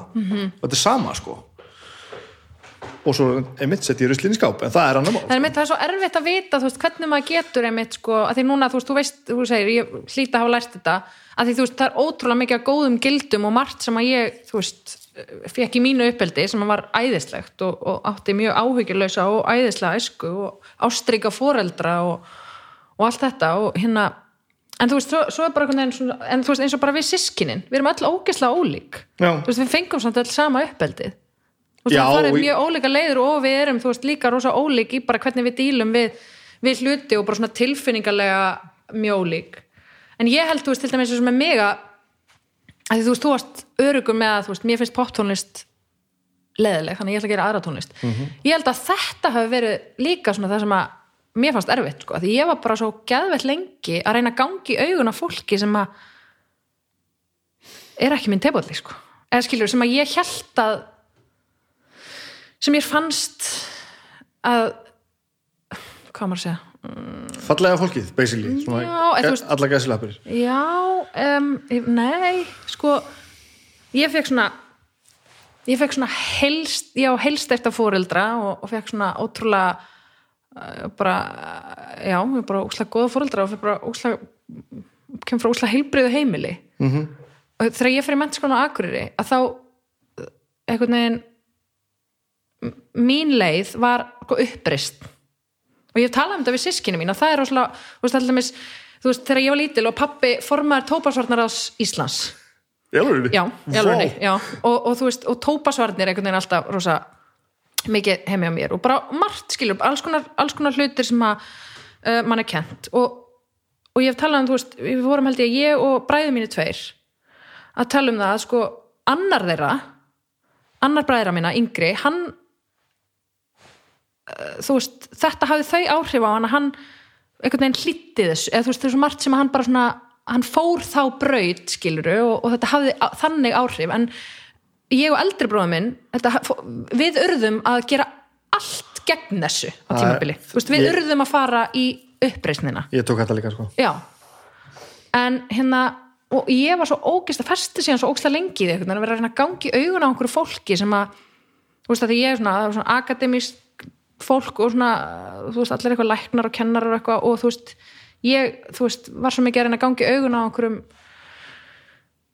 fólki sem var enga með þar en var kannski ekki rétt af fólki sem ég hefði átt að vera að gangi augun á, já, ég skilði, já.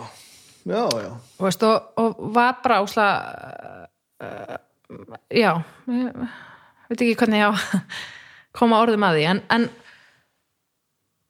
og eins bara þú veist að reyna einhvern veginn að við þú veist sem er náttúrulega bara eitthvað sem allir gangi gegnum skilur eða kannski ekki þú en margir að þú veist reyna að vera eitthvað sem þú ert ekki jú, jú, jú, jú, jú, Þú jú, veist, jú, jú. Og, og ég er ekki að segja, ég hef alltaf verið ánægð með allt sem ég er og allt sem ég hef hugsað sko. Og ég, jú, og ég hef dottið í alveg, alveg ævintýralegt allt eitthvað sem ég er ekki og, og náttúrulega dottið í ævintýralegt pós skilur, verið Já, bara, þú já. veist, þykjast vera eitthvað sem ég er alls ekki sko. en einhvern veginn í grunninn hefur þetta alltaf ég er raunin bara að segja þetta sem ég var að segja á þann þetta með að sko, Já. mér ga, fundist gaman að upphefja eitthvað upphefja hvernig ég er sko. já, og sem er geggjað. og ég sé mjög ég, e, mér finna sér einkenni á fólki sérstaklega aðdónaverð, já, aðlaðandi. Aðlaðandi. Sérstaklega þegar fólk púlar það sko, sérstaklega vörkar það sko. Já. og þá finnst mér þetta bara þú veist, þá það ég bara svo vil þetta gaman? Já, já, já, akkurat. Uh, það er ekkert það er ekkert meira neðudreipandi heldur en stereotypist gullfalli manneska sem að hefur ekkert við sig. Nei.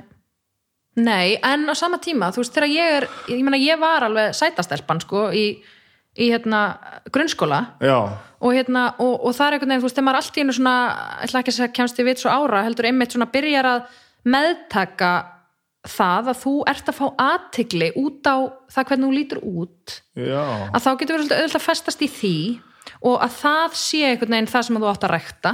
Mm.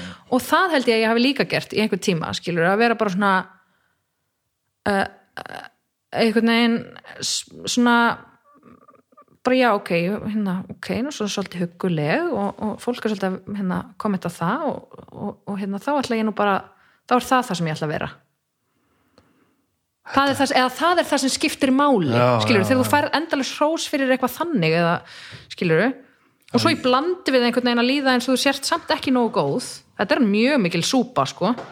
Að þá hérna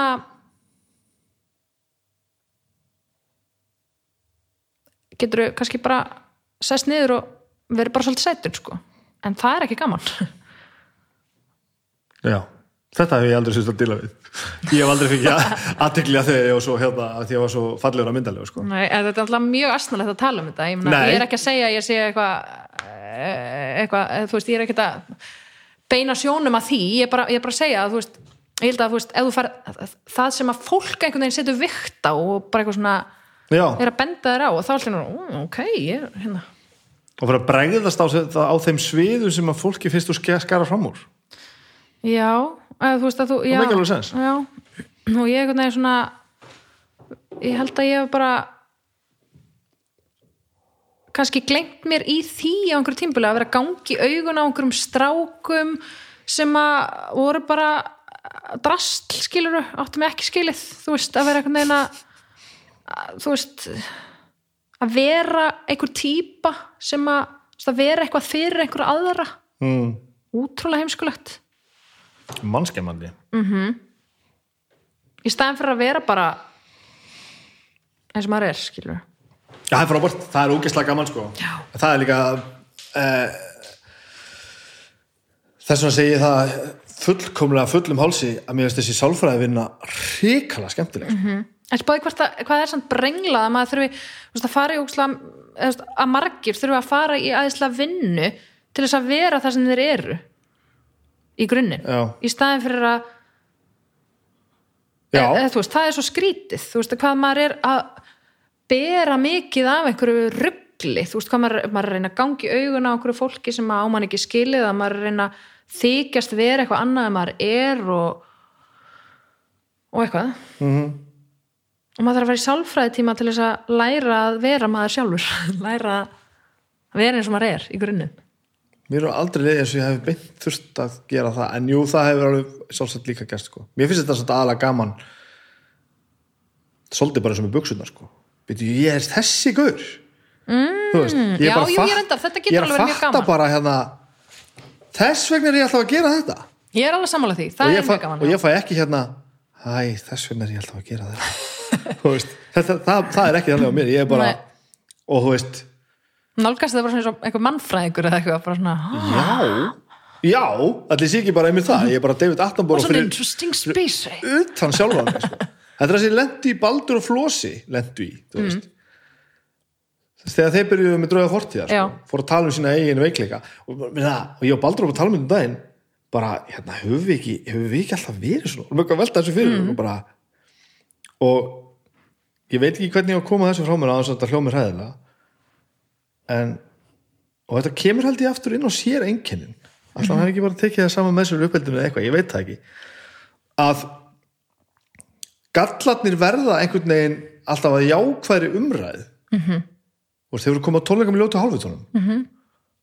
þar erum við alltaf að skjóta hver á annan alltaf svona að pikka í hvernig, Já, hvernig, já, já. hvernig hver er og við erum ekki beint að tala um galla, við erum Nei. að tala um sér einkenni algjörlega, já og, og, og það er einhvern veginn alltaf svona upphafið sko. Mhm. og Flósi í mínum huga til dæmis verðandi þunglandista maður, maður sem ég nokkuð tíma séð Mhm. hann það er svo heillandi við hann sko. Já, já. ég átta mig á vandra, vandamálunum og ég átta mig á öllu sem þetta hefur skemmt og allt þetta en sko þetta er ekki hann, já hann er rosa veikur nei, akkurat, hann er bara svo þunglindur að það er fullkomlega heillandi sko. og, og það, hefur, það hefur gert svo margt það hefur unni svo mikið með honum auðvitað mm -hmm. eðlilega alveg ævintilega mikið gegn honum já, já, en hann væri bara ekkert eins og hann er sko. og þú veist all, og það eru allir svona sko. akkurat, og, og þegar þú fyrir að skoða sko, og það er svo auðvitað þjóttir hljómsveit þá mm Mhm. þú, þú, þú verður að kynnast fólki svo opaslega vel sko. -hmm. og þá bara hvernig ert þú bara alltaf svona já. Mhm. það er ekkert eðlilega skrítið og heillandi sko. það er óþórandi en þú væri ekki eins og þú ert Mhm. nema þess vegna sko. og ég held að að svo byrjuðu Baldur og Flósi eitthvað að tala saman ætluðu að vera með eitthvað, eitthvað, sögurhlaðvarp og það helmingunum var alltaf eitthvað trúna og fólk var bara rosalega erið opnir með þetta bara og, já, það er ógislega gaman mm -hmm. í stað fyrir að skamma sín alltaf fyrir allt sko. Já, já og það allt í hennu varð að bara einhverju eitthvað svona sem, já, koma daginn að þú veist, það var bara eitthvað sem fólk þurfti að heyra fólk var bara meira svona, meira svona, ég hef aldrei heyrt menn tala svona opið um þetta mm -hmm. og það bendir á að við séum kannski stundið að fela alls konar svona liti ég held að í þessu tilfelli sé hérna sé búið að mála þessi hluti alltaf mikið sem sko sem neikvað sem, sem sko sem, sem, sem einhvers konar þetta hald, hvað maður að segja Já, sem þetta, eitthvað galla sko, Já. þú veist þetta, þetta hefti persónueinkenni- þig já, að þessi persónu einkinni sko að vera með aðtiklisbrest er ekkert, þú veist það gerir þið ekkert þú þátt ekki að skammast inn einhvern veginn fyrir hlutin sko. nú er þetta að hljóma sem einhver, einhver upplýsingabællingur í grunnskóla sko. en, en, en sko Mm. en þú ert líka aðalega allt ann þú veist, þú, það er eitt af því sem þú ert og ert með Þú og, ert það, og það er bara annað. stórkostlega stór partur af þessu verð sko. Já, en það Og er það er sa- gott. og það er gott, en það er líka, þú veist já, ég veit ekki, þú veist núna eru náttúrulega líka komin á það stað að þú veist það er allir með einhverja greiningar sem er frábært já, að ég veit ekki, þú veist já, við eigum að gefa, gefa þessu vægi en við eigum líka ekki að vera veist, við erum ekki kvillarnir okkar eða veikindin okkar eða, eða eitthvað, við erum bara við og við erum með alls konar hluti. Og við, þú veist, ég held að já, ég held að það sé pínu svona tvíekja sverð og fera þetta eftir því hvernig þú túlkar það því að það að eins og þú ert að tala um með flosa, þú veist að, eða bara hvert sem er skilur, sem er með þungleiti, þú getur líka skiltir á bakvið það og gert ekki neitt og sagt bara ég er, þú veist, eins og ég gerði það til þess með kvíða, þú veist, ég gerði ekki neitt að því ég bara, þú veist, já, og það var mín afsökun. En, en þú getur líka bara tekið það inn sem eitt af þínum vopnum í þínu vopnabúri og bara haldið áfram og, og, og þetta er bara eitt af því sem þú ert en ekki allt sem þú ert þó þessi stór partur er þetta ekki bara það sem frasi sem þú notar á það sko, að þekkja sjálfa sig Jú. þarf maður ekki einmitt að þekkja sjálfa sig til þess að geta snúið hlutunum upp í upp í, þú veist, jákvætt sko. mm og líka til að geta haft húmor fyrir þeim og til að geta, það þú veist mjög mikilvægt sko. já, það er ókslega mikilvægt líka, þú veist, þannig að þú sérst ekki alltaf í vörðn og ókslega hörundsár og erfiðri það er samskiptum það, það er það sko. það er alltaf þetta sko. Og það má ekki einhvern veginn byrja að nefna þetta sko. þá... og svo eru aðrir líka sko, samfélagi líka þú veist ég hef mist fólk frá mér úr veikindum sjálfsmorð Mhm. -hmm. alls konar bara, þú veist ég er bara, bara um 43 ára og er svona er bara að lifa alls konar hluti eh, ég veit ekki hversu ofta það komið fyrir að það hefur komið upp sjálfsmorðs umræða það sem ég er einhver veit að einhver nákomin mér svifti sér lífi og fyrir að reyna að kveða niður samræðunar til þess að mér líði betur sko. já, já, já, akkurat þá bara það er ekki gaman að missa fólk sko, sem svifti sér lífi en þú ert ekki þú þarft ekki að hlýfa mér við því sko. Nei. og ón á allt annað meiri sé að ég veit eitthvað sem þú veist ekki sko. -hmm. meiri sé að það að hafa mist einhvern nála sér sem svifti sér lífi gefur mér advantage sko. já, ég bara veist, einhverja dýft Já, einhverja, það er bara eitthvað hérna- þá ertu bara, bara búin að koma til Ríó og þú veist hvað er að missa einhvern sem að svifti sér lífi sko. annað er mjög jákvætt, hitt er mjög neikvætt en ég með eitthvað sem þú hefur ekki gert sko. þú hefur ekki komið til Ríó og þú hefur ekki upplifað þetta hér ég veit, þetta er náttúrulega, þú veist, svolítið dólkslegt að setja þetta fram svona já, já, þetta er alveg um, satt og geta settið sko og sagt hérna, ég skýt þunglindur skilju og þetta er svona, svona, já. svona og þú veist, og þú ert með eitthvað sem annað fólk veit ekki sko. Mhm. Og þannig komum við bara aftur um það þú veist, þú myndir líta ömul út í þessum buksum sem að stjúri var í, sko. Ég myndi púla þær miljón prosent já, já, spyrjum að leikslokum. Ég þetta er ekki búið. Ég geta verið dálítið flott í þessum brúsum nei, já, algjörlega.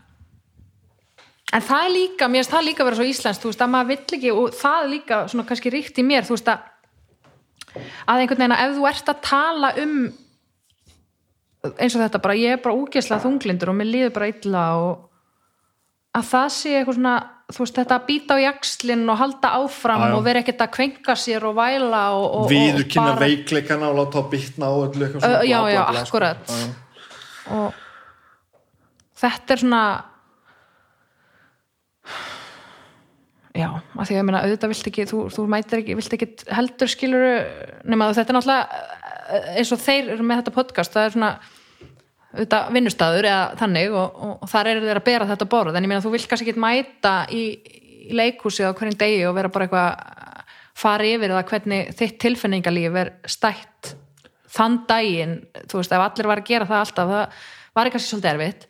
En á sama tíma, það, veist, þetta er svona þröngur stígur að feta, þú veist, þú þarft svolítið að mér finnst þetta samt líka snúast um hvernig þú talar um hlutina já, ég hef verið alveg upp og, ég seflast alveg upp og niður sko. ég finn alveg þegar ég er uppi og þegar ég er niður sko. já, nú ætlum ég að passa mig ég finna að ég það svona að hérna nú bara veit ég að bylgjanin er svo niðurleið Mhm. og ég er bara að þekka mig það vel að ég hérna ég get svona spórnað við því, sko. Mhm.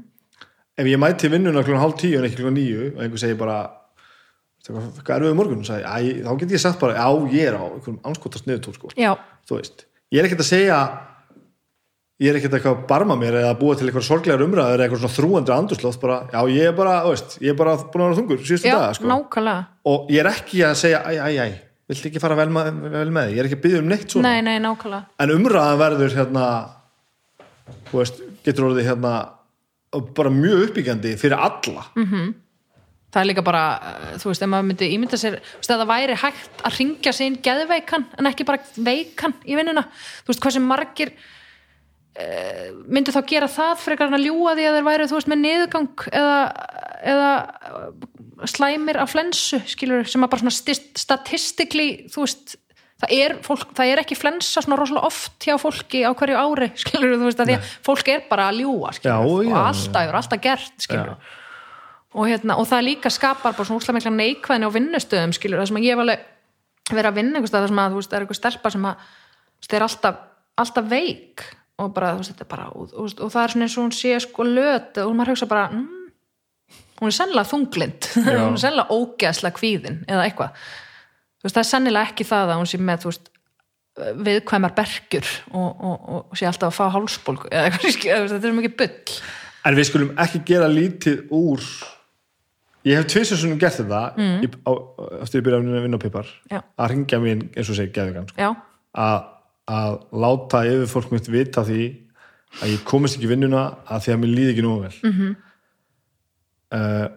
og það er þó ég sé hérna eins og ég er og þú ert að hlusta á mig það sem ég er að segja hérna, og, er, veist, og ég er í góðu skap í dag en er auðvitað að tala um þetta og ég trúi, ég trúi sjálfurinn sko, og ég trúi mjög vel á þetta það er bara eitt erfið sem ég gert já, já það má ekki gera lítið úr, Nei, það er algjörlega úr líðarni sko. og ég á kannski ágætt að segja það líka upp átt að þú veist ég er ekki að gera lítið úr í hvað, hvað þetta, þetta er svakalegt ástand til eins og þunglindur að slosa sko. Það er ekki að segja bara, djúvill hann töff hann er svo þunglindur veist, þetta er svakalegt sko. og erfiðleikarnir sem fylgja þessu eru ofbóðslega sko. Mhm.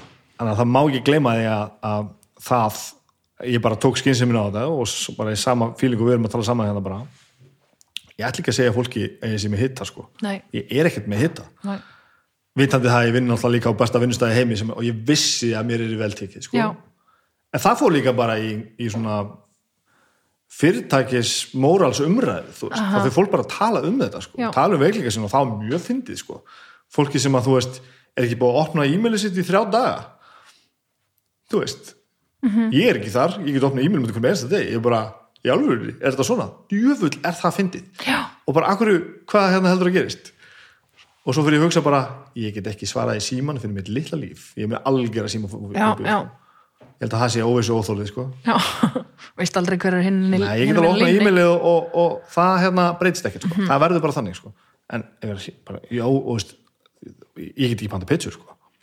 Bara upp og svona message gluggar á message já, það er endar það besta sem ég veit.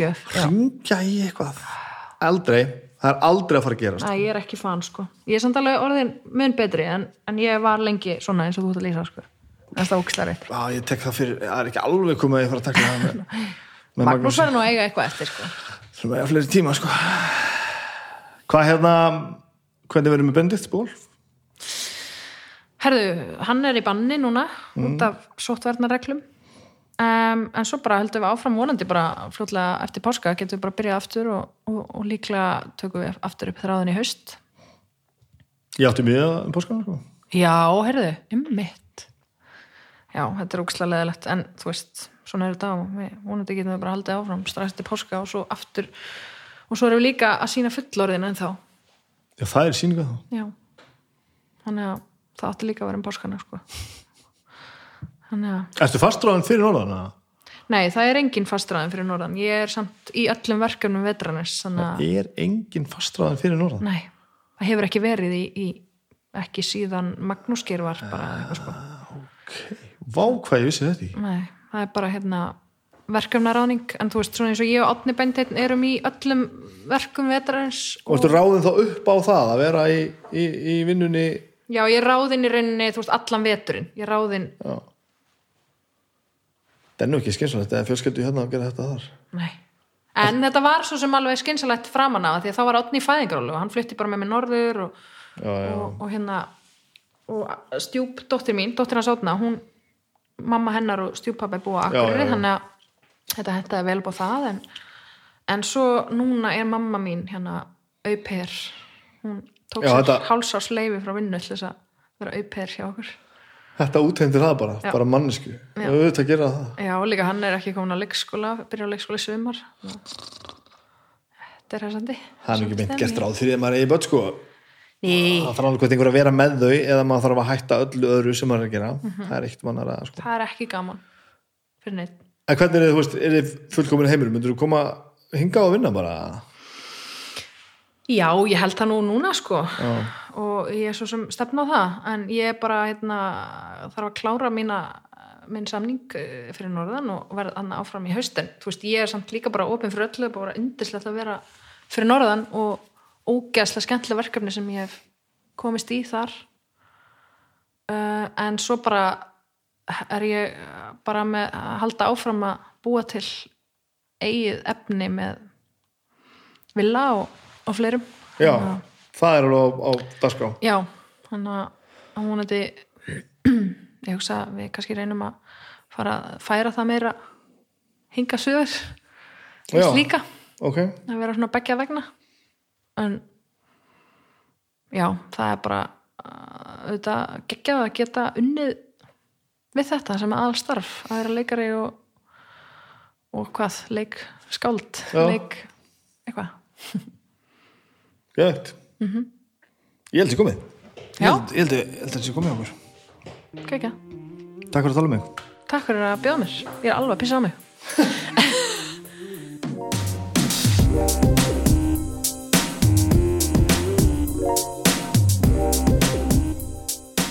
Já, ekki gefast upp á draumunum.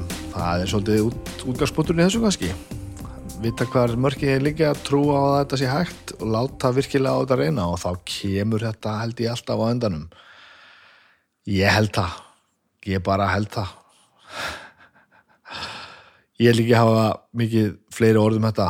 Uh, ég ætla aðeins að fá að tala hérna um aðeins að fá að tala hérna um þættina hjá hljó- hljóðkirkjunni, ég verði náttúrulega að tala um síðasta dómstak, það sem Byrna er sá þáttur er náttúrulega hættulegur uh, uh, hann, hann er svo fyndin, ég ætla ekki eins og að segja ykkur frá þessu, þetta er svo ógæðslega fyndið.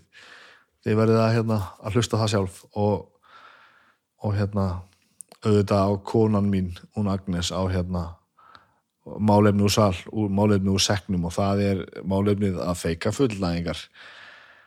Þetta er alltaf sömu bókina. Svona er lífið heima mér. Uh, ég ætla að halda áfram að hérna að, tala um líka um hérna listamenn. Listamenn hérna Valdimar og Örn, þeir eru þetta er nýja upp á slagarpið mitt uh, og það var ekkert verra að síðast í þáttur skildi vera topp tíu uh, bítlalög þess að tveir topp tíu lista þeirra begja og þeir tala um þetta slíku innsæði að það er alveg það er unun á að hlusta. Um, síðan vil ég nefna um, alveg dagsatt það sem dagur tala við huld stórvenkunum mína sem ég er búin að þekka í mjög, mjög mörg ár, við erum búin að vinna saman á Paypar alla tíð frá því ég byrjaði og við erum búin að þekkast lengur heldur en það, miklu lengur heldur en það. Og alveg dagsatt e, þáttur í fjallan alltaf um að segja sögur. Dagur segir viðmannildum e, sögu af einhverju sem hefur gæst í fortíðinni og viðmannandin segir sögu á móti og huld segir þarna þessa stórkostlegu sögu sína frá því að hún e, ég ætl ekki að spóila þessu. Þetta er leigubílaferð frá því hún bjó, bjóði í Köpmanahöfn og e, þessi saga er já þetta er saga sem engin e, fæst okkar geta nokkuð tíma nýmynda sér að segja hvað þá sagt í alvörinni ég ætla að láta að flagga að hún fór, hún fór ólétt inn í leigubílin höfum það þannig. Um, mér langar líka að tala um bestu plötuna sem er hérna á morgun það besta platan síðasta förstu dag, ég ég glemt að, glemt að tala um það. Menn langar að nefna það því að við þótti óskaplega vænt um það þátt, það var besta platan með Judas Priest en á morgun er besta platan með Peter Gabriel. Judas og Gabriel það er svona kristileg þema hérna. Mjög gott. Um, annars bara langar mig aftur að minnast á, á kostendur þáttarins Reykjavík Róstis, þið getur farið inn á, á vefverslunum Reykjavík Róstis og notað eh, afsláttakóðan STFF þegar þið kaupið eh, kaffi í vefverslunni þá fáið þið 10% afslátt. Og svo langar mig að tala um þykvabæjar sem er hérna komið inn í glænýtt í samstarf og, og ég læti ykkur vita hvernig gengur með gratinni þegar ég er búin að A, B og C testa þrjá tegundra kartublugratinni þetta var annars þáttur í þessa vikuna. Þetta var ljómandi gott. Þetta var ljómandi gott. Við heyrumst næst. Bless